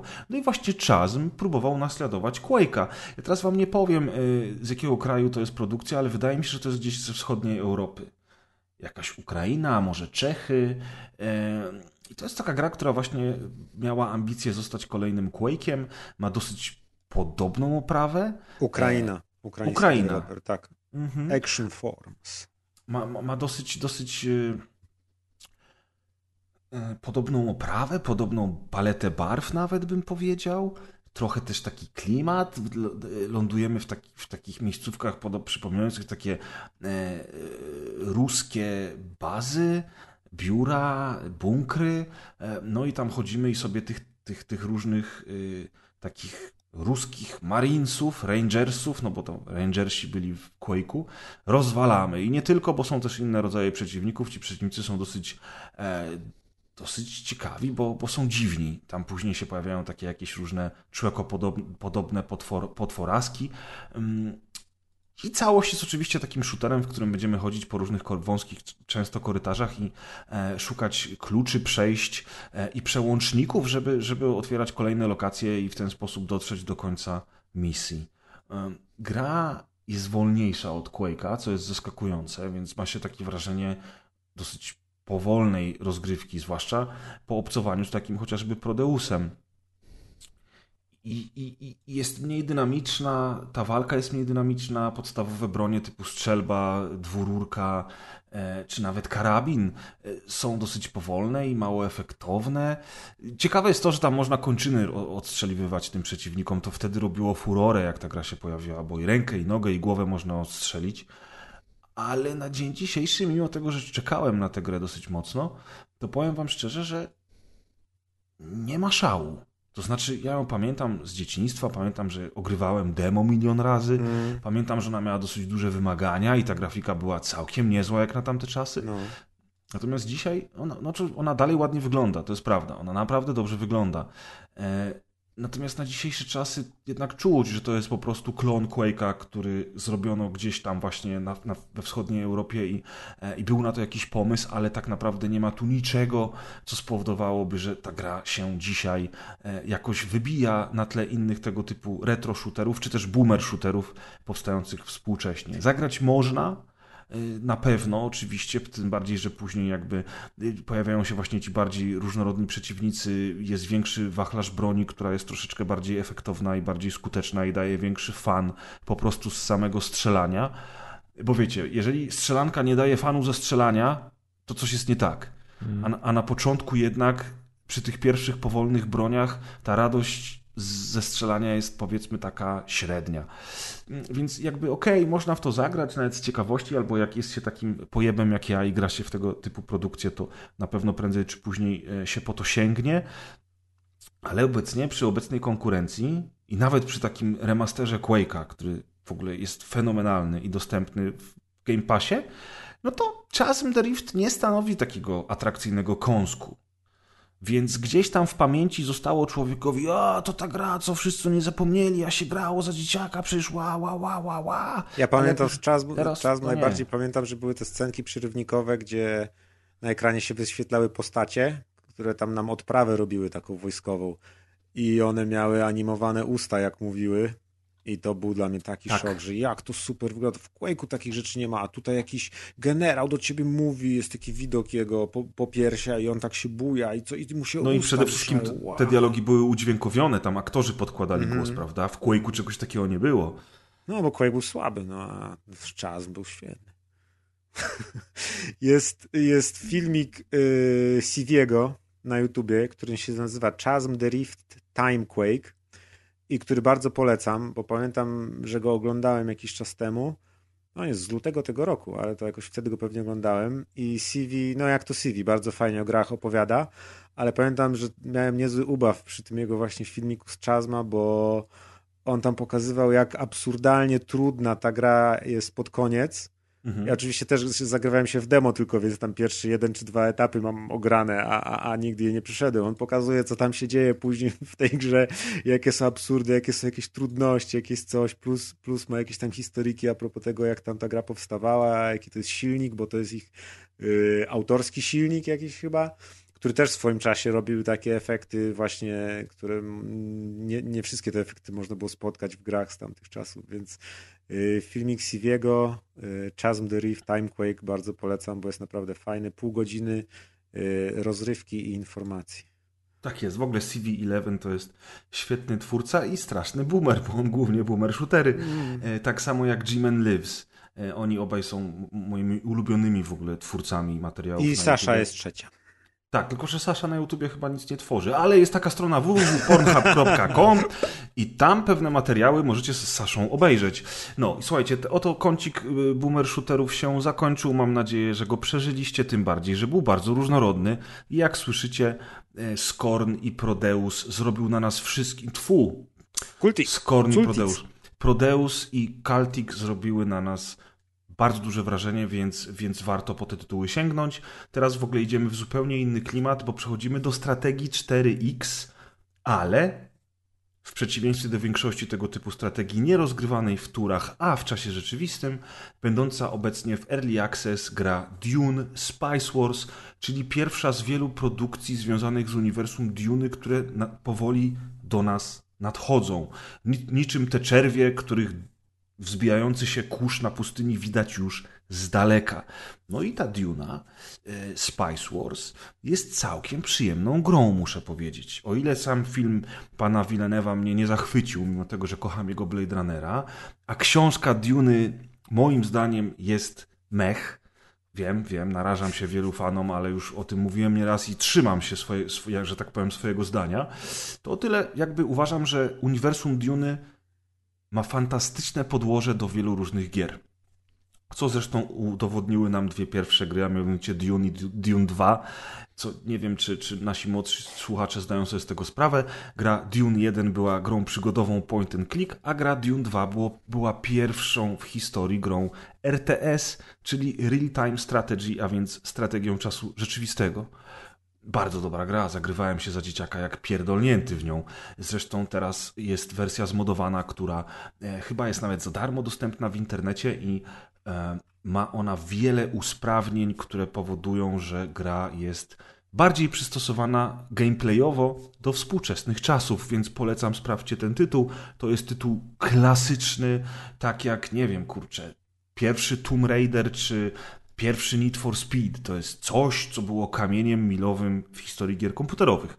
No i teraz po latach, dzięki filmowi pana Villeneuve, będziemy mieli więcej tych gier, bo ogłoszono też Dune MMO. Nie wiem, czy pan, kojarzycie ten tytuł, panowie? Wow. Mhm. Powstaje Dune MMO, a z, z tego, co, co słyszałem, Ale to... po co? Ale po co, dokładnie. Zapytał Maciek z ostatniego rzędu nieśmiało. Ale tytułów tych łącznie powstaje pięć. Zostało sprzedanych praw do. Je, chyba, to jest chyba jeden wydawca, ale nie chcę wam kłamać. Tytułów jest pięć, znamy dwa z nich. Nadchodzące MMO i już dostępne właśnie w Early Access. Dune Spice Wars. To jest bardzo przyjemne 4X, dosyć proste. Ja nie jestem fanem 4Xów, bo raz, że te gry mnie nudzą, a dwa, że one mnie bardzo często po prostu przerastają. No nie wstydzę się tego powiedzieć. E, intelektualne rozkminy e, lubię w innych, że tak powiem, nie wiem, elementach życia codziennego.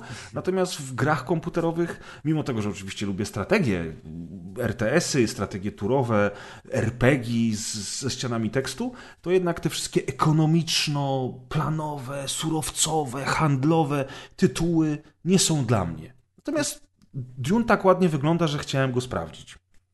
A ponieważ jest to early access, to wiedziałem, że nie będę musiał przechodzić całej gry, nawet jeżeli się od niej odbije, no bo, no bo w przypadku early accessu obowiązkiem recenzenta nie jest, niekoniecznie jest ukończenie całej gry, e, e, więc, więc miałem taki, że tak powiem, jak to się mówi, wentyl bezpieczeństwa, tak? Albo wyjebane po prostu. Jak Wziął kurwa, i nie grał. nie, ale, ale akurat pograłem. I podoba mi się ta gra. Jest, jest bardzo przyjemna, bardzo podoba mi się jakby wygląd, oprawa audiowizualna, to jak wyglądają jednostki, budyneczki, ta cała pustynia, e, te ornikoptery, które latają i robią dla nas zwiad. Naprawdę wygląda to bardzo ładnie. Do tego gra nie jest w turach, tylko w czasie rzeczywistym, co też jest cał, cał, całkiem ciekawą odmianą w przypadku 4X-ów, tak jak już powiedziałem, i, e, i dzięki temu te walki, mimo tego, że nadal nie są jakoś super dynamiczne ani skomplikowane bardzo, no bo to w, 4, w 4X walka nie jest jakby głównym elementem rozrywki, to, to jednak razem to, to całość funkcjonuje bardzo przyjemnie. Mamy do, e, do wyboru już w tej chwili ród Atrydów, ród Harkonnenów, mm, tych kurcze Sand People, jak oni się nazywają w Dune. Te Araby takie, co chodzą Teraz w szmatach. jak powiedziałeś Sand People, to już nic poza Sand People mi do głowy nie przychodzi. to nie ci, to nie, to nie Ewoki z Tatooine. e, kurczę, no jak oni się nazywają? No, w każdym razie ta, ta, ta no ludność, ludność natywna, tak, no, ludność natywna Duny. E, I mamy też y, frakcję Imperatora, która została niedawno dodana jako czwarta frakcja. Chyba Chyba tak. Jeżeli tam są jeszcze handlarze, to... to, to... Fremeni! Fremeni, o Fremeni. Wcale czyli, nie sprawdziłem czyli, w internecie, przypomniało mi Czyli Sand People Duny, Fremeni, e, Tusken Riders, tak? Duny. Tusken Riders Duny. Natomiast jeszcze jest właśnie Imperator. Właśnie nie wiem, czy tam też jest ta frakcja handlarzy, czy nie. Cholera, nie pamiętam teraz. Może Deusz y, mógłbyś sprawdzić w Google'ach teraz. Przeczytaj czy, na szybko czy... Dune i tak, dowiedz się, czym byli, czym byli handlarze, nie? Znaczy w sensie w Dune i wtedy nam opowiesz. No, e, e, w każdym razie, no powiem wam, że całkiem to wszystko przyjemne. Takie trochę feel good game, bo ta pustynia jest taka spokojna i to wszystko tak się na początku zwłaszcza dzieje powoli. Ten rozwój technologii, te surowce, Ale te jest zasady. tu trochę tych surowców, widzę tej ikonki. Tak. Tu jakaś woda, tu jakieś fajki, tak, tu tak. jakiś ludek, tu ale, jakieś Ale książka, to wszystko, to wszystko cię tak nie, jakby wiesz co? Nie przytłacza? nie przytłacza. I dzięki temu dzięki temu jakby w to się gra przyjemnie, ale, ale, ale, i tu jest dla takiego gracza jak ja duży problem na ten moment, e, ta gra nie, nie za bardzo ma tutorial, ani, nie, znaczy tutorial jakiś tam jest, ale ona niewiele rzeczy tłumaczy i przede wszystkim nie ma kampanii, w związku z czym gra się w tej chwili tylko skirmisze. Mm. A grając skirmisz, ja w pewnym momencie zaczynam się gubić, bo już nie wiem jak dalej się rozwijać, co mam robić, jak zrobić, żebym mógł mieć więcej jednostek, w co powinienem zainwestować, więc mimo tego, że gra mi się bardzo podoba, to czekam teraz na pełną wersję, bo w pełnej wersji ma być kampania. No i jak to w kampaniach bywa, wiadomo, gra y, powinna nas trochę bardziej za rączkę poprowadzić, żebyśmy w ogóle mieli jakieś cele konkretne i te cele realizowali. Ale jeżeli macie ochotę na tego typu strategie i e, lubicie science fiction, czy też jesteście fanami Duny, to powinniście się grą zainteresować. Tym bardziej, że jak na Early Access to jest już ona całkiem rozbudowana. No, Deusz, jest ta piąta frakcja w tej grze, czy nie ma? Yy, Myślałem, że to jest tylko żart, że mam to sprawdzać. A na pewno, po prostu miałeś to w dupie. Dune, Spice, Wars... Wszystko za ciebie musimy, Deusz, robić. Wszystko. Ja pitole. Nie, nieważne, ja ci przedwczoraj ja kwiatki podlewałem, dzisiaj prez za ciebie no. sprawdza frakcję w Dune. Tak, tak, w ogóle nieważne, że to ja opowiadam o tej grze, nie? A Deusz się nie przygotował kompletnie. Okej, okay, no więc tak, House Atreides, House Harkonnen, tak jak mówiłem, są The Smugglers, Fremen. A są domy z gry o Tron? Imperialni. Ja nie, nie ma domów z gry o Tron. Ale była taka strategia z gry o Tron, tylko że nie 4X. Potem ci powiem, jak ona się nazywała. A już sprawdzałem gry z gry o Tron, już mam to za sobą. Masz to już za sobą. Niestety gra o Tron nie miała szczęścia do, no. do gier, chociaż ten RPG, który, który wyszedł jakiś A, czas temu, taki. był bardzo dobry. Przeszedłem cały. E, był to RPG klasy B, ale bardzo dobry, z ciekawą historią, bardzo fajnym światem, więc jeżeli ktoś, tak jak Maciek, nadrabia teraz oryginalną grę o Tron albo jest zainteresowany tym rodem Smoka, e, hatfu na grubego, że kurwa nie napisał kontynuacji gry o Tron, tylko se prequele napisał kurwa i se z HBO teraz trzepią se kasę kurwa, a ja dalej nie wiem, jak się kończy, kurwa, gra o tron, bo grubemu się nie chce pisać, tylko na tej Serial kurwa, trampolinie se skacze w swojej willi, chuju gruby jeden, kurwa. Pewnie już nie zdąży napisać, bo umrze do tego czasu, znaczy przed tym czasem. No ale dobra, no, już wygadałem się, no. Więc jebać Ród Smoka, ale jeżeli oglądacie Lud Smoka, nie mam wam tego za złe oczywiście, to sobie może macie ochotę na jakąś grę z, grę z gry o tron, ciekawie to brzmi, to ten RPG Game of Thrones naprawdę był dobry ale było to lata temu, nie wiem jak się zestarzał i czy do dziś broni się. Więc to musicie sprawdzić sami. No i to było Dune Spice Wars, a teraz przechodzimy to jeszcze, do to jeszcze, to jeszcze, gry. To jeszcze a propos Dune Spice Wars jedna okay. ciekawostka, którą zauważyłem. O, ja sobie ostatnio przy, przypominałem film Wilnewa właśnie. Mhm, ja też. I nawet mi się bardziej podobał niż w kinie. Po kinie byłem jakoś bardziej za, zawiedziony i mm, jakoś tak się wynudziłem. Był dla mnie strasznie długi i po wyjściu z kina pamiętam, że sobie pomyślałem, ja go nigdy w domu nie obejrzę, bo nie będę miał czasu, żeby się nudzić. Bo jest nudny, nie? Trochę jest, ale teraz go oglądałem i nawet się aż tak bardzo nie dłużyło, mimo tego, że już znałem tą historię, powiedzmy. Znaczy, ja obejrzałem go drugi raz tylko do momentu, jak, jak y, Paul z matką tak, uciekają na pustynię. I to, od, od tego momentu reszta tego filmu to jest nieporozumienie. Nie? Więc jakby cały początek i ten środek są, są fajne. Są piękne, no. są klimatyczne. jest powolny, ale filmu... zwróciłem uwagę bardzo tym razem na muzykę bo weszły właśnie takie y, bliskowschodnie arabskie motywy i ja nagle myślę, ja pierdzielę, podjebali muzykę z Homeworlda. Mm -hmm. I mhm. potem nagle się kapnąłem, że owszem, ostatni Homeworld, czyli Deserts of Karak, no bardzo jest do Duny podobny tym settingiem, że się dzieje na pustyni, ale tak w ogóle sobie pomyślałem, że kurde, ten Homeworld ogólnie jest taki podobny do tej Duny, bo i muzyka właśnie, i te wschodnie motywy są bardzo podobne. Przynajmniej Wilne w swoim filmie zrobił taką muzykę, która ja, jakby mi puścić kawałki, to gdybym nie znał na pamięć muzyki z Homeworlda, to bym uznał, że to jest z Homeworlda. Yy, a poza no, tym no. Y, jednak te rasy, że w Homeworldzie są ci Kuszanie, i Higarianie, i Tajdanie i oni jakiś taki klimat tego, że oni podróżują przez tą przestrzeń i coś, też jest taki trochę kurde diunowaty. bo, bo I nagle zoba kultura... zobaczyłem połączenie między tymi dwoma franczyzami, tak. powiedzmy. Jestem się zaraz. To dlatego może właśnie coś w tej Dune mi się podoba, bo ja humordy uwielbiam, a to jest trochę do siebie nawet podobne.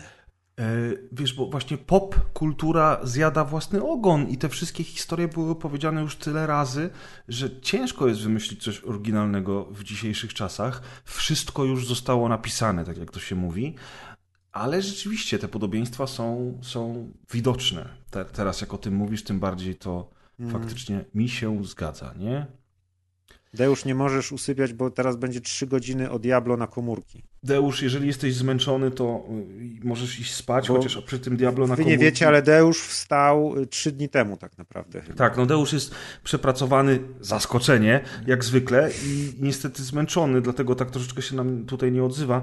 Amcio... Zemdlał po prostu. Ale poczekaj, będę ci, mogę ci, jak tak ci tęskną, to mogę cię szydzić na Diablo Immortal. Zdawaj opowiadaj. Nie, nie szydzić, tylko jako no, osoba, która... energia. Tylko jako jako osoba, która gra dużo w, w, w, w mobilki, po prostu myślę, że będziesz mógł swoje trzy grosze dorzucić do tego, o czym będę mówił. Pewnie, bo ja zwykle gram fajne mobilki, a ty będziesz opowiadał o Diablo. O, o, o, widzisz, rozkręca się, rozkręca się, dobrze. Natomiast ostatnia rzecz jeszcze o Dune tylko. Muzyka w kinie mi bardzo przeszkadzała, natomiast jak oglądałem drugi raz w domu, to ją bardziej doceniłem. Bo ściszyć można było. tak, to jest inna sprawa. Ale rzeczywiście bardziej doceniłem muzykę za drugim razem i wręcz bym powiedział nawet, że mi się podoba. Mm. Także tak, Dune Spice Wars już za nami, a teraz przechodzimy do gry odcinka, moi drodzy. Wszyscy na to czekaliście. Prez zaczyna grać w gry mobilne z mikrotransakcjami. Diablo Immortal. Oczywiście stało się to za sprawą tego Razer Kishi, o którym dzisiaj wspominałem i tego, że miałem urlop. Gdybym nie miał urlopu, to nigdy w życiu nie spędziłbym Przepraszam za Razer Kishi w imieniu Razerów wszystkich. Gdybym nie miał urlopu, to bym nigdy nie miał możliwości spędzić tyle czasu z Diablo Immortal. Kto dał Prezowi urlop? Natomiast, natomiast słuchajcie, kochani, e, no gram regularnie, codziennie, już trzeci tydzień. No, narkoman. I teraz tak, i teraz tak, po pierwsze, Diablo Immortal to jest oczywiście takie Diablo jak Diablo 3. E, ten sam silnik, ta sama oprawa graficzna, chociaż moim zdaniem nieco ciekawsza, dlatego że jest bardzo wiele lokacji, które, które są cholernie różnorodne i bardzo ładnie zaprojektowane. Nie żeby w trójce nie było. E, powracają y, klasy postaci z trójki, powraca wielu przeciwników z trójki, ale pojawia się też wielu nowych przeciwników. E, po, po, są te same zdolności, ale też ich inne odmiany, plus nowe zdolności dla tych wszystkich klas postaci. Są podobne lokacje klimatycznie, ale jednak nowe. Mm, a całość Diablo Immortal dzieje się pomiędzy drugą i trzecią częścią gry. Jest, tak, jest więc prequelem do trójki, a jednocześnie takim trochę sequelem, czy też spin-offem dwójki, dlatego że w grze pojawia się nie tylko klasycznie Descartes Kane, ale też cała masa postaci, które spotkaliśmy w dwójce. Przede wszystkim te siostry z pierwszego aktu e, oraz Charsi, czyli, e, czyli nasza kowalka. Nasza kowalka nasz, tak. E, w związku z czym to jest bardzo fajne dla fanów uniwersum i, i klimatyczne. Natomiast jeżeli chodzi o fabułę, to jest to chyba najgorsza fabuła ze wszystkich odsłon Diablo. Mimo tego, że Diablo 1 i 2 miały prostą fabułę, to jednak to była fabuła, która miała głębię jakąś tam lore, podbudowę pod klimat i tworzenie świata. W trójce, chociaż wiele osób tę fabułę krytykuje, też mi się podobała ta historia, zwłaszcza wiele twistów, które tam było i nawiązań do poprzednich odsłon serii. No a tutaj wiadomo, jednak Diablo Immortal stoi obok głównego nurtu, e, a ponieważ dzieje się między dwójką i trójką, to też nie bardzo może namieszać w tej historii, więc e, no, historia jest najmniej ciekawym elementem całości, ale to jest Diablo. E, w Diablo nie gramy tak naprawdę dla fabuły. Mm, co tutaj mamy? Mamy tu główną kampanię, którą możemy przechodzić w pojedynkę. Mamy tu oczywiście rifty, e, e, które możemy modyfikować, zdobywając odpowiednie e, itemki, których będziemy używać w tych riftach. I tak, ponieważ to jest gra mobilna, jest tutaj cała masa różnej waluty i każda z tych walut będzie przez nas wykorzystywana do czegoś innego, a zdobywać ją będziemy w różnych aktywnościach. Jedne aktywności więc będą nam dawać to, inne tamto wszystko w hurtowych ilościach, włącznie z nagrodami za pierwsze zabicie każdego dnia, czy z, z darmowymi skrzynkami y, każdego dnia, które dostajemy po 24 godzinach od odebrania poprzedniej. Wszystko to daje nam surowce i waluty, których będziemy non-stop używać w różnych wariantach, do różnych elementów, od upgrade'owania ekwipunku i wykuwania nowych kryształów, co oczywiście zawsze było, w, w, jeżeli chodzi o kryształy w Diablo, od dwójki, do, e, do takich po prostu różnych przedmiotów, które musimy wykorzystać, żeby na przykład dokupić sobie dodatkowe rzeczy, bo oczywiście jeżeli chcemy robić więcej rozmaitych aktywności każdego dnia, to w pewnym momencie musimy zacząć za nie płacić. E, I płacimy tymi elementami, które są oczywiście darmowe. Ja od razu zaznaczę, że nie jestem tryhardem, który E, będzie przechodził grę 10 tysięcy razy na różnych poziomach trudności, robił rifty, dołączał do klanów e, i, i, robił te wszystkie eventy, które w tej grze są, żeby mieć coraz to lepszy sprzęt, no bo ta gra tak naprawdę jest grą o lucie, podobnie jak Destiny. E, I, I, na podobnych zresztą zasadach się opiera. Ja w ogóle nie, nie uznaję i nie rozumiem zbierania interaktywnego sprzętu tylko po to, żeby go mieć i żeby był lepszy. I, no ale tak na tym Diablo polega, zawsze na tym polegało. I więc, więc ten cały hejt na to, że żeby wymaksować endgame i żeby być pierwszym na listach leaderboardców, które mnie pierdolą osobiście, bo ja nie po to gram w Diablo, żeby się chwalić przed... Przed kim ja mam się chwalić? Przed dziewczynami? To już kurwa w życiu bym nie zaruchał. Jestem na piątym miejscu w Diablo Immortal, kurwa, tak? Fajnie, super Grzegorz, wiesz. W ogóle o czym my rozmawiamy? Więc ja nie rozumiem tego hejtu na to, że w pewnym momencie to już jest taki grind, że trzeba za wszystko płacić prawdziwą walutą. Prawda jest taka, że można z tą grą spędzić dziesiątki, jeżeli nie setki godzin, nie wydając ani złotówki. E, a jeżeli bardzo chcecie w kółko i w kółko i w kółko i w kółko do pożygu grać w tę grę, żeby zdobywać coraz to i coraz to i coraz to i coraz to lepsze czapeczki, to grajcie w Diablo 3. E, to jest gra mobilna, do tego darmowa, free to play. No i ma niestety wszystkie te ohydne zabiegi, mikrotransakcje i grind, który gry mobilne mają. Więc po prostu musicie się do tego przyzwyczaić, albo nie będziecie w to grali. Chyba, że przejdziecie sobie samą kampanię i spoko, ja dalej uważam, że to jest warte tego. Tym bardziej, że, że tutaj jest dużo ciekawiej niż w Diablo 3. Po pierwsze, dlatego, że gra jest trudniejsza już na normalnym poziomie trudności od Diablo 3. Diablo 3 to jest samograj. Na normalu w Diablo 3 to w ogóle nic się nie dzieje. Na hardzie w Diablo 3 nic się nie dzieje na hardzie, czy tam na helu, jak zwał, tak zwał. Tutaj trzeba jednak troszeczkę bardziej się postarać. Mimo tego, że tu znowu jest taka młódzka jak, jak w trójce, gdzie w pewnym momencie nasza postać to już po prostu idzie i widzimy tylko cyferki na ekranie, bo już nic innego nie widać. Mm. Takie mamy czary, wiesz, jak jeszcze do tego gram czarodziejem, więc tam w ogóle, wiesz, wrzucam sobie, stawiam sobie kryształ, walę w niego laserkiem, ten laserek rozbija się na wszystkie strony i wali wszystkich przeciwników dookoła. Do tego spuszczam im na głowy firebole i puszczam jeszcze taki, taki czar, który wylatuje ze mnie, leci, wali wszystkich i wracając znowu ich wali, zanim wróci do mnie, więc na ekranie, kurwa, jest jeden wielki chaos to nie jest Diablo 1 i 2, to jest Diablo 3 i to, na to trzeba się niestety nastawić, ale to jest lepsze niż Diablo 3. Bardziej angażujące, bardziej wymagające, ciekawsze. Do tego jak gramy już w kampanię, to możemy od razu robić po drodze. Zresztą gra nas tego uczy.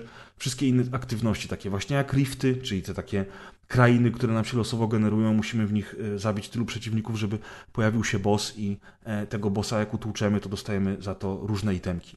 E, w zależności od tego, jakich użyjemy krestów, czy normalnych, czy super, czy jeszcze bardziej super, które są płatne i tak dalej, ciężko jest zdobyć, to to będziemy mieli różne modyfikatory w trakcie zabawy, że na przykład, nie wiem, pojawia się lawa i musimy uważać, bo wtedy deflor dosłownie i z lawa, albo nasza postać 20% szybciej biega i tak dalej, i tak dalej. No i tam mamy też szansę na to, żeby zdobyć lepszej jakości kryształy, tak naprawdę po to się w te rifty gra. Do tego mamy bountiski, czyli dzienne zadania, które pozwalają nam na przykład iść na cmentarzysko i wybić 60 szkieletów, zabić 20 magów i zebrać 10 zębów tych magów, wiesz. I to oczywiście wszystko jest premiowane, a premiowane jest e, punktami do Battle Passa, ale do Battle Passa jeszcze przejdę poza y, tymi riftami, poza robieniem dungeonów, które możemy powtarzać. Dungeony w ogóle są najciekawszą częścią gry, bo dungeony są przede wszystkim z kampanii i w kampanii postarano się o to, żeby było różnorodnie. Jest bardzo wielu bossów. Ci bossowie są dużo ciekawsi niż w Diablo 3. Dużo bardziej y, wymagający, wciągający, angażujący, lepiej pomyślani to naprawdę są dobre misje podczas kampanii. Potem te misje możemy w ramach dungeonów y, powtarzać, a po zdobyciu 60 levelu i wbijaniu Paragona, co ja zrobiłem, już jestem na którymś tam levelu Paragona, bodajże czwartym, mm, wtedy też pojawiają się kolejne dungeony, których do tej pory nie widzieliśmy. Nie wiem ile ich jest, więc wam nie powiem. Więc jest co robić. Do tego jest ta kooperacja, mamy warbandy, jest nowa zupełnie lokacja, która nazywa się zamkiem Cyrangar. W tym zamku Cyrangar mamy masę nowych aktywności, zależności, zbierania sprzętu, który będzie nam pomagał w kolejnych razach odwiedzania zamku Cyrangar. E, w tym zamku będą się te lokacje zmieniać, będzie się zmieniał ich klimat. Do tego mamy też tak zwaną obronę Cyrangaru, czyli taki tryb, kiedy stoimy przed bramą do zamku, mamy ileś tam zasiek postawionych na drodze, a atakują nas hordy piekielne, których jest łącznie chyba 8. Musimy każdą falę niczym w Call of Duty Zombies pokonać, na końcu pokonać bossa, przeżyć. Także jest bardzo dużo rzeczy, które można w tej grze robić. I robić to z kolegami. Ja pozdrawiam mojego przyjaciela Marka, u którego byłem E, właśnie w Szwajcarii, który ze mną grał, bo jest crossplay między PC-tem i komórkami. W związku z czym ja sobie grałem na PC, a Marek grał na komórce, graliśmy razem, działa to świetnie. E, są też rajdy. Rajdy zapowiadają się na coś cudownego, ale rajdy wymagają ośmiu graczy. No niestety, tylu kolegów nie mam. Nie mam, nikt nie chce grać ze mną w Diablo Z randomami graj przecież, tam jest milion ludzi gra w to, 10 Tak, tam można dołączyć, słuchaj, do, do, jeszcze do klanu i tak dalej, ale ja już jestem na etapie, kiedy ja już żygam tą grą, nie? Ja po trzech tygodniach grania w Diablo Immortal żygam Diablo Immortal, a muszę go skończyć, bo jestem na 34 Musisz. levelu, ba tak, muszę, zaraz ci powiem dlaczego. E, bo sobie postanowiłem, że to zrobię. Jestem na, 30, jestem na 34 levelu Battle Passa, wow. leveli w Battle Passie jest 40. I to teraz. 6. I teraz, moi, więc codziennie wbijasz od jednego do dwóch leveli w Battle Passie, bo oczywiście gra jest tak pomyślana, żeby w pewnym momencie cię zablokować, żebyś nie. No to 3 do 6 dni jeszcze ci zostało. Tak, i tyle też zostało do końca tego sezonu, więc muszę o, zdążyć. Wyścig z czasem. E, I to jest niestety ten element, o którym mówiłem w przypadku wielu gier, że zmuszanie gracza do grania jest chujowym zabiegiem. Tym bardziej, że z tego co ja rozumiem, to sezony w Diablo Immortal trwają tylko miesiąc. Więc kupujesz Battle Passa i masz miesiąc, żeby go wbić. Nie trzy miesiące, tak jak w większości tytułów niemobilnych. No i to jest naprawdę wyścig z czasem. I teraz uwaga, uwaga.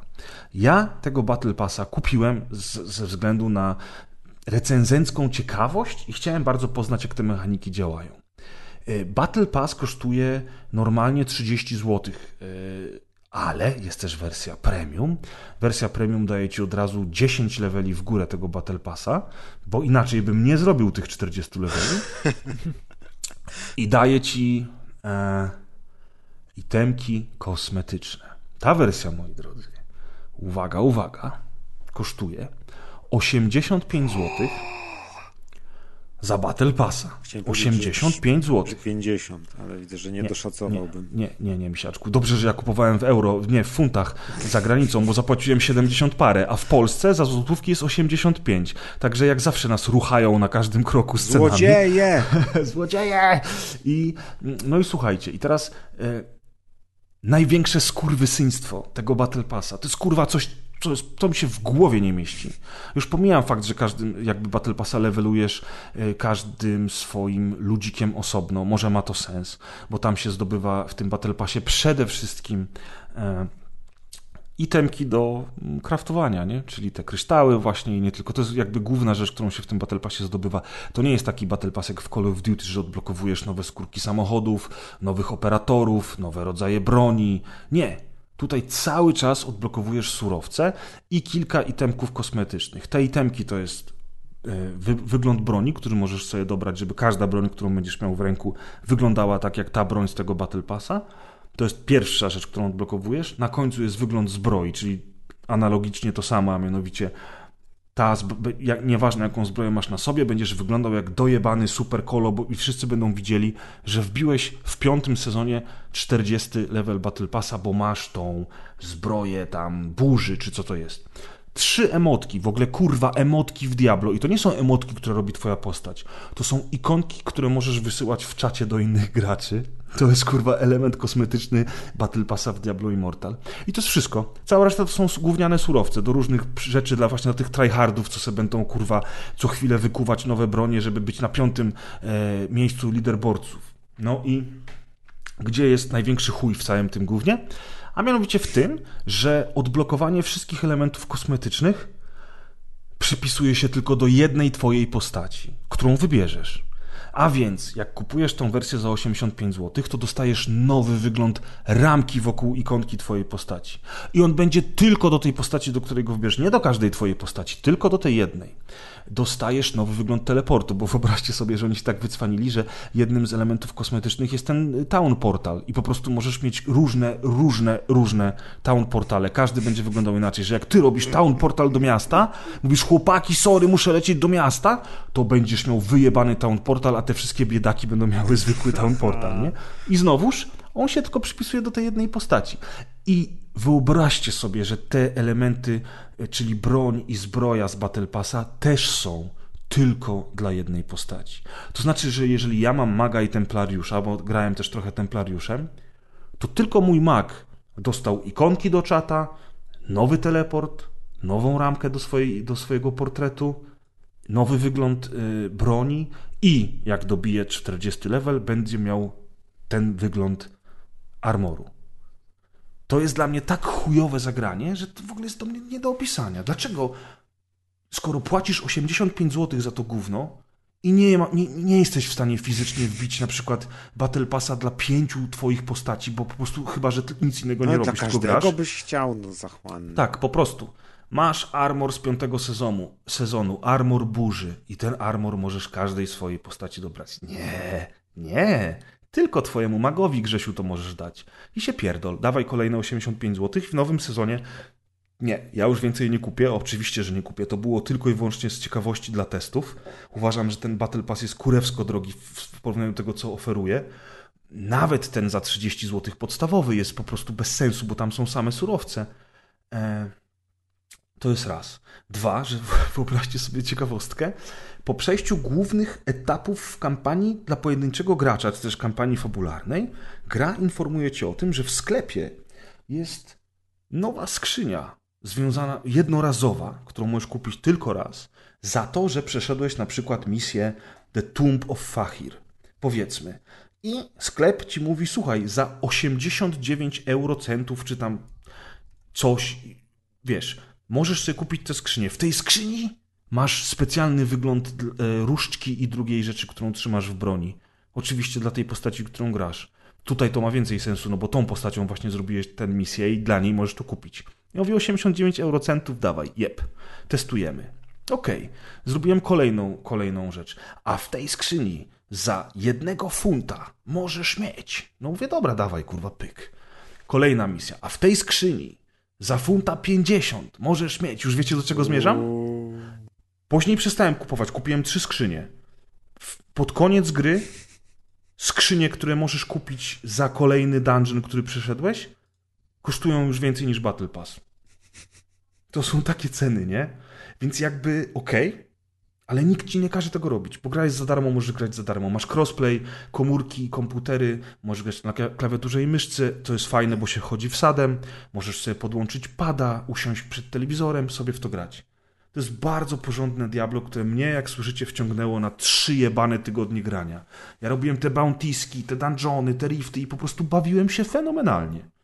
Natomiast rzeczywiście te rozwiązania z komórek tam są i one są rzeczywiście nastawione na trzepanie kasy, ale tak jak powiedziałem, zero zaskoczenia. Gry mobilne tak działają i jeżeli ktoś wie o tym, że to jest gra mobilna, to nie może mieć do tej gry pretensji o to. Jeżeli chce tryhardować i robić leaderboardsy, to niech wróci sobie do Diablo 3 albo niech sobie kupi Diablo 2 Resurrected, które jest świetnym e, remake'iem, czy też remaster, to jest remaster tak naprawdę, remasterem dwójki i niech gra w tamte gry. Jeżeli ma świadomość tego, czym jest Diablo Immortal, to wie, na co, że tak powiem, się szykuje. Mhm.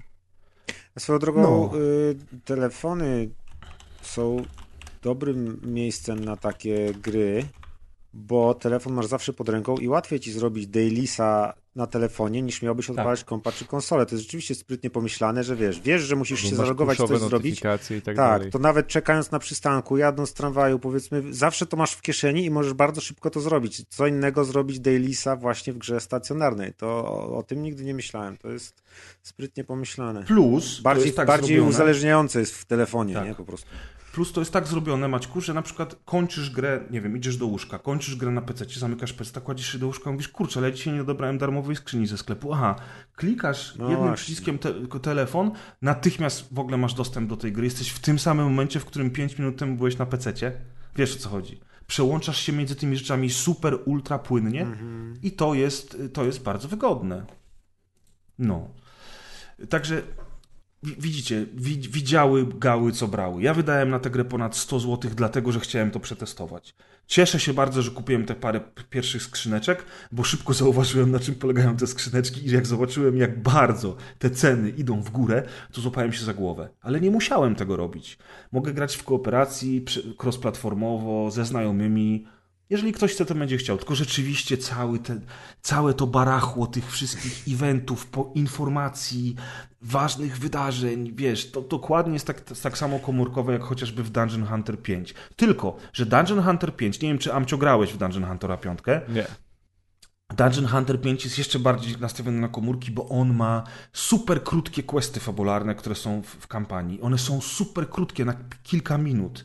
Kończysz, dostajesz nagrodę, możesz robić kolejną misję, możesz zapisać się do gildii, coś tam chuje moje dzikie węże i oczywiście jesteś atakowany skrzynkami, mikropłatnościami, całą masą tego gówna. A jednak Diablo Immortal nie ma wrażenia gry na komórkę, gdzie każda misja jest rozpisana na 4-5 minut. Tylko to jest pełnoprawne Diablo, bardzo duże, bardzo rozbudowane i mające cechy, wszystkie cechy pełnej, dużej gry z serii Diablo. Więc różnica między tymi tytułami jest kolosalna. Mimo tego, że Dungeon Hunter 5 jest spoko gierką, to jednak jest kurwa gierką na komórki. A Diablo nie jest gierką na komórki, ale niestety ma wszystkie elementy związane z grami na komórki, no i z mikropłatnościami i z tym, że jest jednak mimo wszystko grą free to play. Także wybór należy do Was, nic Was nie kosztuje, żeby zainstalować. Ja jako i... ciekawostkę powiem, że chciałem oczywiście sobie puścić na YouTubie gameplay do tego, co Ty opowiadasz. Pisałem na YouTubie Diablo Immortal i pierwsze dwa filmiki to są takie. Diablo Immortal is still dying, czyli wciąż umiera i jest wykresik, że coraz mniej graczy jest. I drugi filmik jest Blizzard y, stracił rozum, dodaje loterię do Diablo Immortal i jest ikonka jednorękiego bandyty, w sensie kliparcik. To dwa pierwsze filmiki Diablo Immortal na YouTube. Szczerze mówiąc... Y, I to są z dzisiaj filmy, to strasznie. Nie, nie, widziałem, te, nie widziałem tego jednorękiego bandyty, nie?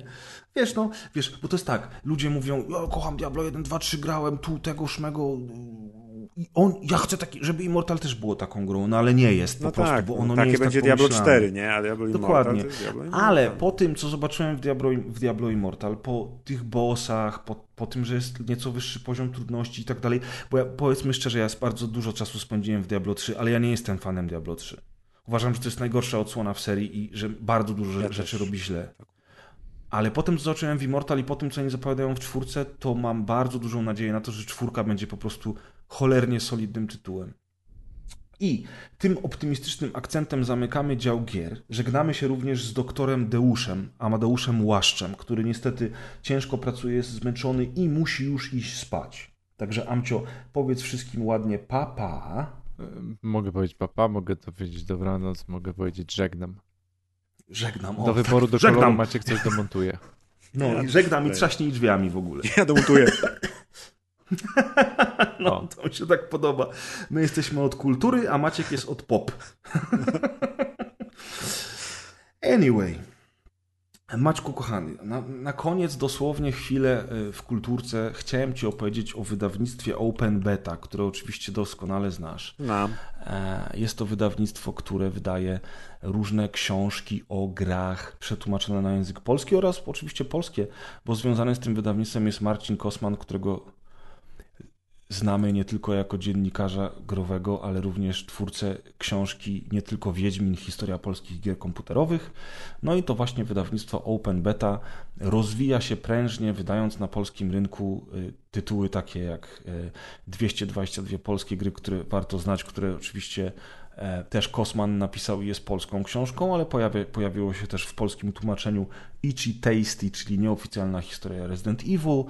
E, nie Każda bajka dobrze się kończy, czyli wzlot i upadek Sierra Online, a przede wszystkim Masters of Doom i Jacked, obie książki autorstwa Davida Kushnera. O Masters of Doom opowiadaliśmy wielokrotnie. E, jest to książka, która uznawana jest za najwybitniejszą i najlepszą książkę o grach w historii literatury. I ciężko się z tym nie zgodzić, ale przez wiele lat nie była dostępna w ogóle w polskiej wersji językowej, teraz już jest. Ja książkę czytałem po angielsku w oryginale, słuchałem również y, Audible y, wersji audiobooka, którą czyta mój drogi, teraz nie pamiętam jak ten pan się nazywa, ale jak ci przeczytam, to będziesz wiedział od razu o kogo chodzi. No na pewno. E, pan, który grał w Star Treku i... Spok. Shatner. Tak. Yy, Daj mi sekundę, nie zgadzam. To nie, to, nie, to nie konkurs. Ten, Karl Urban grał w Star Treku. Czy w czym on nie grał? Ale w nowym Star Treku. Will Wheaton Kojarzysz A, na pewno pana, on się też pojawiał w Big Bang Theory i jest takim, on też grał w Stand By Me na podstawie Stephena Kinga, zresztą tak. nie dość, że opowiadanie genialne, to film również. Polecam wam wszystkim, zacznijcie od opowiadania, a potem sięgnijcie po ten klasyczny film. Naprawdę, naprawdę dobre kino.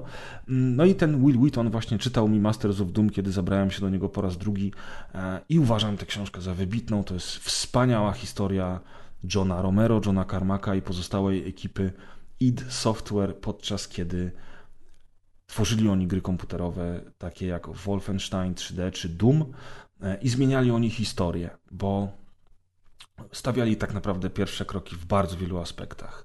W pierwszoosobowych strzelankach, e, w silnikach, które tworzyli, w oprawie graficznej, którą tworzyli, w rozwiązaniach, które implementowali, w brutalności tych gier, które były dyskutowane wszem i wobec na całym świecie do tego stopnia, że chociażby Wolfenstein 3D ze względu na tematykę do niedawna nie był w ogóle dostępny oficjalnie do zakupu w Niemczech.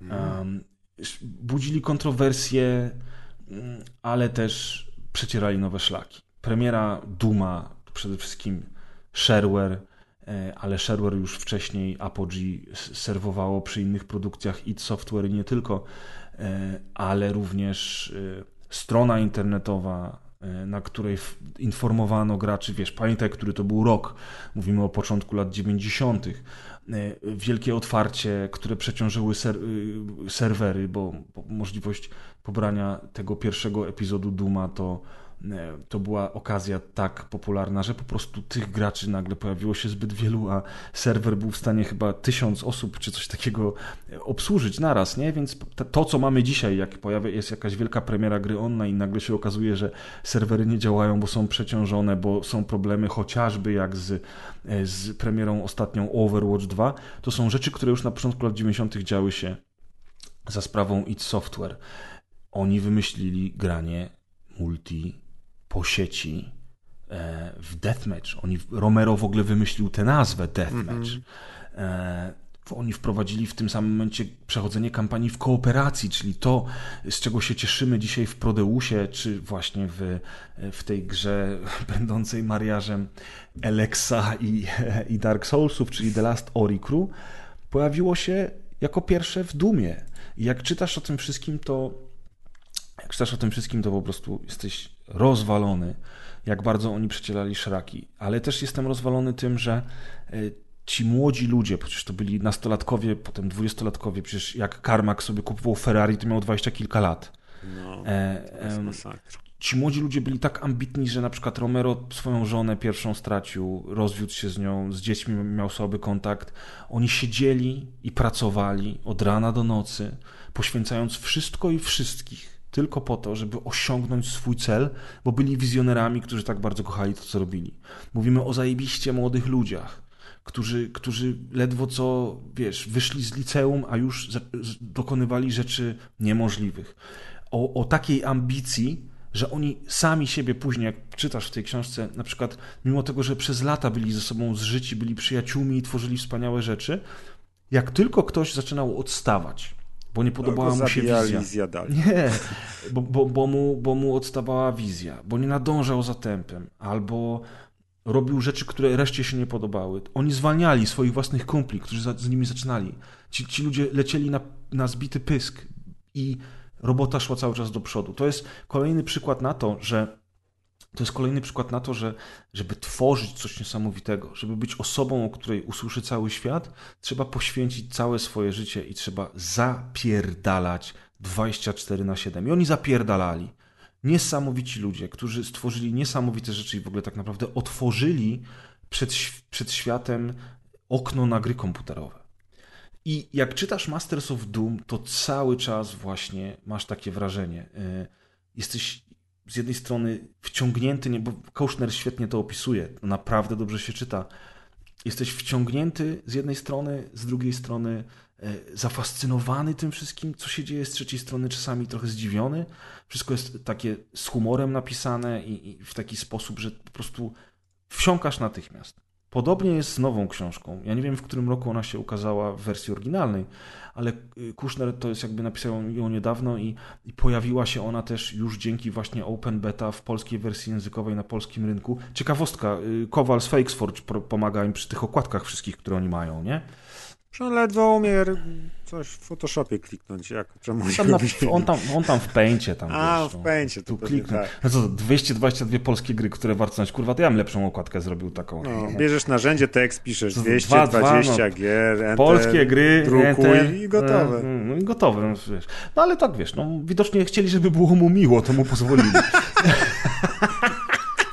no. W każdym razie, czekaj, aż się napiję, bo, bo gadam tyle, że mi zaschło w gardle.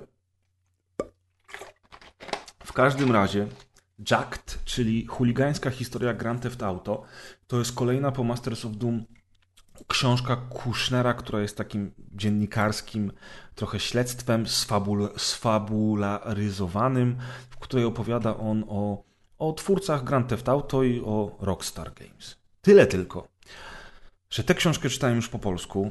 Zacznę od tego, że oczywiście tłumaczenie jest dobre. Niestety na początku, przez koło, pierwsze, koło pierwszych stu stron, zdarzyło mi się trafić sporo literówek, czy, czy wręcz brakujących liter, na przykład na końcu wyrazu. To nie jest duży problem, ale, ale jest, pojawia się. I mam o tyle problem z polskim tłumaczeniem, że mam wrażenie, czytając tę książkę po raz pierwszy, że niektóre frazy, zwroty, nawiązania, zwłaszcza, że tam jest bardzo dużo lat 90., popkultury, muzyki, e, jednak lepiej byłyby oddane w wersji oryginalnej, że ten polski tłumacz, mimo tego, że zrobił dobrą robotę, tak trochę stał w rozkroku. On nie wiedział, czy chce być taki fajny, śmieszny, współczesny, czy trochę takie rzucać dosyć boomerskie teksty, y, te takie, wiesz, slangowe, żartowe, nawiązujące do starych rzeczy. Mhm. Nie jest to duży problem, bo książka czyta się świetnie. Ona ona wciąga tak samo szybko, jak wciąga e, Masters of Doom. Natychmiast chcesz wiedzieć, co będzie dalej. Natychmiast pochłaniasz rozdział za rozdziałem i po prostu wchodzisz w ten świat. Ty to widzisz, czytając te książki. To jest niesamowite. Tyle tylko, że nie jestem w stanie podziwiać pana Sama i jego brata Dana Hauserów o, o, za, oraz założyciela Take Two czy innych bohaterów tej książki, tak samo jak podziwiałem y, ludzi z id Software. Dlatego, że tam to byli młodzi ludzie z pasją, którzy zapierdalali i robili wszystko sami. A tutaj mamy ludzi, którzy są z bogatych domów. Pierwsza praca załatwiona jest przez znajomości tatusia. Tatuś jest muzykiem z Londynu, mama jest aktorką.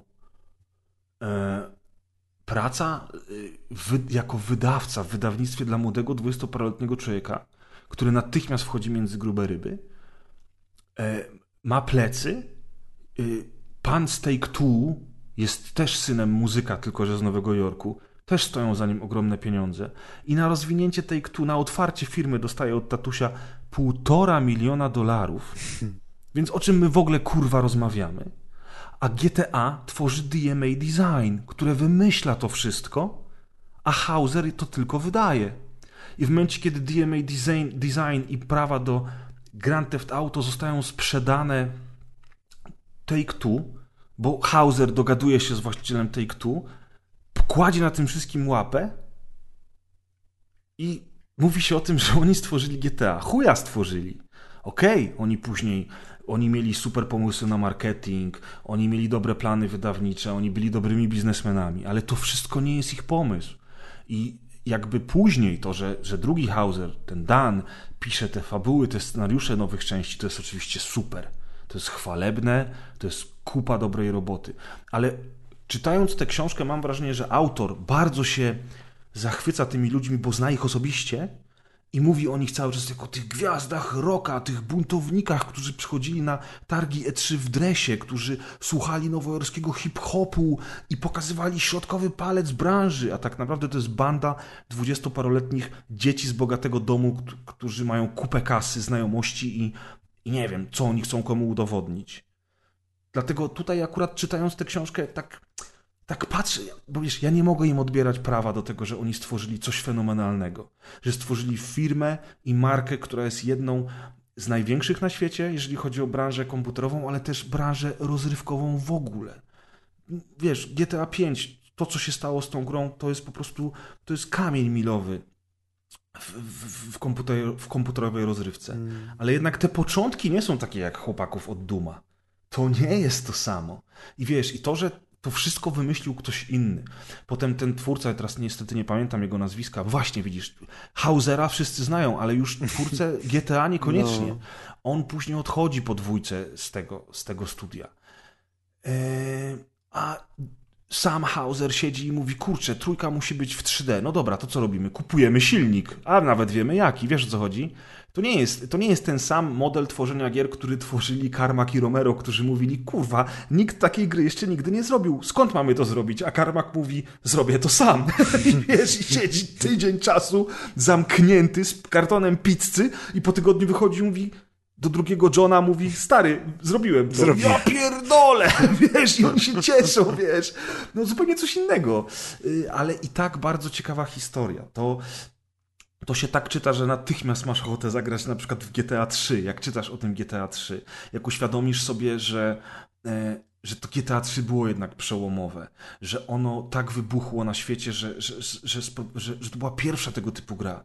I ona do dzisiaj, ja grałem od razu, jak czytałem tę książkę, to y, najpierw zagrałem w GTA 3 Vanilla wersji, ale ona, strasznie ciężko jest ją uruchomić w tej chwili na, na, na współczesnych komputerach. Potem ściągnąłem mod z IMDB, który nazywa się GTA 3 High Quality. Okazało się, że to nie jest mod, tylko to jest cała gra zmodowana z nowymi modelami samochodów i tak dalej, czyli tak naprawdę piracka wersja. Jestem w szoku, że nie IMDB, przepraszam, tylko ModDB, że na ModDB można pobrać coś takiego, bo to jest kurwa gra spiracona razem z modem w jednym, nie? Że możesz to no ściągnąć tak. z netu. Nie musisz swojej oryginalnej gry instalować na Steamie i jej modować, tylko ściągasz po prostu to i grasz. Całkiem spoko opcja, ale Ostatecznie jednak sięgnąłem po, dzięki Szymonowi, który mi udostępnił swoje gry, sięgnąłem po wersję GTA 3 z tego Definitive Edition, bo Szymon powiedział, że od premiery na tyle dobrze spaczowano całą trylogię, że, że po prostu teraz to jest spoko remaster. I rzeczywiście zacząłem w niego grać i wiesz, wsiadasz do tego auta, jedziesz po tym Liberty City, masz to wszystko przed oczami i sobie myślisz, Boże, przecież ta GTA 3 ma już z 20 lat. Kiedy to było, nie? Ile tu jest nowych rzeczy, ile oni, ile oni stworzyli wspaniałych pomysłów, które od tej pory mm, kopiuje cały growy świat, nie? Wiesz, te open worldy fabularne, no pojazdy, misje poboczne, cała masa rzeczy tam jest, wiesz. Jak czytasz tą książkę, to masz to wszystko przed oczami, to jest fenomenalne. E, I tam też jest postać tego adwokata. I znowuż nie pamiętam teraz nazwiska, książka stoi na półce, nie odejdę od nagrywania. E, tego adwokata, który walczył z nimi i nie tylko z nimi, on na przykład między innymi doprowadził do tego, że Ice-T za piosenkę Cop Killer miał jakieś problemy i tę piosenkę w ogóle tam chyba ściągnięto z wytwórni, czy z radia, czy coś. I on potem się wziął za gry komputerowe, bo to jest facet wierzący, rodzinny, ze swoją misją, adwokat, który będzie walczył z przemocą w grach komputerowych. I jest też pokazane to wszystko z jego perspektywy, z tego, jak, co on robił, jak występował w telewizji, w radiu, jak zaczął swoją krucjatę przeciwko twórcom GTA i przeciwko tej brutalnej grze. No i tam oczywiście mówi się o tych, i o Dumie, i o Mortal Kombat, o tym wszystkim, jak w latach 90. nagle okazało się, że gry komputerowe nie są tylko dla dzieci. To był Jack Thompson. Tak jest. Znalazłem go, pamiętam, pamiętam tę aferę tak, jak on ich tam ścigał i ten, no. Dlatego ta książka jest bardzo ciekawa że, że ona jest z wielu perspektyw pokazana i że ona rzeczywiście mówi o tym, że w latach 90. okazało się, że gry są medium, które nie jest, nie jest przeznaczone tylko dla dzieci, że z, przynosi zyski większe niż, niż, niż rozrywka. Nie wiem, czy to było przy GTA 3, ale wydaje mi się, że przy GTA 3 w tamtym czasie e, gry komputerowe zaczęły zarabiać tyle, że rocznie, przy, rocznie zyski przerosły dochody z branży filmowej, nie? To już wtedy, już wtedy tak było. Mm-hmm. 20 lat temu, czy ile to tam, kiedy GTA 3 wyszło, czekaj aż zerknę, bo ja nie pamiętam na studia teraz. 2002, 2003? 2002, tak, tak, bo tam jest nawet cały rozdział o tym, że oni, że oni wydawali tę grę krótko po e, ataku na World Trade Center i z tym też był duży problem. Mhm. Więc jak czyta się tę książkę, to to jest niesamowite. To jest taka, wiesz, machina czasu, że, że ja pierdził. Tak, 20 lat, mamy 2022 rok. Mhm. A ta gra została wydana w październiku 2001 na konsolę PlayStation 2, w maju 2002 na Microsoft Windows, w listopadzie 2003 na konsolę Xbox No i tak dalej. Wiadomo, że potem tych portów to było jeszcze sporo, a teraz jest remaster. Także ja wam polecam te książki. Nie czytałem jeszcze te, tego o. Nie czytałem Ichi Tasty. E, nigdy nie czytałem książki Marcina Kosmana o nie tylko Wiedźmin, e, historia polskich gier komputerowych. Chętnie po nią sięgnę w wolnym czasie, ale jeżeli macie coś wybrać w tej chwili, to Jacked i Masters of Doom to są pozycje obowiązkowe.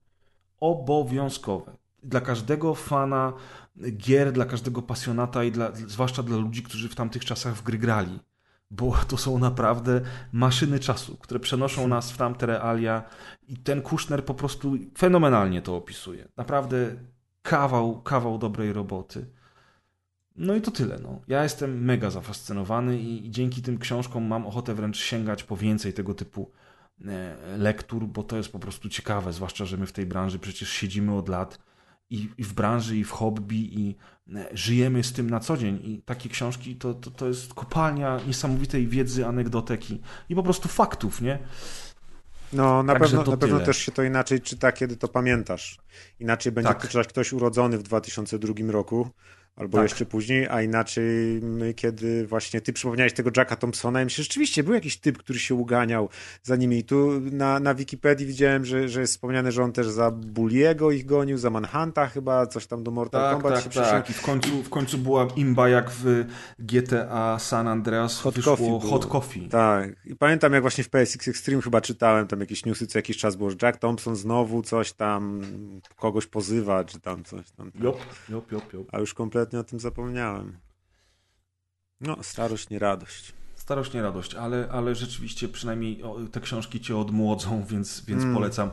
W tej chwili patrzę w ogóle na ich stronę wydawnictwo openbeta.pl e, i w tej chwili widzę, że wszystkie ich książki są w takich promocjach po 10 zł, po 15 zł taniej, więc jeżeli Was zachęciłem, to możecie sobie zamówić.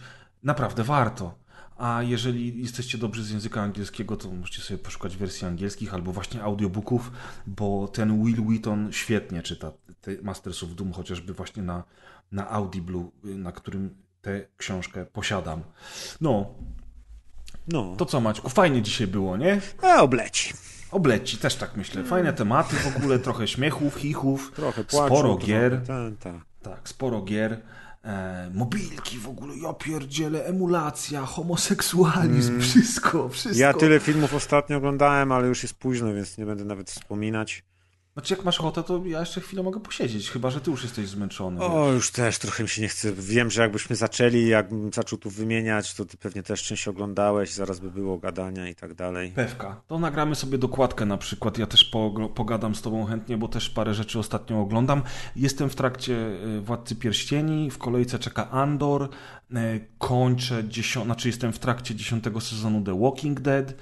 Walking Dead oglądasz? O proszę, nie wiedziałem. Wróciłem, wiesz, wróciłem i dobrze, bo te nowe sezony bardzo mi się podobają. W pewnym momencie miałem już przesyt i po prostu przestałem. Wróciłem i teraz obejrzałem ze dwa sezony, czy coś takiego, lecę do końca, bo wiem, że już ten sezon, ten serial dobiega końca, jakby jest to już mhm. jest finał, więc nie będzie kolejnych dziesięciu sezonów, więc warto teraz to oglądać i, i sobie oglądam. Z filmów raczej niewiele, Chociaż tam, aha, obejrzałem z Markiem y, Cyberpunka, ale spaliłem Blanta i niewiele pamiętam. Tam było tyle kolorów. cyberpsychozę sobie zrobiłeś. Straszna cyberpsychoza. Ja tam siedziałem i miałem takie what the fuck. Obejrzałem y, Wielką Wodę, czy to chyba tak się nazywa. Bardzo mi się mm -hmm. podobał ten serial. Podobno dobry, no jeszcze nie widziałem. Tak, tego. jakiś tam film na Netflixie, ale taki pierdołowaty, to tam nie ma co wspominać. Natomiast w ten weekend do kin wchodzi Black Adam. I mimo tego, że ma bardzo kiepskie recenzje i ludzie po nim jadą, to ja się zamierzam wybrać, więc może też sobie o tym pogadamy. Także y, to jest dobry moment, żeby nagrać taką dokładkę właśnie o filmach i przez chwilę od tych gier sobie odpocząć. Co ty na to? No może, może. No widzisz. No, to kochani, my się z wami żegnamy. Dziękujemy wam za kolejny odcinek i za to, że jesteście z nami. Pamiętajcie o patronajcie Maćka, który robi świetną robotę. Pozdrawiamy was również w imieniu Deusza, który już śpi. A ja idę robić Battle Passa w Diablo Immortal. O nie! Co ja robię ze swoim życiem? Bez kitu, nie? No, no. No i Maciek, zapraszam y, znowu na Sylwestra, pokażę ci moją emulację. A to nie, ja nie mam w tym ja mam, muszę tutaj poodkurzać. No dobra, no po, postawię wódkę. A to będę. To, to No tak, i mnie upijesz, a potem to teraz patrz, emulacja. Emulator! Maciek! Mortal Kombat Shaolin Monks będziemy grali. Zostaw mnie, kurwa! Zostaw mnie. No, to by było na tyle. Także, a w ogóle w przyszłym odcinku, słuchajcie, to będzie tak. Modern Warfare 2. O Boże, znowu? No kurwa. Ile razy będzie Modern Warfare 2 recenzji? będzie, będzie Gotham Knights. Oj, Możliwe, że będzie już, słuchajcie, God of War Ragnarok. O Jezus Także... Maria. A, no i Resident Evil Village Gold Edition, na które bardzo czekam. A czym to, a ty nie grałeś w normalne Village? Przeszedłem, oczywiście. To co w tym Gold Edition jest takiego, że tak czekasz? E, cała kampania od nowa do przejścia w trybie TPP. Aha. Dodatek fabularny o córce głównego bohatera, który dzieje się wiele lat po, po, po Village. Aha. E, I nowe postaci, jakieś ulepszenia do trybu Mercenaries. No to Także... może chociaż jedna gra jakaś ciekawa, chociaż trochę. No a przecież niedługo, zaraz w grudniu będzie Need for Speed, to będzie super gra. No, Ace Proki, kolorki, skrzydełka, spreje, graffiti. Człowieku, nie, nie czujesz tego? Czekaj, nie czujesz ja tego? Patrzę, gdzie ja pisałem na czacie. Myślałem, że gdzieś się tu wyłącza to też, to też, ale chciałem zobaczyć na czacie, gdzie pisaliśmy te gry, co nas interesują. A, już znalazłem. Ja mam tak, Plague Tale, ten no to Requiem, wiemy, że musimy tak. poczekać. Tak. Uncharted wyszło, teraz wychodzi, właśnie chyba w tej minucie, jakoś mhm. dzisiaj ten. E, wychodzi w końcu Mountain Blade 2 Banner Lord, wychodzi z Early Accessu, ale ja w tą grę nie grałem już ze dwa lata, więc nawet nie wiem, co tam się pozmieniało, ale wychodzi. Mm, jeszcze mnie Dark Tide interesuje, Warhammer 40 tysięcy. A, no i Kalisto Protocol w tym roku wychodzi chyba. No właśnie, no, to jest w tym roku. To są gry, które na pewno mnie interesują, a cała a reszta ogóle... to nie wiem. Nie wiem, czy wiesz, że główną rolę w Kalisto Protocol gra Josh Duhamel, taki aktor, który o! jest też mężem mhm. Fergie. Mhm. I on występował m.in. w Transformersach Ubeya, ale występował też w Call of Duty WWE.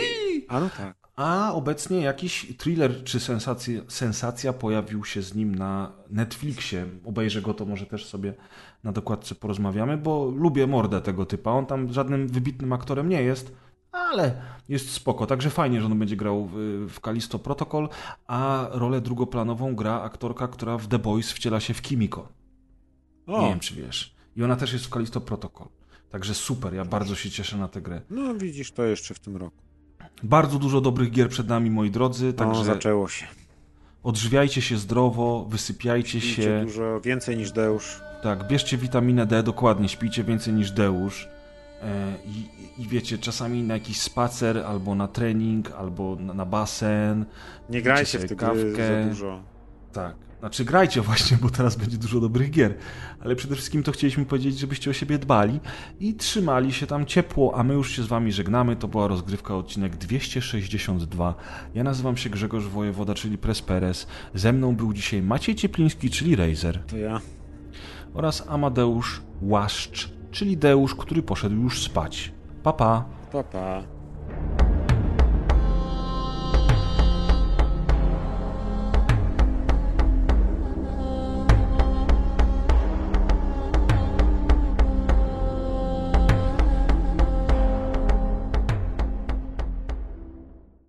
Idę, bez kitu, idę wbijać to Diablo, bo postawiłem sobie za punkt honoru, że wbiję tego Battle No bo jak nie wbijesz, to stracisz pieniądze tak naprawdę. Tak, i nie będę miał tego jebanego armoru, którego i tak nie będę używał, bo jak tylko wbiję ten armor, to kasuję to, to kasujesz zysku, grę, Naprawdę, naprawdę. Wiesz co, to ty skasuj teraz grę i już w takim poczuciu, że wszystko masz załatwione. Tak. E, minus kas, nie? Więc dzielimy to na trzech. Nie, on za dwa tygodnie już jest. No, no nie, za dwa tygodnie będzie. Kurwa. W tym roku jeszcze nagra odcinek. No, no, I no. był na pierwszym. Jak była pierwsza rozgrywka, to był. Ja uważam, że jest super i to mi sprawia strasznie dużo radości. Wiem, że tobie też, Deuszowi też, tylko że ten to już jest wykończony chłopak totalnie. Z życiem w ogóle. Tak, życiem wykończony. Naj, najbardziej to z tych na, naszych nagrań to się cieszy Kaz, ja myślę.